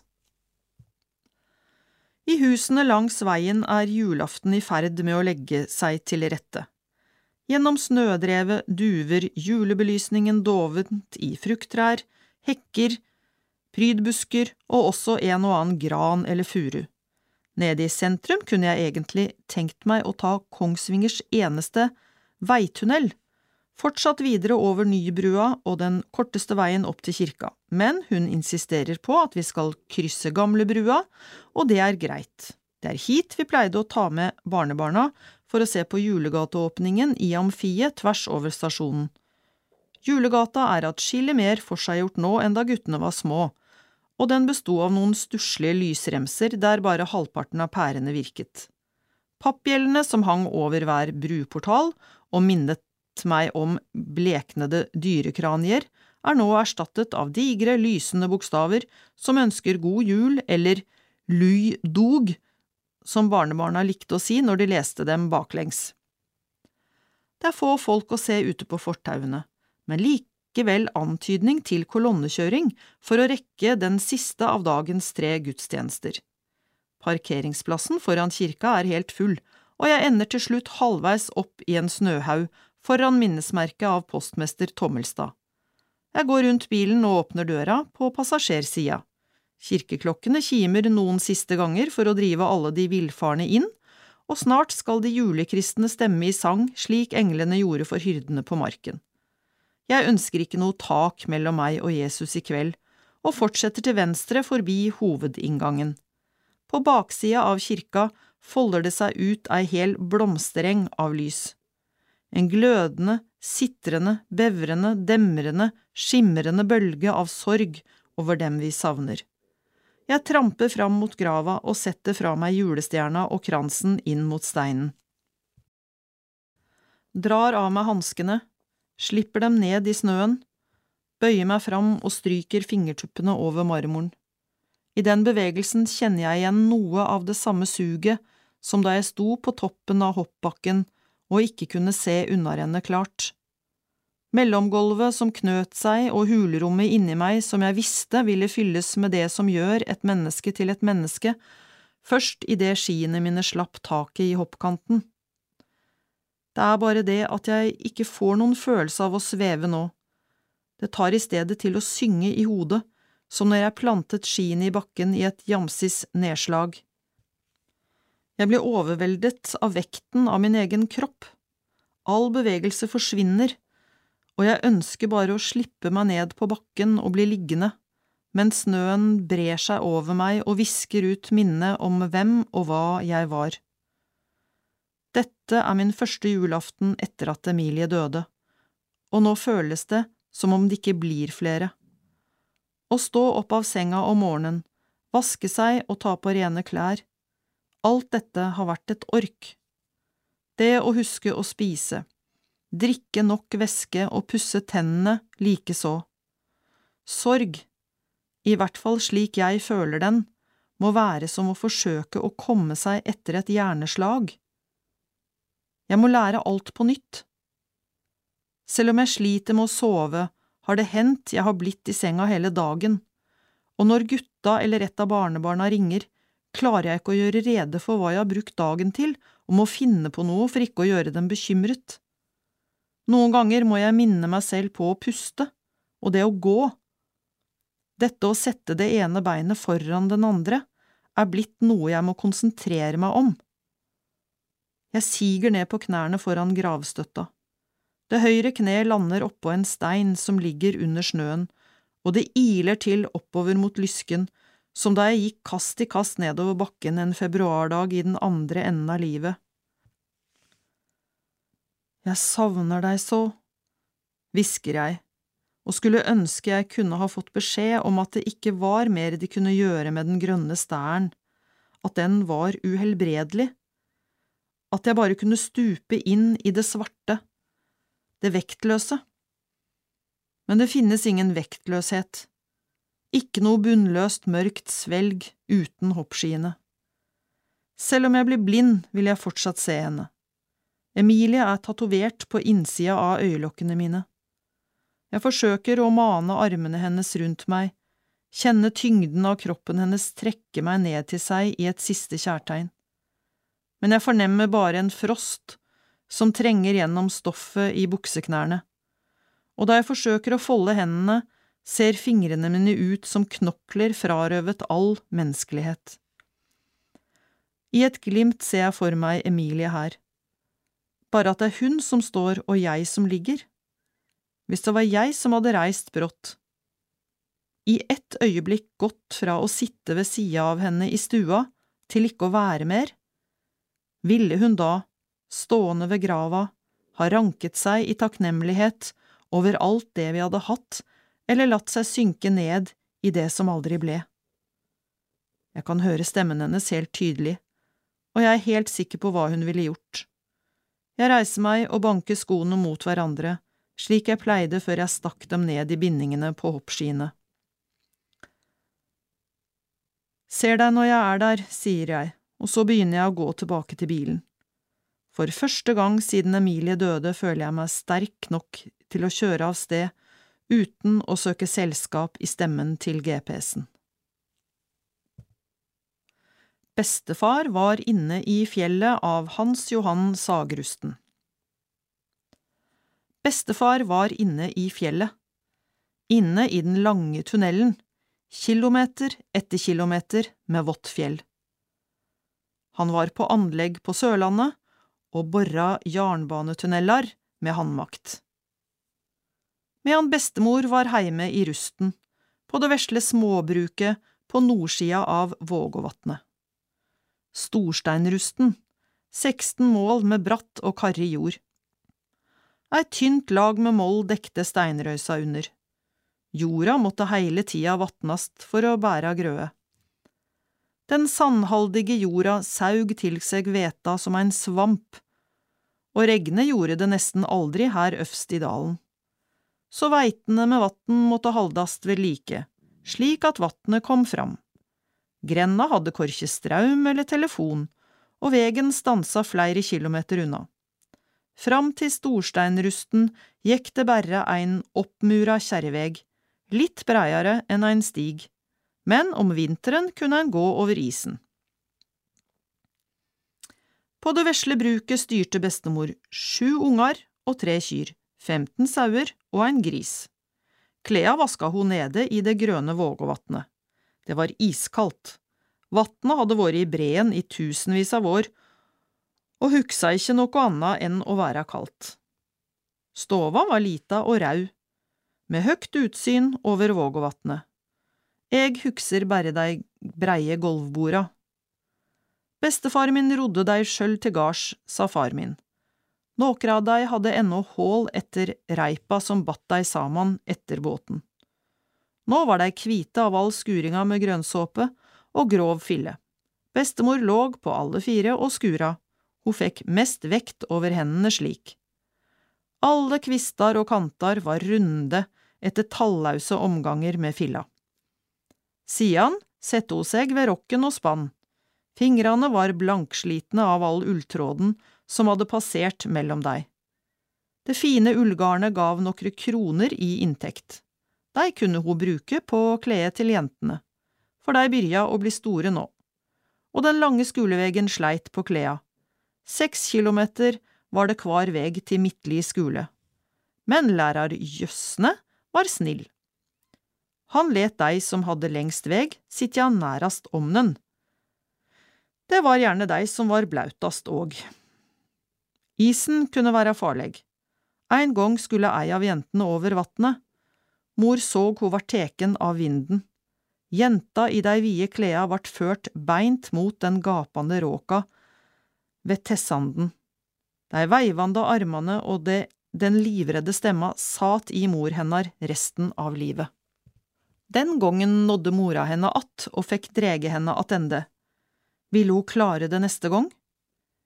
Livet attmed vatnet var fullt av otte for alt som kunne hende, alt som hun ikke hadde tid til å ta seg av. De tre kyrne gjorde familien bedre stilt enn mange andre i grenda. Hver av de hadde navn. Hjerteros, Svangros og Lykkeros levde hele livet i storsteinrusten. Bare Lykkeros tok seg nokre turer for seg sjølv. Hun var den eldste og klokeste av dei. Da sumde hun langs med land, bort til den nest vesle bruket. Graset så kanskje grønere ut der, så sumde hun attende føre kvelden kom. Bestemor delte alvorlig ut av det dyrebare høyet fra den vesle låven. Hun bar det i fanget, over til fjøset. Sist på vinteren gav hun dyra turka lauv. Det hadde hun sjølv hausta av bjørketrea oppe i lia. Dette var reserven deira, som de kunne ty til når det var slutt på alt annet. Lauvet hadde berga dei gjennom nauda flere år. Det beste høyet skulle kyrne få til jul. Da var det høgtid, også ute i fjøset. Bestemor sang medan hun vaska til jul. Medan bestefar var inne i fjellet, inne i den lange tunnelen, nede på Sørlandet ein stad, og båra dynamitthål med handmakt. Han Storhans, det var navnet han fikk på anlegget. Han var rallaren hun møtte da jernbanen passerte heimgarden hennar på Sel i 1911. Han hadde reist fra Lom høsten 1909 og starta på anlegget nord for Otta. Jernbanen trong sterke unge karer fra distriktet, og bestefar var kjent som den sterkeste karen i Lom. Det var ingen som kunne ta han, vart det sagt. Nå fikk han bruk for kreftene sine i berget oppunder Dovre, i de bratte fjellskjæringene nord for Otta.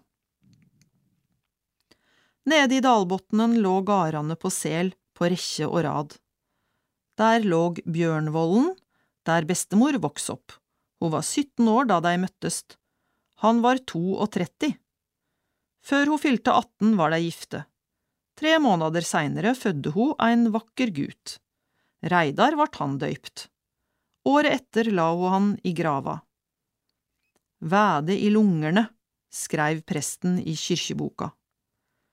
Det var en egen rubrikk for slikt. Bestemor prata om gutten da hun vart eldre. Han var så stor at han kunne prate alt. Sjå hesten, mor, hadde han sagt. Sian fødde hun sju barn til. Flinke på skolen var de alle. Den eldste broren ville ha vært lege, sa han. Men bare den yngste kunne få gå på skole. Det var far min. Han var den eneste som fikk ta utdanning på lærerskolen i Oslo, etter at pensjonen fra jernbanen kom. Fordi bestefar var inne i fjellet. Inne i de lange tunnelene. På Dovrebana, i Romsdalen og på Sørlandet. Det draup fra taket og rann fra veggene. Om vinteren var det mørkt når han gikk inn, og mørkt når han kom ut.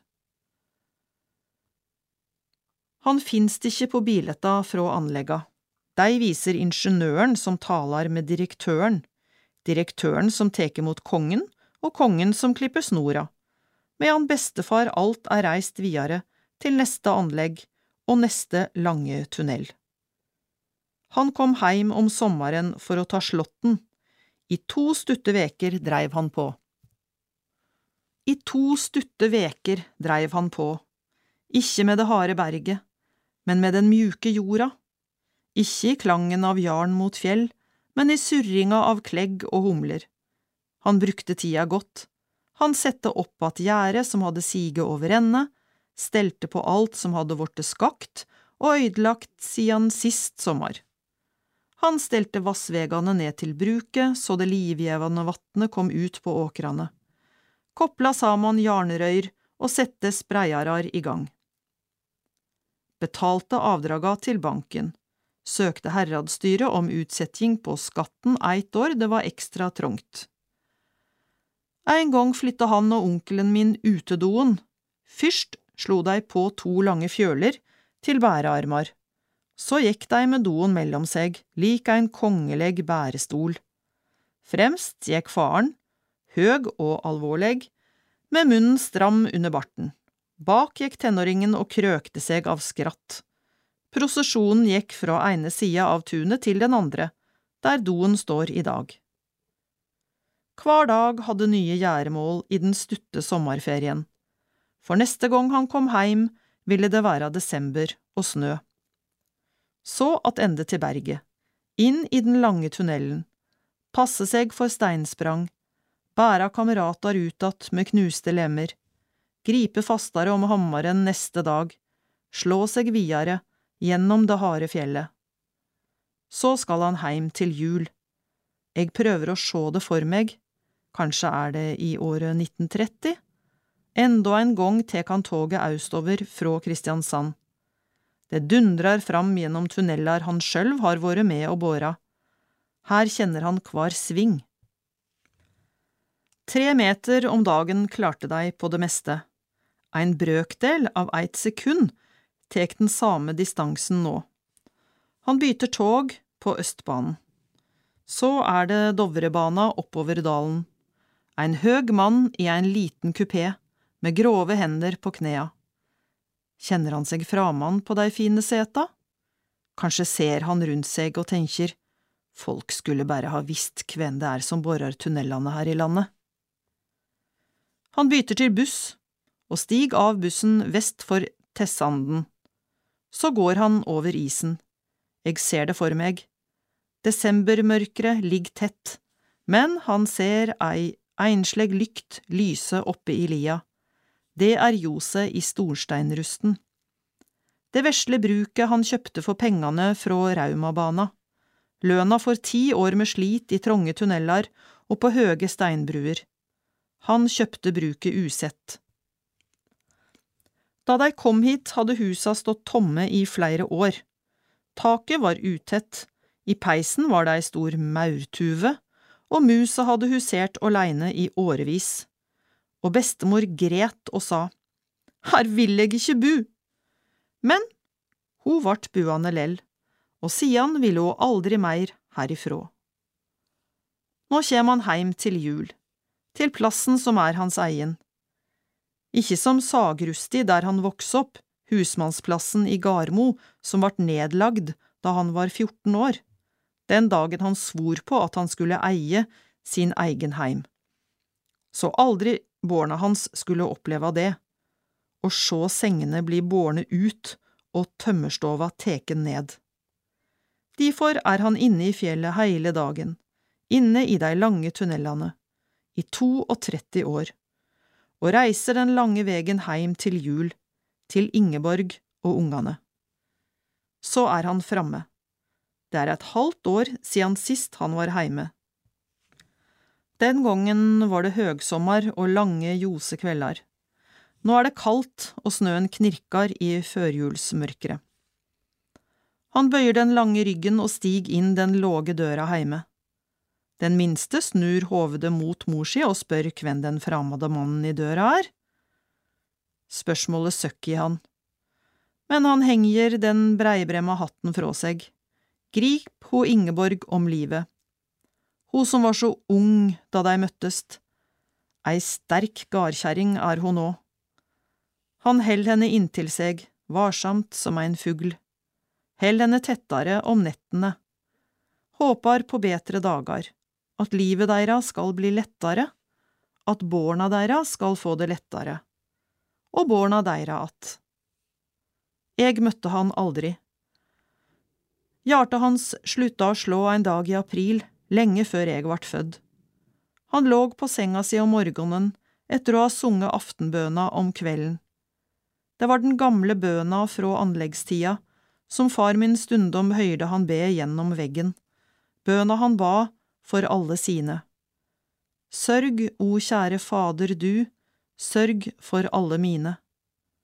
Medan han sjølv var inne i fjellet, inne i dei lange tunnelane. Korleis veit eg alt dette? Fordi far min vart født den 27. september 1931, ni måneder etter at bestefar var heime til jul, slik at eg kunne fødast og fortelja dette til deg. Til deg som les, du som kanskje sit på toget heim til jul, i ein av dei lange tunnelane på Sørlandet. Da kan du tenke litt på ein rallar frå Lom, og på familien hans attmed Vågåvatnet, og på at du kan suse fram gjennom fjellet slik, fordi bestefar var inne i fjellet, inne i dei lange tunnelane. Johannes kapittel 1 vers 1 til 9 I begynnelsen var Ordet. Ordet var hos Gud, og Ordet var Gud. Han var i begynnelsen hos Gud. Alt er blitt til ved ham. Uten ham er ikke noe blitt til. Det som ble til i ham, var liv, og livet var menneskenes lys. Lyset skinner i mørket, og mørket har ikke overvunnet det. Et menneske sto fram, utsendt av Gud. Navnet hans var Johannes. Han kom for å vitne. Han skulle vitne om lyset, så alle skulle komme til tro ved ham. Selv var han ikke lyset, men han skulle vitne om lyset. Det sanne lys, som lyser for hvert menneske, kom nå til verden.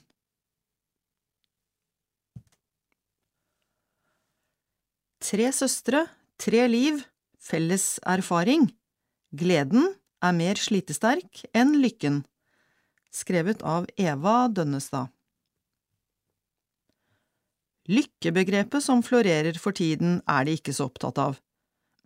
De er mer opptatt av den dype gleden det gir å gjøre noe meningsfylt. Vi kommer ikke utenom savn og smerte, men det gir en dyp glede å ha Gud med i alt, samstemmer søstrene. Reidun, Klara og Signe kan være uenige om småting og korrigere litt på hverandres tall og fakta fra fortiden, men én ting har de til felles. De vil gjøre noe nyttig, noe som kan oppleves verdifullt for flere enn dem selv. Det gir mening. Familien Kleveland skilte seg i utgangspunktet ikke veldig fra de andre familiene i Finnsland. Som de fleste andre i bygda bodde de i nydelige omgivelser og med god plass rundt seg. Men fra det lille samfunnet i Indre Agder fikk de tre en livsvei som ga dem muligheter til å bety mye for mange. I møte med Kleveland-søstrene er det mange som har opplevd at de har verdighet. De tre jentene hadde en trygg oppvekst, med søndagsskole, bedehus, leirer og besøk av misjonærer, og med foreldre som selv under krigen klarte å skape ro og trygghet for dem. Mulighetene til å reise var begrenset. Verdiene de fikk med seg gjennom tro, fokus på menneskeverd, nøysomhet og betydningen av å gjøre noe for andre førte dem likevel ut i verden. De tre søstrene har satt gode spor og bidratt til endring av menneskesyn og en mer verdig behandling av de som av ulike grunner er utenfor, som ikke blir regnet med. Reidun har hatt sin livsgjerning på Madagaskar, der hun har vært med å bygge skoler for blinde. Klara og Signe har hatt helt sentrale oppgaver i arbeidet med å bygge opp hjelpepleierutdanning i Estland. Ordet kall kan vi gjerne bruke om arbeidet søstrene har vært involvert i. Dette kallet førte Reidun til Madagaskar som misjonær. Det var også kall som førte Klara og Signe til sykepleiergjerning i Norge og senere i Estland. I 16 år av pensjonisttilværelsen hadde de mye av sin oppmerksomhet rettet mot det baltiske landet. De to første årene var de like mange dager i Estland som i Norge. I dag har alle tre stort engasjement for NMS gjenbruk på Sørlandstunet i Kristiansand. Samarbeidet går som smurt på lageret og i butikken. Lette på foten som de er, og ivrige etter å sørge for at butikken skal være attraktiv og spennende for kundene. Tvillingsøstrene bor i Kristiansand, mens Reidun kommer med buss fra hjembygda Finsland. Du må ikke gjøre oss til helgener. Vi er noen ordentlige kjeltringer, skjønner du, ler de og fortsetter mer alvorlig. Vi har bare ønsket å gjøre det beste ut av det i all vår ufullkommenhet. Og det begynner jo å ligne et meningsfylt liv, tross at vi verken er fantastiske eller spesielt gode. Både Signe og Klara tok sykepleierutdanningen ved Menighetssøsterhjemmet, det som i dag heter Diakonova. I 2002 fikk de høre at Diakonova trengte pensjonerte sykepleiere som kunne arbeide og være rollemodeller på et sykehus i Tallinn. De ble med på prosjektet, uten å vite at de skulle tilbringe nesten like mye tid i Tallinn og Narva som i hjemlandet de kommende årene. Reidun tok utdanningen ved Misjonsskolen for kvinner i Oslo og ledet i en kvinnealder arbeidet med skole for blinde på Madagaskar. Kallet har vært hennes drivkraft. Kallet er ikke noe høytflytende, men noe veldig håndgripelig. Fra jeg var liten har jeg hatt lyst til å bli misjonær, og så utviklet det seg til et kall. Jeg lyttet alltid oppmerksomt og syntes det var spennende når det kom misjonærer på besøk. Allerede på søndagsskolen tenkte jeg, alle må få høre om Jesus, jeg vil være med på det. Da hun flere år senere, 25 år gammel, fikk høre at de trengte en lærer til å videreutvikle en skole for blinde på Madagaskar, tok Reidun utfordringen. Hun fulgte opplæring for spesiallærere og gjennomgikk nødvendig språkutdanning i Frankrike. Så satte hun kursen mot det som skulle bli hennes andre hjemland, hvor hun skulle sette mange og viktige spor. Fra 1963 til 1998 ledet Reidun et nybrottsarbeid for oppsporing av blinde. Arbeidet resulterte i skoletilbud flere steder, veiledning og jordbruksopplæring. Det ble også noen gode år i søndagsskolen, kirkens trosopplæring. Hun har skrevet blindearbeidets historie. Her viser hun at endring i holdninger og menneskesyn i forhold til blinde også viser seg i språket. Det tidligere mye brukte ordet handicap er nå erstattet med andre uttrykk. Jeg har oftest anvendt synshemming eller funksjonsnedsettelse om blindhet eller svaksynthet, og funksjonshemming når det dreier seg om nedsatt funksjonsevne i sosiale sammenhenger. Derav følger bruk av funksjonshemmede eller personer med nedsatt funksjonsevne. I pedagogikken brukes nå gjerne uttrykket elever med spesielle behov. Signe Kleveland Andersen, sammen med sin søster Klara Kleveland, har gjort en sjelden innsats i tilknytning til Diakonovas arbeid i Estland. De har som rollemodeller lagt ned et stort arbeid som har hatt store ringvirkninger i både Tallinn og Narva. Første gang de kom til sykehuset i Tallinn, ble de overrasket over den dårlige standarden og kvaliteten på pleien. Det var stor kontrast til det norske helsevesenet, som så pasientene som likeverdige mennesker. Med hjelp fra det norske helsedepartementet og Diakonova, og ikke minst de to søstrene, har bygget blitt pusset opp, vann har blitt lagt inn, og mye har forandret seg. Signe og Klara har ikke tall på hvor mange ganger de har besøkt sykehuset. I dag er det nær 80 pasienter som får god pleie og omsorg. Det er også bygget opp et eget kompetansesenter med kursvirksomhet. Signe og Klara har vært med å bidra til en kvalitetsheving på arbeidet. Hjelpepleiere får utdanning etter norsk voksenopplæringsplan, og ansatte får undervisning. Dette har ført til en holdningsendring og et syn på pasientene som likeverdige mennesker som også har åndelige behov. Menneskeverdet er i fokus i opplæringen, og i dag gis omsorg på pasientenes premisser. Kvaliteten på pleien har blitt bedre og bedre de siste årene, understreker søstrene. Gjennom et langt liv har de tre søstrene erfart at livet byr på både sorger og gleder, savn og nytt håp.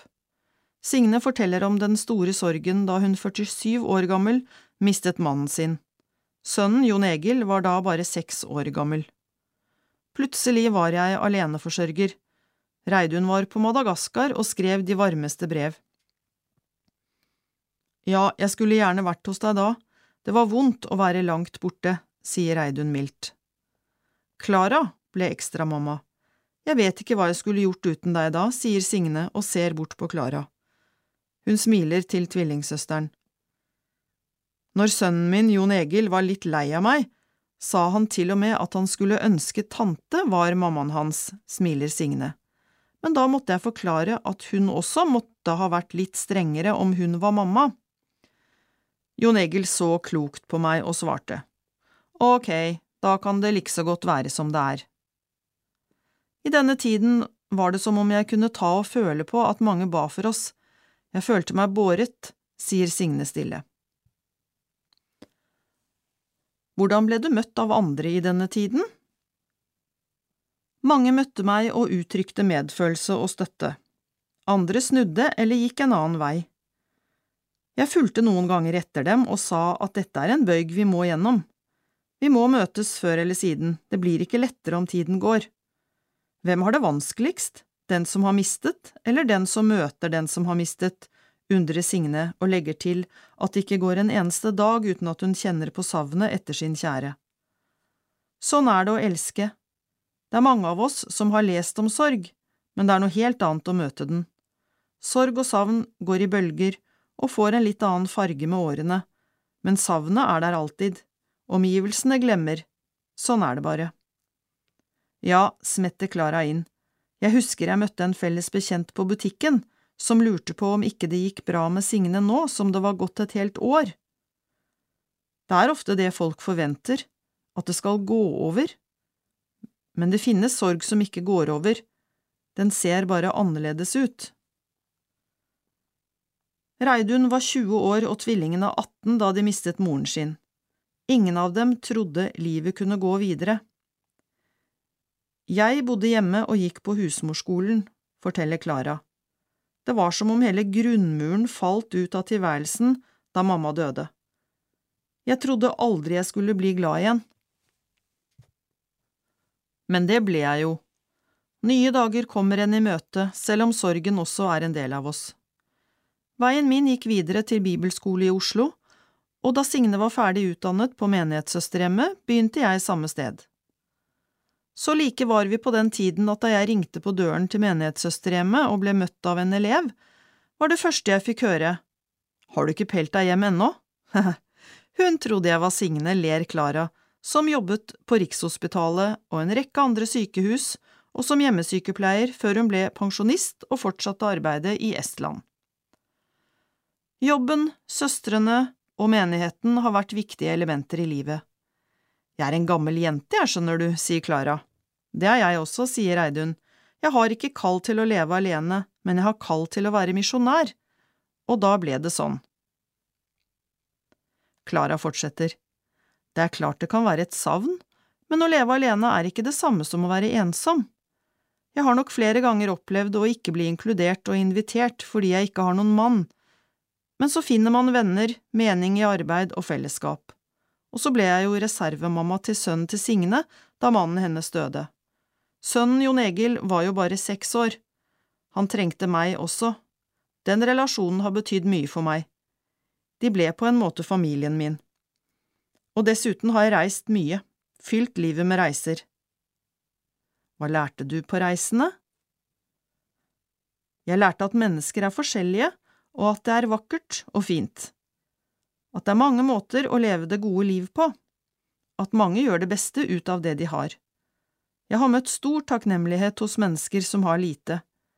Jeg ser også med nye øyne på mange av godene vi tar som en selvfølge i Norge, som de ikke har i andre land. Reidun forteller gjerne om arbeidet på Madagaskar. Jeg oppdaget etter hvert at de blinde ikke ble regnet som fullverdige mennesker. Jeg var hjemme hos familien til en blind tolvåring som ikke fikk gå på skolen. Bestefaren sa. Han er i vår familie, så vi holder av ham, men han er egentlig ikke noe menneske. De blinde ble ikke regnet med. De kunne ingenting. Det har en enorm innvirkning på et menneske å ikke være regnet med. Reidun og medarbeiderne fant ut at mattefletting kunne gi blinde arbeid og inntekter. Helt sør på Madagaskar begynte ti blinde å forstå at de kunne lage noe. Nytt var det også å bli med til kirke. En dag siterte presten fra Johannes 3,16. For så høyt har Gud elsket verden, at han ga sin sønn den enbårne, for at hver den som tror på ham, ikke skal gå fortapt, men ha evig liv. Spørsmålet blei da, hvem er hver den? Var de som blinde regnet med i hver den? Diskusjonen ble så heftig at hele troppen gikk til flettelæreren og stilte det store spørsmålet. Blir vi regnet med i hver den som tror? Ja, svarte læreren. Det var første gang disse blinde opplevde seg regnet med i alle, i Guds kjærlighet. Det kan vel gjøre vondt eh, for flere grupper, også i Norge, å ikke bli regnet med i alle. Ja, vi må alltid være våkne for å inkludere mennesker i alle. Både barn og unge og andre grupper mennesker forteller at de lett kan kjenne seg utenfor. Her har vi en jobb å gjøre, alltid, for å inkludere alle mennesker. Reidun forteller at de også måtte arbeide med holdningene til lærerne. De regnet heller ikke med at blinde kunne noe. Vi underviste dem og oppfordret dem til å snakke med elevene. Etter hvert så de dem som barn med behov for å utforske verden, ikke bare som blinde. Hva har du lært av gasserne? Omsorgen de har for hverandre, der har vi mye å lære. Dessuten er takknemligheten større i deres kultur, det er verdifullt. Også Klara og Signe har merket endringer i tilnærming til hjelpetrengende og syke i sitt arbeid i Tallinn og Narva. Hun ble rett og slett ganske sjokkert over den dårlige standarden på omsorg og pleie som møtte oss i Estland, sier de. I hjemmesykepleien kom Klara inn til en mann i et rom hvor det var skittent, veggelus og rester etter brann. Han var ikke interessert i renhold av noe slag, protesterte vilt, men jeg fikk stelt ham etter hvert. Det ble en ny og verdig opplevelse for ham. De som arbeidet der var ufaglærte, kom gjerne rett fra gata og trakk seg unna da vi kom. Vi måtte invitere dem til å bli med på pleie og stell, slik at de kunne lære. Sakte, men sikkert skjedde det en holdningsendring og en kvalitetsforbedring i pleie- og omsorgsarbeidet. Økt kunnskap har ført til bedret praksis, forklarer de. Du trenger ikke å forstå språket for å stelle en pasient. Er det vanskeligere å stelle en estisk pasient enn en norsk? Nei, anatomien er den samme, og grunnleggende behov er de samme. Vi kan ikke språket, men vi skjønner hva de sier. Er det rart å tenke på at berøring og blikk de har gitt, kanskje lever videre som noe bra for mange hundre mennesker de har stelt i Estland? Ja, det er meningsfullt å tenke på, men vi tenker ikke på det til daglig. Vi gjorde bare det vi syntes vi måtte for at menneskene skulle få bedre pleie, sier de nøkternt. Ved sykehuset i Narva kunne søstrene se forskjell hver gang de kom tilbake. Hjelpepleierne som fikk utdanning og opplæring, endret holdning.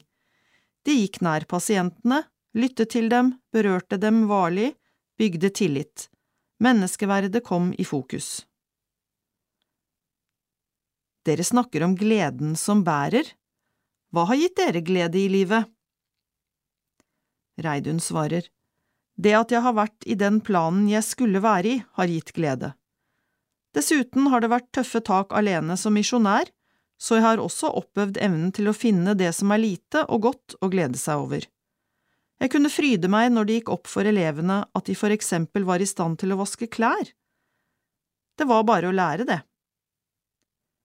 Jeg ble glad når jeg så at noen rettet ryggen og utvidet livsmulighetene, fordi de ble møtt av noen som hadde troen på dem. En av lærerne var selv blind, og han visste mye mer enn jeg om hvordan barna hadde det. Det gjorde meg glad å se den forståelsen han viste, og hvor godt den ble mottatt. Klara svarer, Det gir glede å se at det vi holder på med gjør nytte, blir til glede for andre. Når livet butter imot, da er veien oppad alltid åpen. Jeg trenger ikke gå rundt og føle meg lykkelig hele tiden, men å være hos Gud, sånn vi er, det gir dyp glede. Og Signe sier, glede handler også om å fokusere på det positive.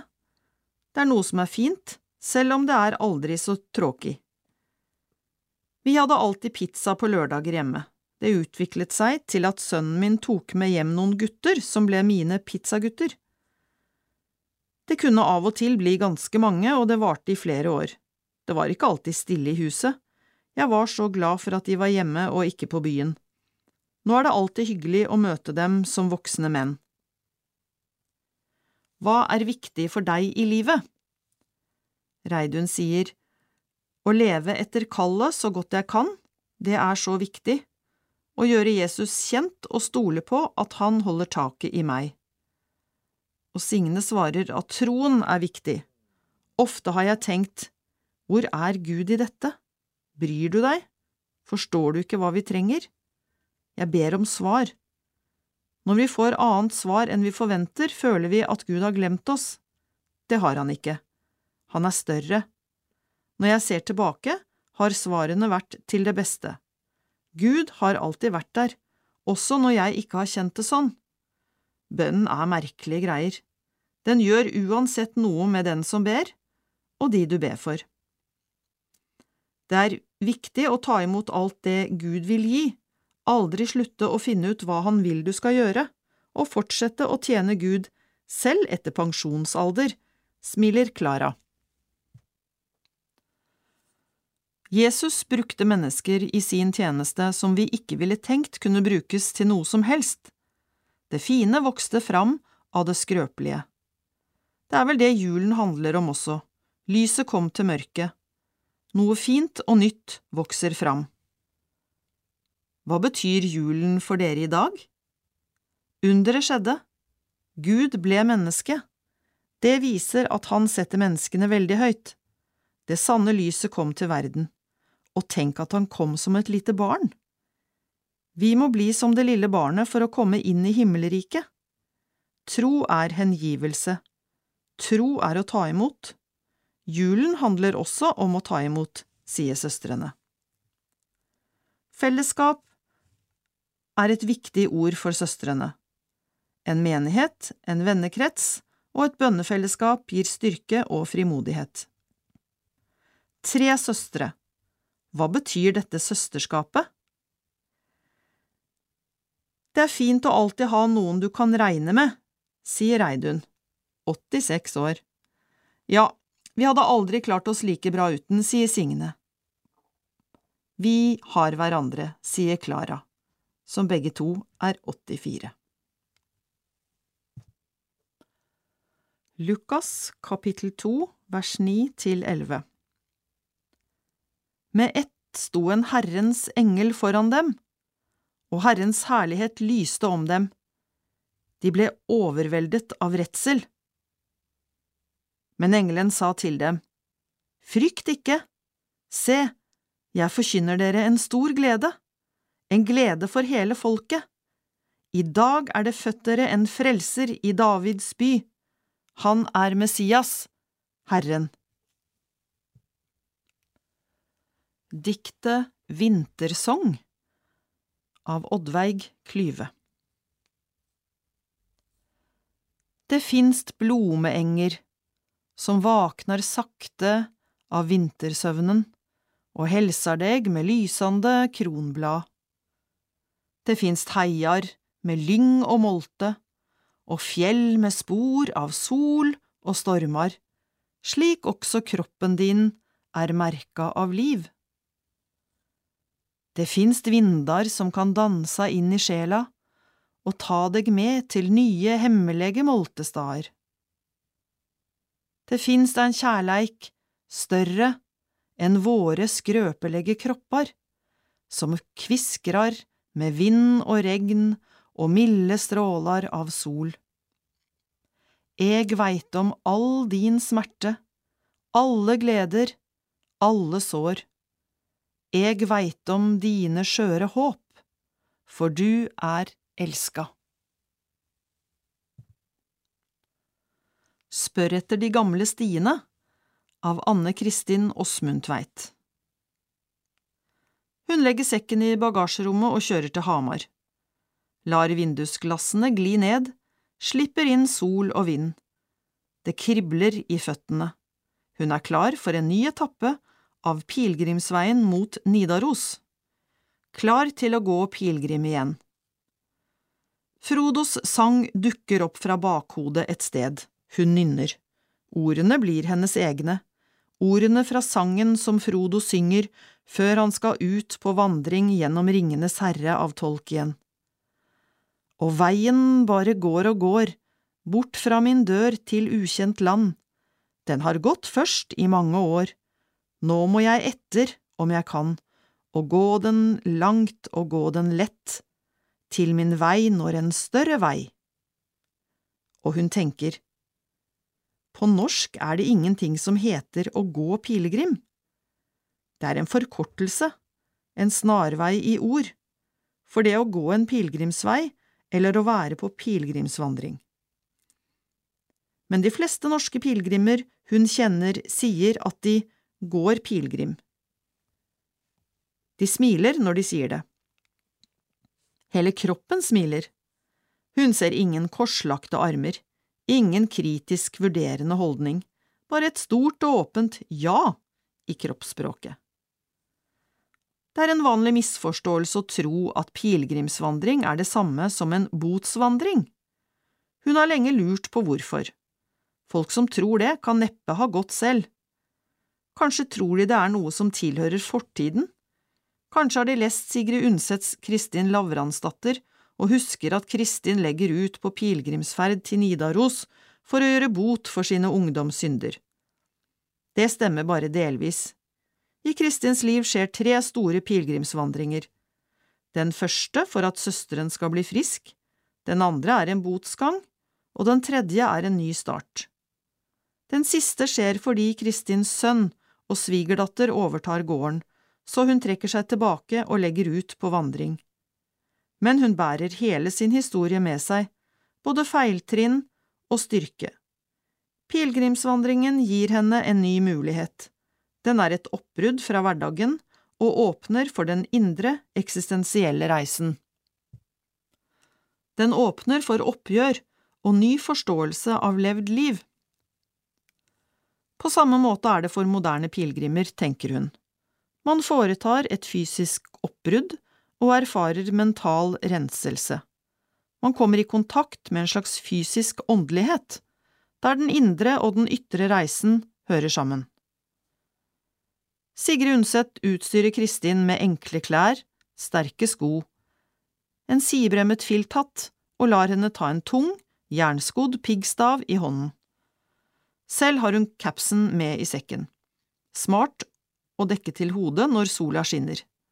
Hun har lett regntøy, gode sko, og hun kommer til å lage seg en pilegrimsstav av tørt tre så snart hun er i gang med vandringen. Staven er det tredje beinet når hun går. Den hjelper i bratteste bakker og støtter der veien er smal. Hamar i sikte. Hun skal starte ved Hamar pilegrimssenter like ved domkirkeodden. Ruinene av den gamle domkirken har tatt imot og sendt ut mange pilegrimer gjennom århundrene. Hun går alene, men i fotsporene til mange. På Hamar lar hun bilen stå, legger langbuksene i sekken og går i shorts. Gradestokken viser godt over 20 grader. De frivillige på pilegrimssenteret tar imot med åpne armer og sender henne av gårde med gode ord. Hun går over Furuberget og finner staven sin. Den er akkurat passe lett. Hun spikker til toppen så staven kjennes myk å holde i. En pilegrimsbenk dukker opp i skogen. En hilsen fra noen som nylig har gått foran og unner henne en pust i bakken, og som unner henne det hun har tatt med for dagen av nøtter og niste. Landskapet åpner seg. Ved Furnes kirke møter hun en kirkegårdsarbeider som viser hvor hun kan fylle vann på flaskene som hun har i nettinglommene på hver side av sekken. Organisten øver, bare gå inn i kirka. Åpen kirke, Selvsagt griper hun muligheten og går inn. Kirkerommet er svalt. Hun setter seg i en lærstol. Lyset fra vinduene faller mot altertavlen. Støvpartikler beveger seg i lyset, de ser ut som gullstøv.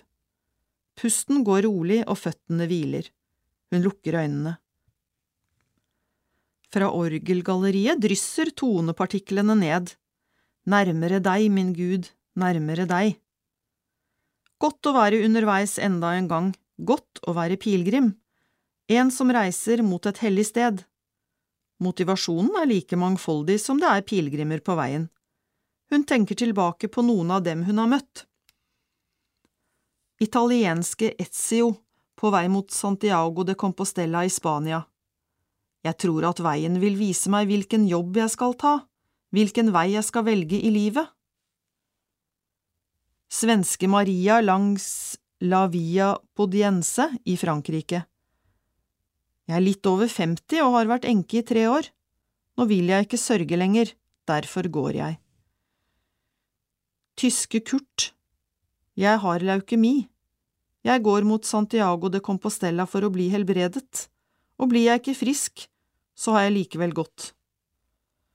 Tonedrysset fra orgelet opphører. Hun åpner øynene, reiser seg og går, tenker, hun vil inn i dette. Det å bevege seg langsomt i et landskap gjør noe med sjelen. Her på veien er hun til stede i sitt eget liv, til stede i nået. Allerede nå merker hun at hun er i ferd med å bli avruset på de ytre inntrykkene som dagliglivet bombarderer henne med. Hun kjenner at hjertet slår og pusten går av seg selv. Dette enkle livet er en gave hun har fått, og hvert skritt er en takk. Inn mot første overnatting i Brumunddal går hun Kongsvegen vel og lenge. Salme 24, Kongssalmen, nynner seg fram fra et sted i bakhodet, og hun skriver assosiasjonen av på den fysiske åndelighetens konto. Jorden og det som fyller den, hører Herren til. Verden og de som bor der, er hans. Løft hodet, dere porter, ja, løft dere, eldgamle dører, så ærens konge kan dra inn. Hvem er han, denne ærens konge? Herren Sebaot, han er ærens konge. Dagen etter trasker hun kilometer etter kilometer langs Prestvegen. Lite asfalt, mye grus og landevei under skosålene. Hun vet hun er på vei mot Alf Prøysens hjemsted. Bilder fra småstubbene til Prøysen dukker opp, særlig pilegrimsnovellen Slektskap fra samlingen Kjærtegn. Bestemødrene som ivrig kommenterer slektslikhet hos sitt nyfødte barnebarn, uten å nevne det skammelige at barnet har mørke pilegrimsøyne. En regnværsnatt for lenge siden må en pilegrim på vei mot Olavsskrinet i Nidaros ha banket på og fått tak over hodet før han gikk videre. De mørke pilegrimsøynene er blitt igjen etter ham, de går aldri ut av slekta. Hun er på den samme pilegrimsveien, klar for et måltid. Prestveggen fører til Alf Prøysens husmannsstue. Et lite hus i grått treverk, ei stue, et kjøkken, et kammers eller to. Men hun ser at det er her man kan dra krakken bortåt glaset og puste på ei stund etter at man har stelt i stand til jul. Det er her man ser etter julestjerna. Ikke mye julestjerne nå i juli, men ifølge Prøysen finnes stjerna innen rekkevidde for hvem som helst, du ser henne over taket der ei jordmor-Matja bor. Juleevangeliet fra Prøysenland sang seg inn i folkesjela fra sangen ble skapt på 1950-tallet. Hun tar sekken på ryggen, etter et godt måltid på det store, nybygde Prøysenhuset. Sangen slår følge med henne. Ja, det var første gongen som julestjerna brann, men sea har ha brønne i alle verdas land. Men selv med julekveldsvisa i hjerte og indre øre er hun ikke forberedt på hva som møter henne et stykke etter Prøysenstua. Ringsaker kirke. Innrammet av grønt gress og bjørketrær, og med Mjøsa i blått i bakgrunnen, ligger en stor, hvit korskirke i kalkstein. Også den er åpen. Hun setter staven fra seg utenfor kirkedøra og går inn. Kirken er sval, nesten litt kjølig. Det sterke lyset fra sommerdagen ute blir dempet her. Lyden av stemmer klinger i rommet, de bærer langt, men er dempet. En guide ønsker henne velkommen og tar henne med til blikkfanget i kirkerommet. Det er en altertavle. Altertavlen er et skap med dører som kan lukkes. Ringsaker kirkes herlighet kaller guiden skapet. Hun kan ikke se seg mett på det.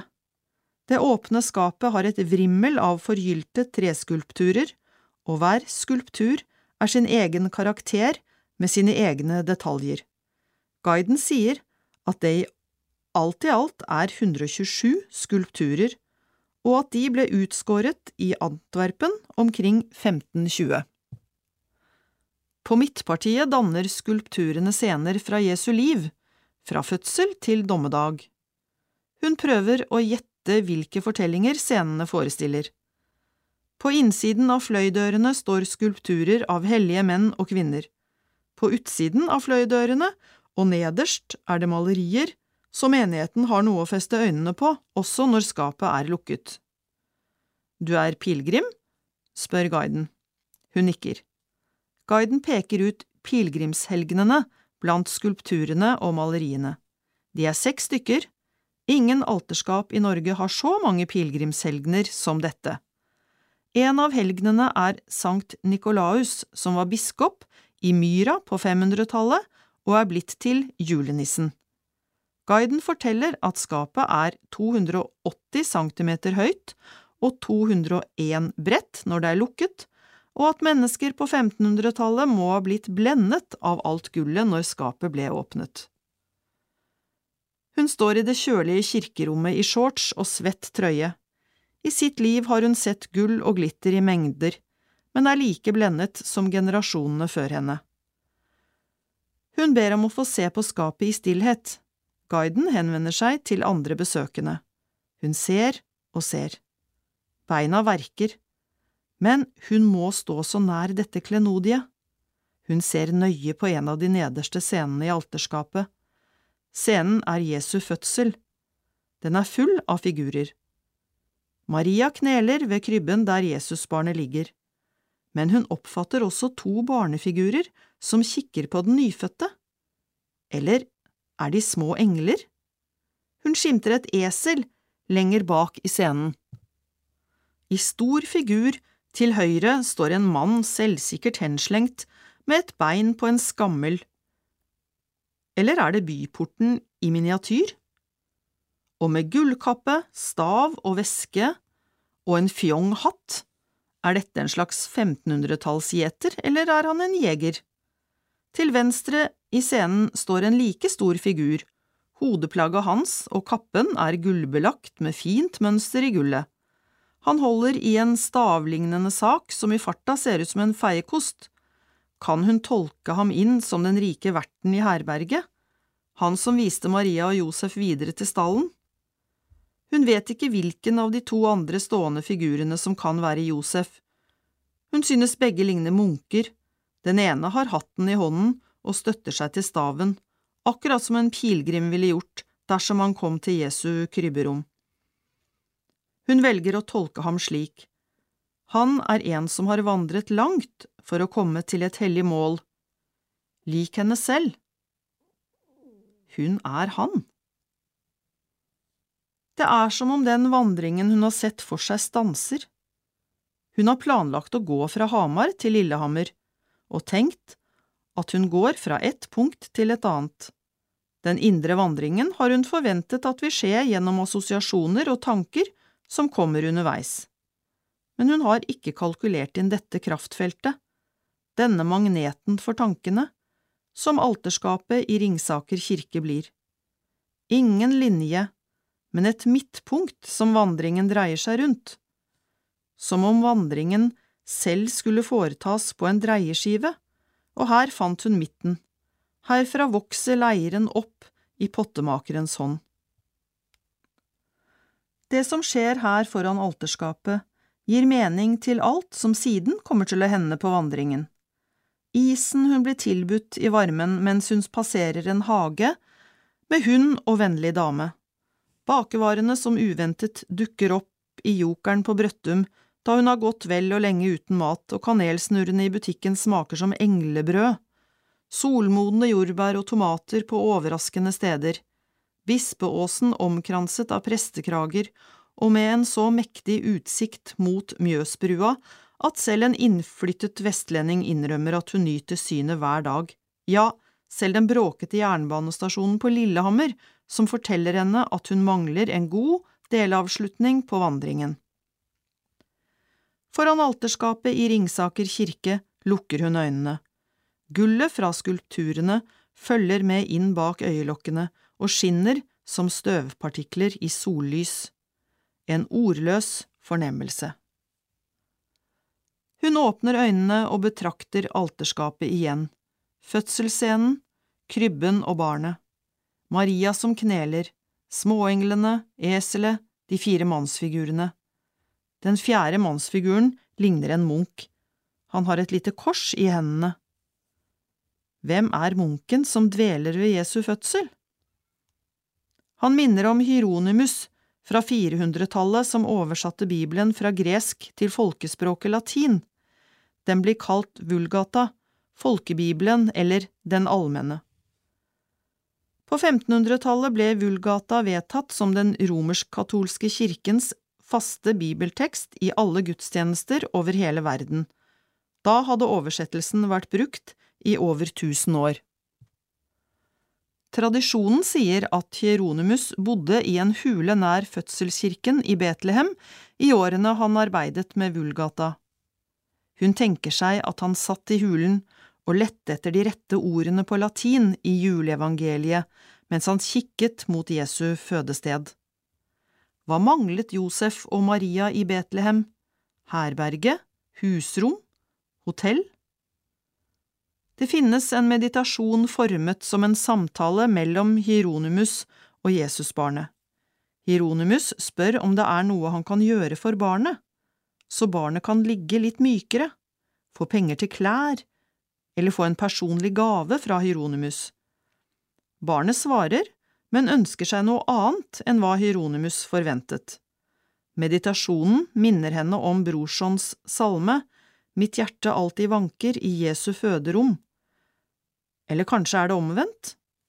Kanskje hadde Brorson hørt meditasjonen?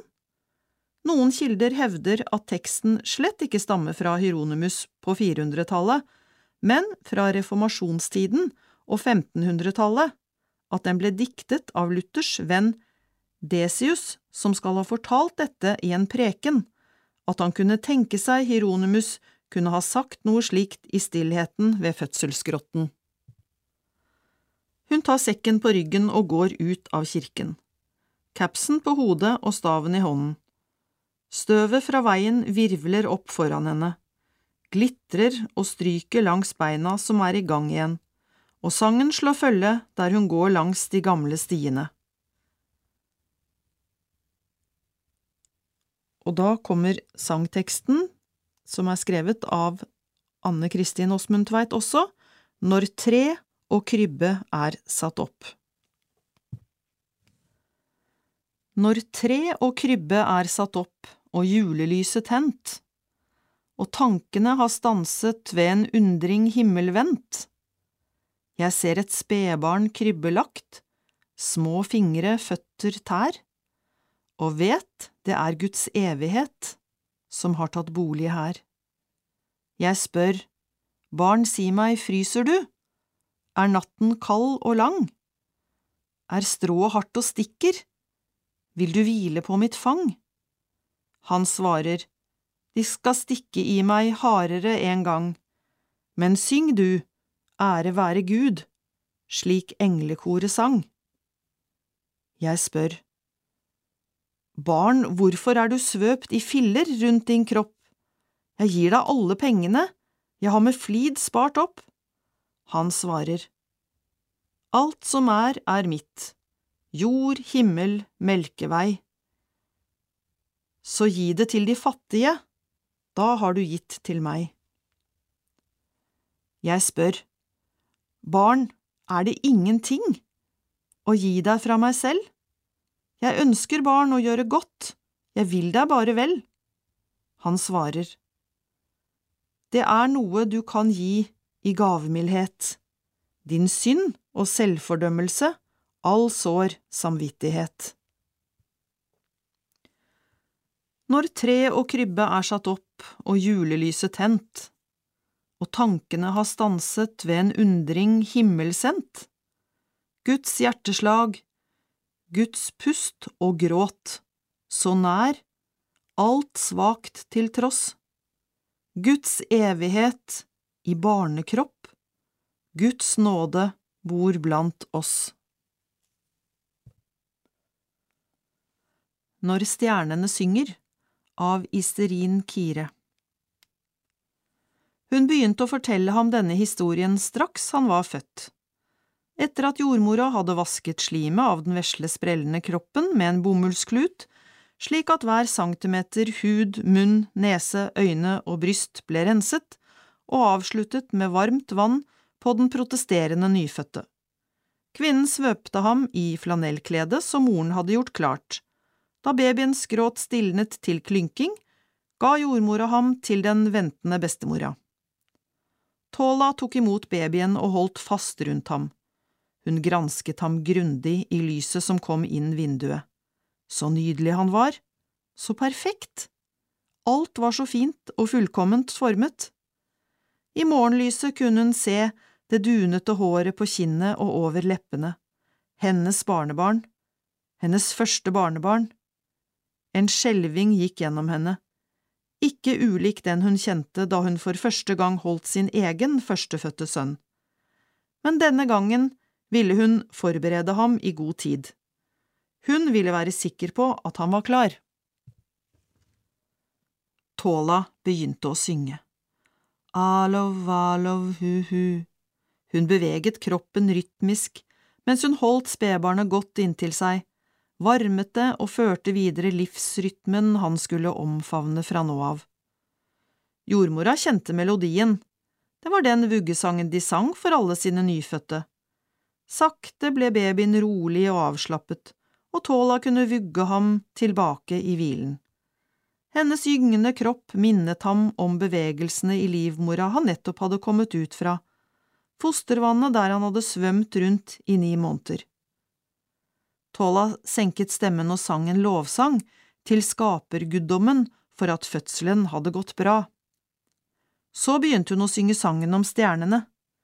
Guttebarnet falt alltid siden i søvn til denne sangen, for det var den første sangen han hørte på jorden. Da han vokste opp og hadde skremmende syner, sang han den for seg selv og ble styrket i ånden. Det var veldig viktig å synge den rette sangen for ham. Tola visste at sønnen hennes og kona hans ikke trodde på de gamle fortellingene slik hun gjorde. Hun ble trist når hun tenkte på hvordan vantroen deres satte et stengsel som forhindret kjærligheten fra Skaperen til å nå inn i hjertene deres. De ville forbli blinde for drømmene, tegnene og åpenbaringene som den åndelige verden kunne gi til dem som åpnet seg for dem. La deres time komme snart, ba hun stille, åpne ørene og hjertene deres, kjære far. Tåla satte seg på trebenken ved veggen og fortsatte å synge. Fødselen hadde skjedd ved daggry, og rommet ble sakte, men sikkert fylt av lys. Den slitne moren lå på ryggen og begynte å snorke stille. Lyset landet på bjelkene i rommet, på bordplata og stolene, tøystykket som var tilfeldig slengt over jernkista, og eska der hun hadde lagt spedbarnets klær. Barnets far dyttet opp døra og sto stille og betraktet scenen. Heller ikke han kunne unngå å legge merke til hvor annerledes lyset var denne morgenen, som om det hadde en spesiell betydning. Mor? spurte han, men ble hysjet ned av Tola. Vi har fått besøk, var alt hun sa. Han så seg rundt, men så ingen. Men det er ingen her? Hysj, Among, lytt med øynene dine. Among sukka og kastet et blikk rundt i rommet. Lyset fylte hele rommet. I alle de årene han hadde bodd i dette huset, hadde han aldri opplevd noe slikt. Lysstråler falt fra taket til gulvet og beveget seg i perfekt takt. Det var som om lyset falt helt unisont fra taket til gulvet. Det var som om lyset var et levende vesen. Det var det. Lyset var levende. Mor! ropte han høyt. Hysj! Det du har sett i dag, må du aldri glemme. Tola kalte barnebarnet sitt Sanu. Det betydde kjærlighet. En bestemor var et fullverdig medlem av enhver familie, ikke minst når barna begynte å komme. Tola overtok badingen av babyen og bar ham på brystet med et sjal som hun knyttet på ryggen. Moren hvilte takknemlig og gjenvant styrke, mens svigermoren hjalp til med å ta seg av barnet. Hver gang babyen ble urolig, sang Tola sangen sin for ham, og hun ble stadig forundret over hvor raskt han stilnet. Fjellskaperen skaper en dag, chambulé, chambulé, fjellskaperen sender en bønn, chambulé, chambulé, fjellskaperen skaper en dag, en frelsens dag, chambulé, chambulé. De unge barna som kunne sangen, sang etter med sine tynne stemmer som et ekko. Chambulé, chambulé. Tola likte å føye til sine egne ord. Fjellskaperen skaper en baby, fjellskaperen sender sin herlighet, og guttebabyen hans vil ta den med. Mange år tidligere hadde besteforeldrene til Tola fortalt henne om løftet om en baby fra skaperguden de tilba. Navnet de brukte på ham, var Fjellskaperen.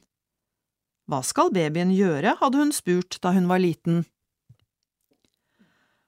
Han skal redde verden fra synd og frelse oss alle, var svaret bestemoren hennes gav. Det hendte ikke mens besteforeldrene levde, det hadde ikke skjedd i hennes tid heller, og nå var hun selv bestemor. Men hun trodde ennå på en frelsende fødsel. Gud visste hvor mye de trengte det. To av nabolandsbyene deres var i krig, og mange mennesker var døde i den galskapen. Ånder hadde angrepet fire som var på reise, og tre av dem døde mens én unnslapp og kunne fortelle den grusomme historien. Fem landsbyer en dagsmarsj unna var innhyllet i en mørk sky i en uke. I den nærmeste landsbyen døde alle babyene i en feber- og lungeepidemi. I mange dager hørte de bare lyden av sorg stige opp derfra, tykk som røyk. Chambulé, send oss din frelse snart, ba folkene i landsby etter landsby. Tola husket hva bestefaren pleide å fortelle henne. Chambulé vil sende sitt guttebarn, og han vil få slutt på all ondskap når han kommer. Barnet vil gå fra hus til hus og fylle sin kjærlighet i folkets hjerter som små lamper, og de vil lære å elske hverandre. Når menneskene har kjærlighet og ikke hat i hjertet, vil de vite hvordan de skal tilgi fiendene sine. Bestefar, det er fantastisk! Tola hadde klappet i hendene og hoppet og danset av glede første gangen hun hørte det. Hun hadde nettopp fylt fem den gangen. Det vesle hjertet var fylt med en glede som fikk henne til å sprette og danse. Hun sprang rundt på tunet til bestefaren og kom etter hvert tilbake til ham. Bestefar, har du snakket med Chambulé, har du noen gang sett ham? Lille Tola stilte spørsmålene som hun hadde tenkt på helt siden hun ble fortalt historiene om skaperen. I Tolas verden var det ingen som var så vise som bestefaren hennes. Hun tenkte at han til og med kunne ha møtt Chambulé. Han var så klok, og hun var sikker på at ingen kunne vite så mye som bestefaren om disse tingene. Jeg har aldri sett Chambulé Tola. Det heter at ingen kan leve om de ser ham ansikt til ansikt, men jeg drømmer om ham. Det er trygt å møte ham i drømmer, men ansiktet hans har jeg ikke sett i drømmene mine heller. Men jeg har sett et stort, stort lys som gjør vondt i øynene, og jeg har hørt stemmen hans snakke til meg og fortelle meg ting jeg skal dele med landsbyen. Det er slik jeg vet hva Chamboulet ønsker. Å, som Tola ønsket at Chamboulet ville snakke til henne også, når hun drømte. Chamboulet sier at sønnen hans vil ta bort sykdom og lidelser fra alle landsbyer. Mange år hadde gått siden hun hørte disse ordene for første gang, men hun trodde fortsatt på dem, og hun hadde båret historien inni seg i årevis, og hun tenkte med seg selv. Disse babyene ville ikke ha dødd hvis Chamboulets sønn hadde vært her. Bestemor, fortell den historien en gang til, ba den lille gutten. Sanou var fire og et halvt. Han hadde begynt å snakke for alvor da han var to, og han snakket ustoppelig. Vanligvis var han full av spørsmål. Andre ganger kunne han stoppe lenge nok til å lytte til bestemorens historier. Og han hadde sine favoritter. Tola hadde allerede fortalt historien om stjernene mange ganger. Kom her, sa hun. Peisen brant klart og varmet kjøkkenet. Sitt med meg. Hun dro en liten stol laget av flettet bambus bort til seg. Du er stor nok til å sitte for deg selv nå, jeg vil ikke bære deg lenger. Gutten strålte av stolthet. Han elsket å bli fortalt hvor stor han var. Han satt stille ved bestemorens side og ventet på at hun skulle fortelle. For mange år siden, begynte hun, for mange, mange, mange år siden, flere enn du kan telle på fingrene og tærne, både dine og mine, og på hendene til alle folkene i landsbyen, ja, for mange år siden, ga Chamboulet et løfte. Han så at livet på jorden var svært hardt for folk. Mange ble syke og døde. Ville dyr drepte kvinner og barn. Og folk var redde. De sørget og var uten håp. Chambulet ble veldig trist da han så alt dette. Han lovet at han ville hjelpe på en veldig spesiell måte. Han ville sende sønnen sin for å lære folk å elske hverandre. Han ville helbrede alle syke. Han ville gjøre alle steder trygge for mennesker, og ingen dyr skulle skade dem. Han ville forvandle verden til en vidunderlig plass å leve. Sønnen til Chamboulet er straks klar for å bli født. Vi må være våkne for når det skjer. «Eh, Hvordan da, bestemor, hvordan kan vi være det? Ved å se på stjernene, for historien forteller at stjernene vil begynne å synge når det er tid for at Chamboulets sønn skal komme til jorden. Hva mener du? Hvordan kan stjerner synge? Tenk om de faller ned på oss? Nei, jeg tror ikke stjernene faller ned på oss. Kanskje de vil falle ned i elven? Tåla kunne se at gutten var ivrig etter å høre, men han halvsov, for han hadde lekt hele dagen. Da hodet hans falt ned, bar Tåla ham til sengs og lot ham sove. Neste kveld fulgte de samme rutine. Sanou ba bestemoren om å fortelle historien, og Tåla gjorde det. Hun hadde begynt å lære ham Chamboulet-sangen, og man kunne høre den vesle stemmen hans gjenta bestemorens ord når de sang sammen. Likevel, da det endelig skjedde en kveld, var de helt uforberedt. Bestemor, kom fort! Vær så snill og skynd deg, bestemor Tola! Sanou ropte på henne fra utenfor huset. Du må heller komme inn, Sanou, det er mørkt ute. Nei, du må komme ut hit, bestemor, noe skjer. Kom, er du snill! Tola ble litt irritert over at gutten ikke ville komme inn, men hun kunne ikke overse begeistringen i stemmen hans. Hva var det han hadde sett? Hva var det han ville vise henne? Hun forlot arbeidet og kom bort til døren. Ikke bråk, du kan skremme dem, se! Tola så i den retningen Sanou pekte, og hun måtte holde seg for munnen for ikke å rope. Synet var så overveldende. Østhimmelen var opplyst av noe som så ut som fallende stjerner. Det var en evig strøm av lys mens de falt ned på jorden.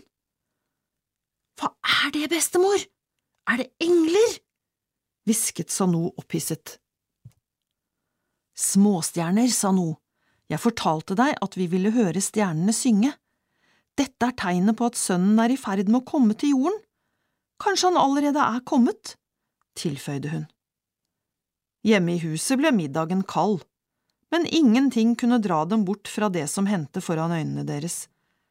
Stjernene var ikke store, og det passet godt at Tola kalte dem småstjerner. Hver lille stjerne glødet klart idet den falt, og lyset tente alle stjernespissene. Kan vi springe og fange dem? Sano kunne ikke la være, han var så begeistret. Hysj, vår jobb er å være stille og lytte. Hvem vet hva ellers Chambolet vil vise oss? Mens de ventet, begynte Tola å nynne lavt på en lovstang. Hun løftet blikket mot himmelen. Hun prøvde å være rolig, men var like full av begeistring som Sano. Tenk at hun fikk oppleve denne dagen! Hvor var sønnen og svigerdatteren? Ikke lenge etter kom de springende, og sammen med dem resten av landsbyen. Alle ville se det fantastiske som skjedde. Så er det sant, da, sa Tolas sønn lavt, men høyt nok til at Tola kunne høre. Chamboulé hadde endelig svart på bønnene hennes. Hun var så takknemlig. Folk hvisket til hverandre, og alle så på Tola og ventet på svaret. Frimodig svarte hun. Dette er det bestefaren min fortalte meg om for mange år siden. Stjernene er ett av tegnene som forteller at Chamboulés sønn er født et eller annet sted. Dere vet jo med dere selv at dette er sannheten.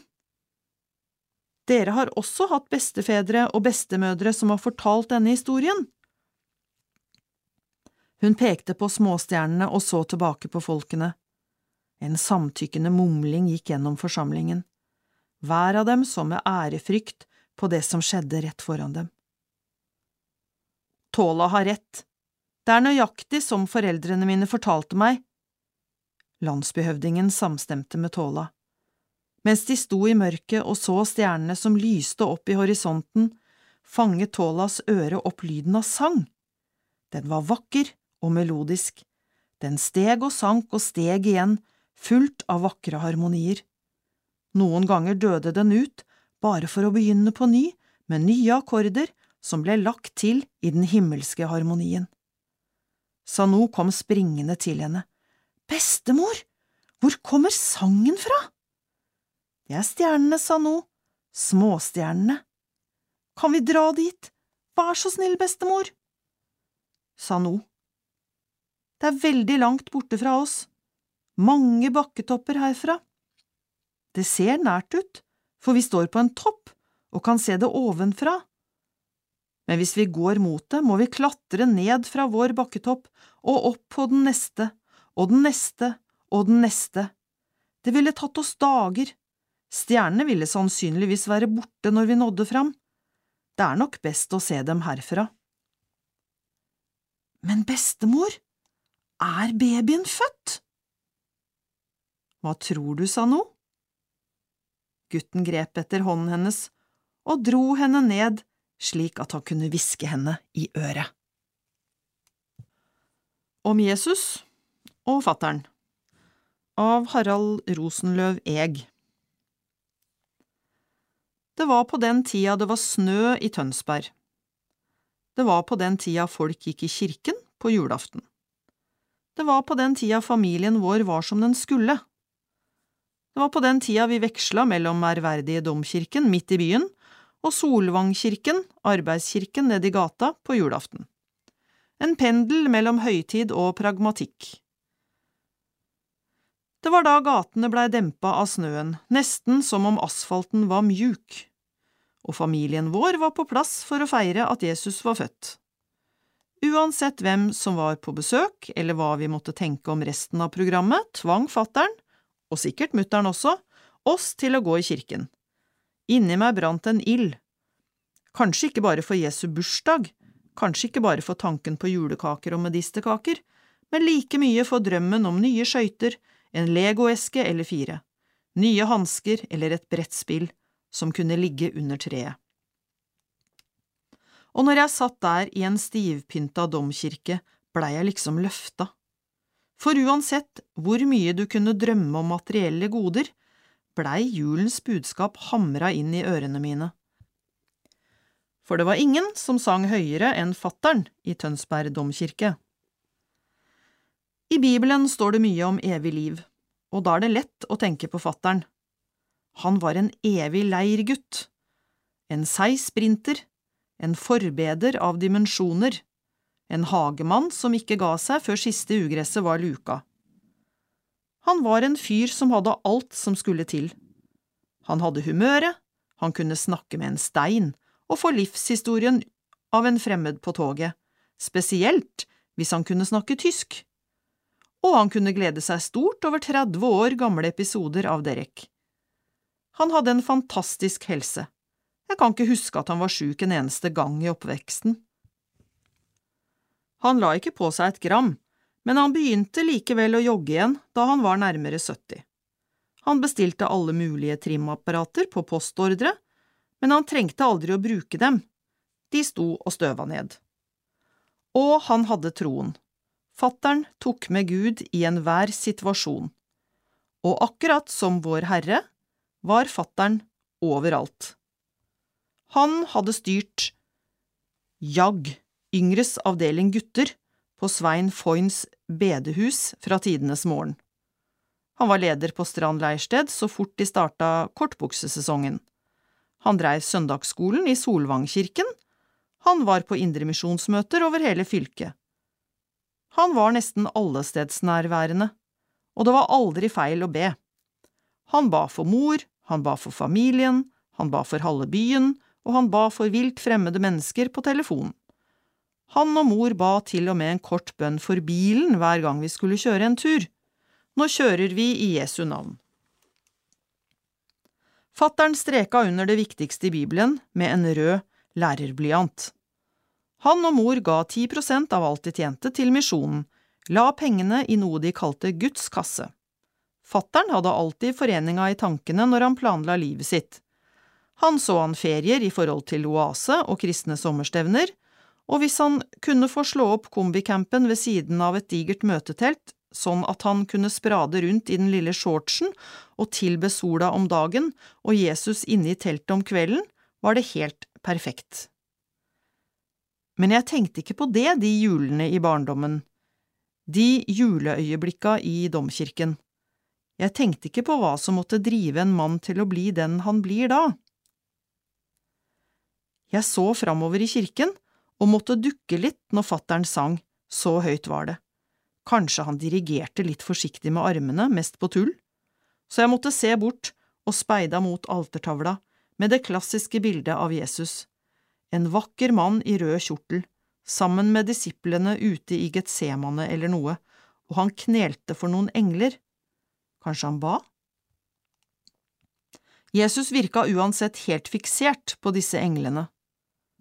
Han virka uinntagbar, som om han var sikker i sin sak, uansett hva som måtte komme, og jeg tenkte bare på at fattern var en mann som sang høyere enn alle andre, og når han gikk inn i domkirken, var han nesten umulig å nå. Sjøl om fattern var relativt gammel da han fikk meg, hadde han et hue klart som blekk og et blikk som alltid gløda. Han hadde en forfriskende klesstil, en joggeskopark som enhver maratonløper kunne misunne ham, og han gikk med raske briller fra tidlig nittitall. Men han var ikke typen til å tyne dette heller. Han forsto at han blei eldre, han kjente sine begrensninger og solgte bilen da han skjønte at kjøringa ikke var noe for han lenger.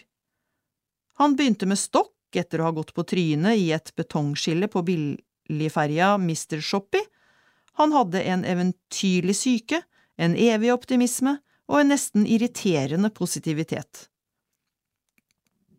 Som da vi var og besøkte han på sykehuset rett før han døde, en dag han ikke var særlig tess, så han så på oss fra dyna og sa, Jeg er inte sjuk, jeg er bare svensk. Han mista jo sin nærmeste bror, altfor tidlig, og han mista sitt livs kjærlighet, mutteren, på kanskje verst tenkelige tidspunkt. Som en mann med såpass gode forbindelser oppover fikk han ikke særlig godt betalt for bønneinnsatsen. Han kunne vært bitter, han kunne vært sint, han var jo knust, men sjøl ikke tapet av mutteren fikk han av sporet, snarere tvert imot. Han ga kanskje enda mer i tjenesten for Gud etter det. Hvis jeg hadde smuglest på en av alle de små lappene han omga seg med, hadde jeg kanskje funnet ut hva han skulle gi meg til jul den gangen jeg satt der i domkirken. For livet hans var fullt av små sirlige huskelapper med alt han skulle gjøre, alt han skulle handle inn, alle han skulle be for, og alt han skulle organisere. Han lagde lapper overalt, og lappene lå overalt. Inni blader og bøker, under kopper og i poser. Og sakte var det som om disse lappene var et kart over verden, et kart over alle navnene. Alt han som allestedsnærværende måtte huske. Fattern var en sherpa, en bærer, ikke bare av handleposer og kofferter, men av folk, av medmennesker, som igjen visste at han tenkte på dem, ba for dem. Han besøkte dem på sykehuset, sang for dem på sengekanten, han møtte opp i begravelsene deres og sang, akkurat som med mutter'n. Han satt på sengekanten hver kveld før han la seg og leste kjærlighetsbreva deres, og så streka han i dem med samme rødblyanten som han brukte i Bibelen. Han fulgte alle langt forbi døden. Fattern ga masse. Han ga familien julaftener i domkirken, han ga oss historier fra krigen, campingferier og bilturer, men han ga like mye ut i verden. Eller kanskje mer? Til ungdommene på Strand leirsted, til damene i Israelsmisjonen og deltakerne på bibelcamping. Fatterns familie var Guds store familie, og det var nesten lettere å få et overblikk over fatterns virke gjennom å lese de lappene enn gjennom å snakke med han. Jeg har prøvd å tenke på hvorfor fattern alltid sang så høyt, og var det spesielt på julaften, eller var det alltid sånn? La oss si at det alltid var sånn, han sang alltid så høyt, men også at det var spesielt på julaften. Han kom fra en familie hvor alle sang sånn, høyt og klart, særlig når de sang om Gud og Jesus. Men jeg har prøvd å tenke på om det kunne være noe spesielt med julaften og i ettertid har jeg tenkt at han fokuserte på den tanken mange av oss ikke klarte å holde så lenge av gangen. Det var Jesu bursdag. Og hvordan feire bursdagen til et menneske som er død? For 2000 år siden? Hvordan vise at du bryr deg? Hvis sang på noen måte kunne nå himmelen, hvor Jesus kunne befinne seg, så måtte det å synge sånn i domkirken på julaften være den beste forsterkeren fattern kunne finne, og han sang av full hals. Derfor er det alltid så underlig å forestille seg at det kan skje, at mennesker som alltid har vært der, som aldri har trua med å svikte, som aldri knapt har vært sjuk en gang, plutselig svikter. Jo da, han hadde skifta en hjerteklaff, han hadde hatt noen lungebetennelser, men så blei han plutselig sjuk. Med det de først trodde var en halsbetennelse, så vi tok det kanskje litt for rolig. Hva var halsbetennelse for en fyr med evig liv? Men det var ikke bare halsbetennelse, for da han kom seg til legen sin igjen, var det en ny tone i ham. Legg meg inn på sjukehuset eller skyt meg, sa han da, med en nesten militær ro for han hadde dobbel lungebetennelse, nyresvikt og hjerteflimmer. Han satte ingen rekorder, men kanskje han hadde nådd sine mål, og han ville ikke lenger leve for enhver pris. Han ville ikke ha et liv uten å kunne gå på møter på bedehuset, og da legen på sykehuset sa at fattern måtte på sykehjem, bestemte han seg for å slå av bryteren. Han så på nyhetene, ba om å få lese avisa, og en time etter ringte de fra sykehuset og sa at det var slutten.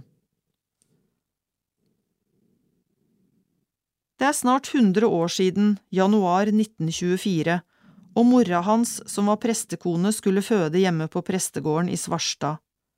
Det var frost på rutene og langt til folk, så det blei faren hans, presten, som måtte ta imot barnet før jordmora rakk fram.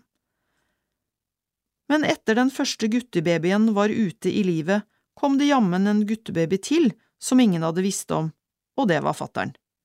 De var så små at de kunne ligge i hver sin skuff på prestegården. og tvillingbroren hans døde etter ni dager.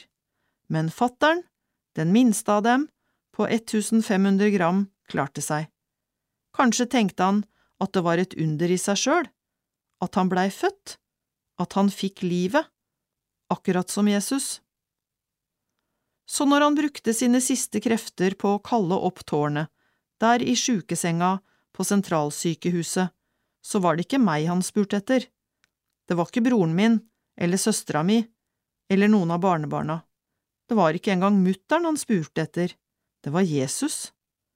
Han sa ifra til Jesus at nå var han reiseklar, nå ville han dø, nå kunne Jesus komme og hente han. Med de smale henda sine opp i lufta foran seg. Som om han var innom i domkirken en siste tur, på julaften. Og det var bare én som var god nok da, det var bare én han så fram til å møte. Kom og hent meg Jesus, sa han, før han blei helt rolig. Så sa han, god natt, sov godt begge to, til broren min og meg som satt der, og så sovna han, den rolige søvnen bare fattern kunne sove, den som gjorde at mutter'n måtte vekke han midt på natta for å sjekke at han var i live.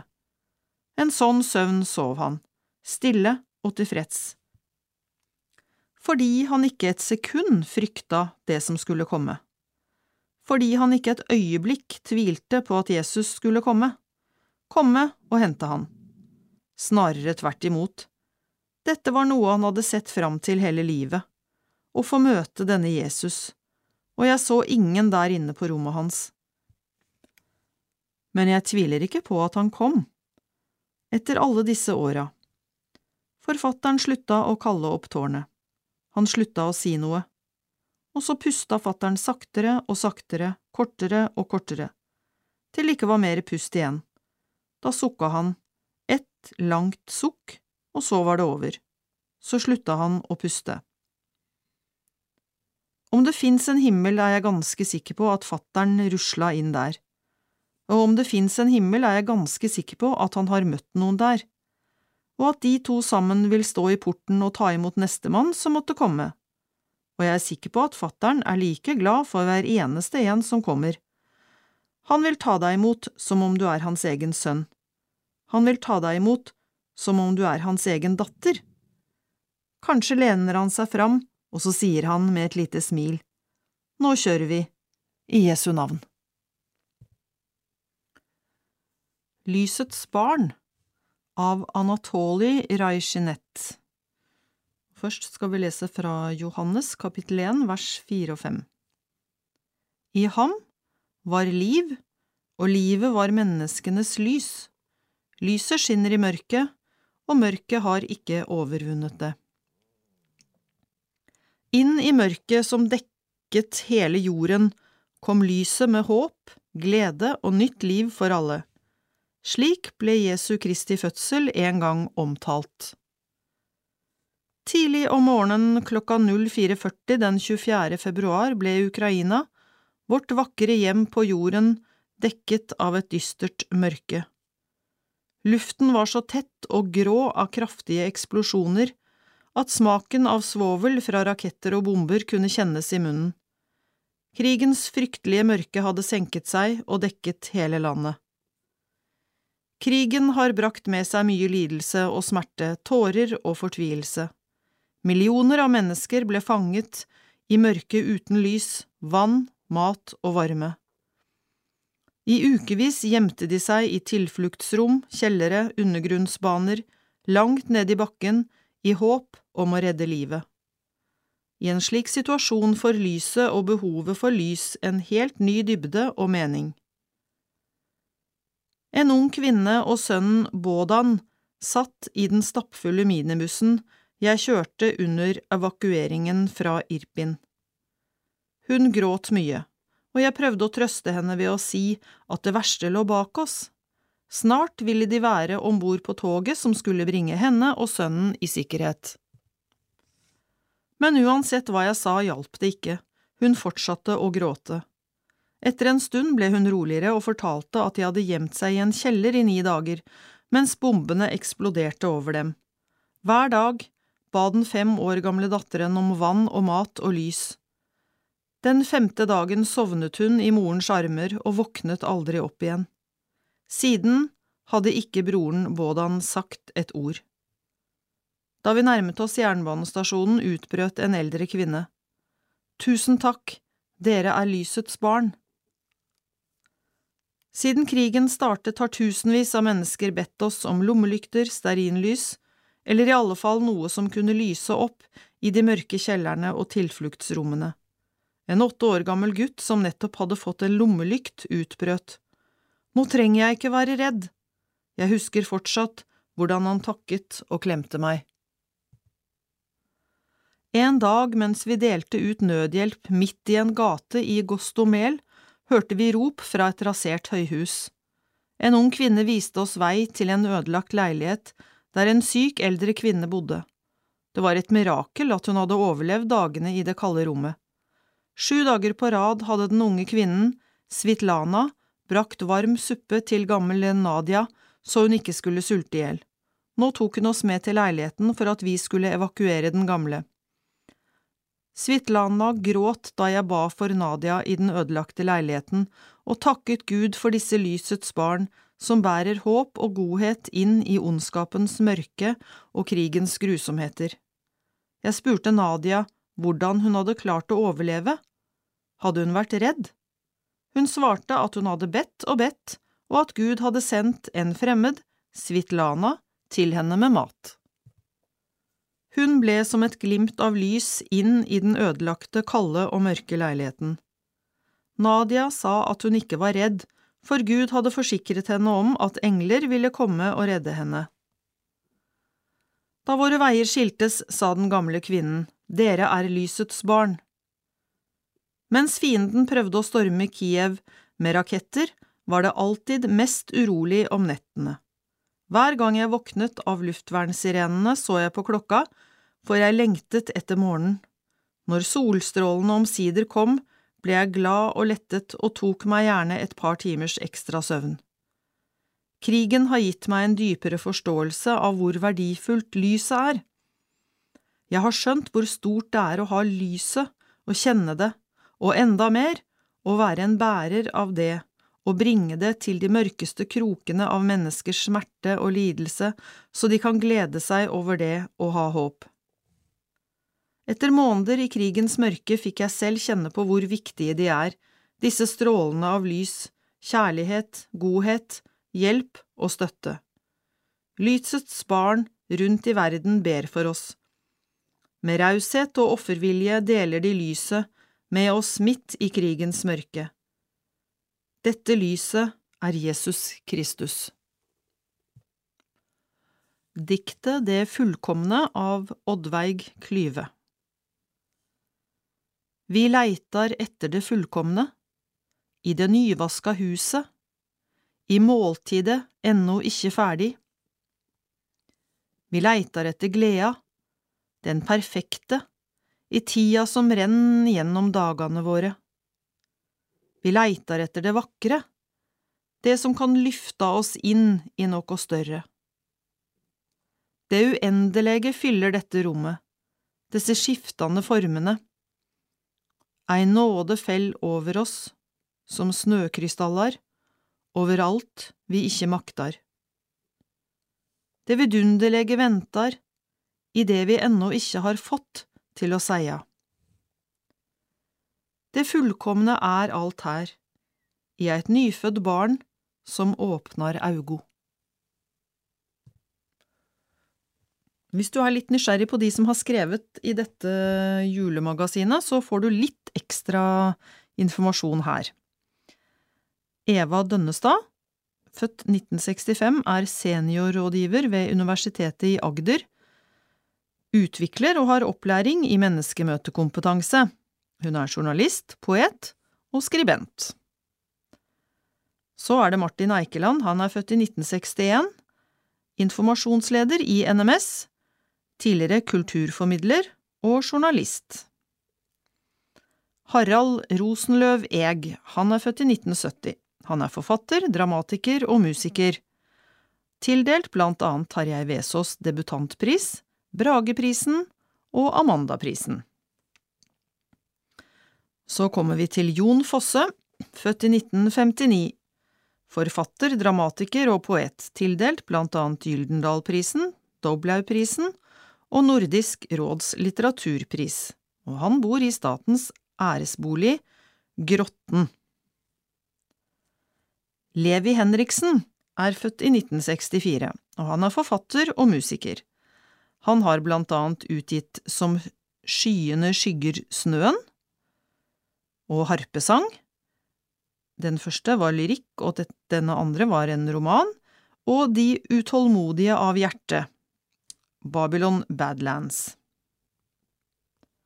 Så kommer vi til ikke ukjente Edvard Hoem, født i 1949, forfatter, poet, biograf, oversetter og dramatiker, kjent for blant annet Mors og fars historie, roman, og Slåttekar i himmelen, roman.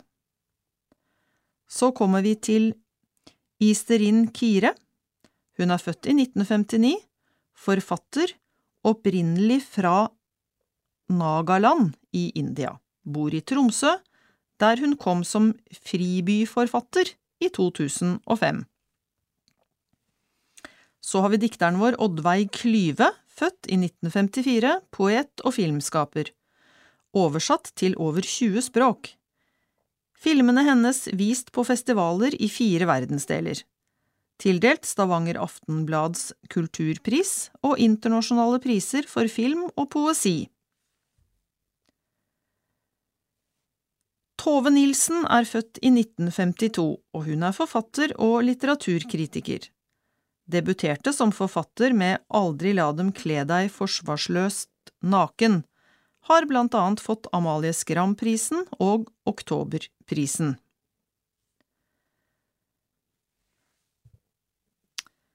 Turi Barth Pettersen, født i 1950, gjesteredaktør for I de dager i 2022, altså det magasinet du nå har hørt. Hun er tidligere redaktør for skjønnlitteratur i Aschehoug og forlagssjef i Bibelselskapet. Så kommer vi til Anatoli Reishinet, uttalen får vi ta med en klype salt, født i 1979, assisterende generalsekretær i Bibelselskapet i Ukraina, bosatt i Kiev, har formidlet historier fra krigshandlingene til omverdenen. Så kommer vi til Hans Johan Sagrusten, født i 1970, prest, bibeloversetter, forfatter og lyriker. Utgitt blant annet Det store puslespillet 1 og 2 og Johannes' åpenberring, Ein samtidsvisjon. Så har vi Alf Kjetil Valgermo, født i 1977, forfatter og tidligere kulturredaktør i Vårt Land, har gitt ut flere bøker som Røff guide til Bibelen og Bibelens kvinner. Til slutt så har vi Anne Kristin Åsmund Tveit, født i 1962. Forfatter, bibelbrukskonsulent, forlagsredaktør og forteller. Tildelt Emmausprisen og utmerkelsen Ordknapp.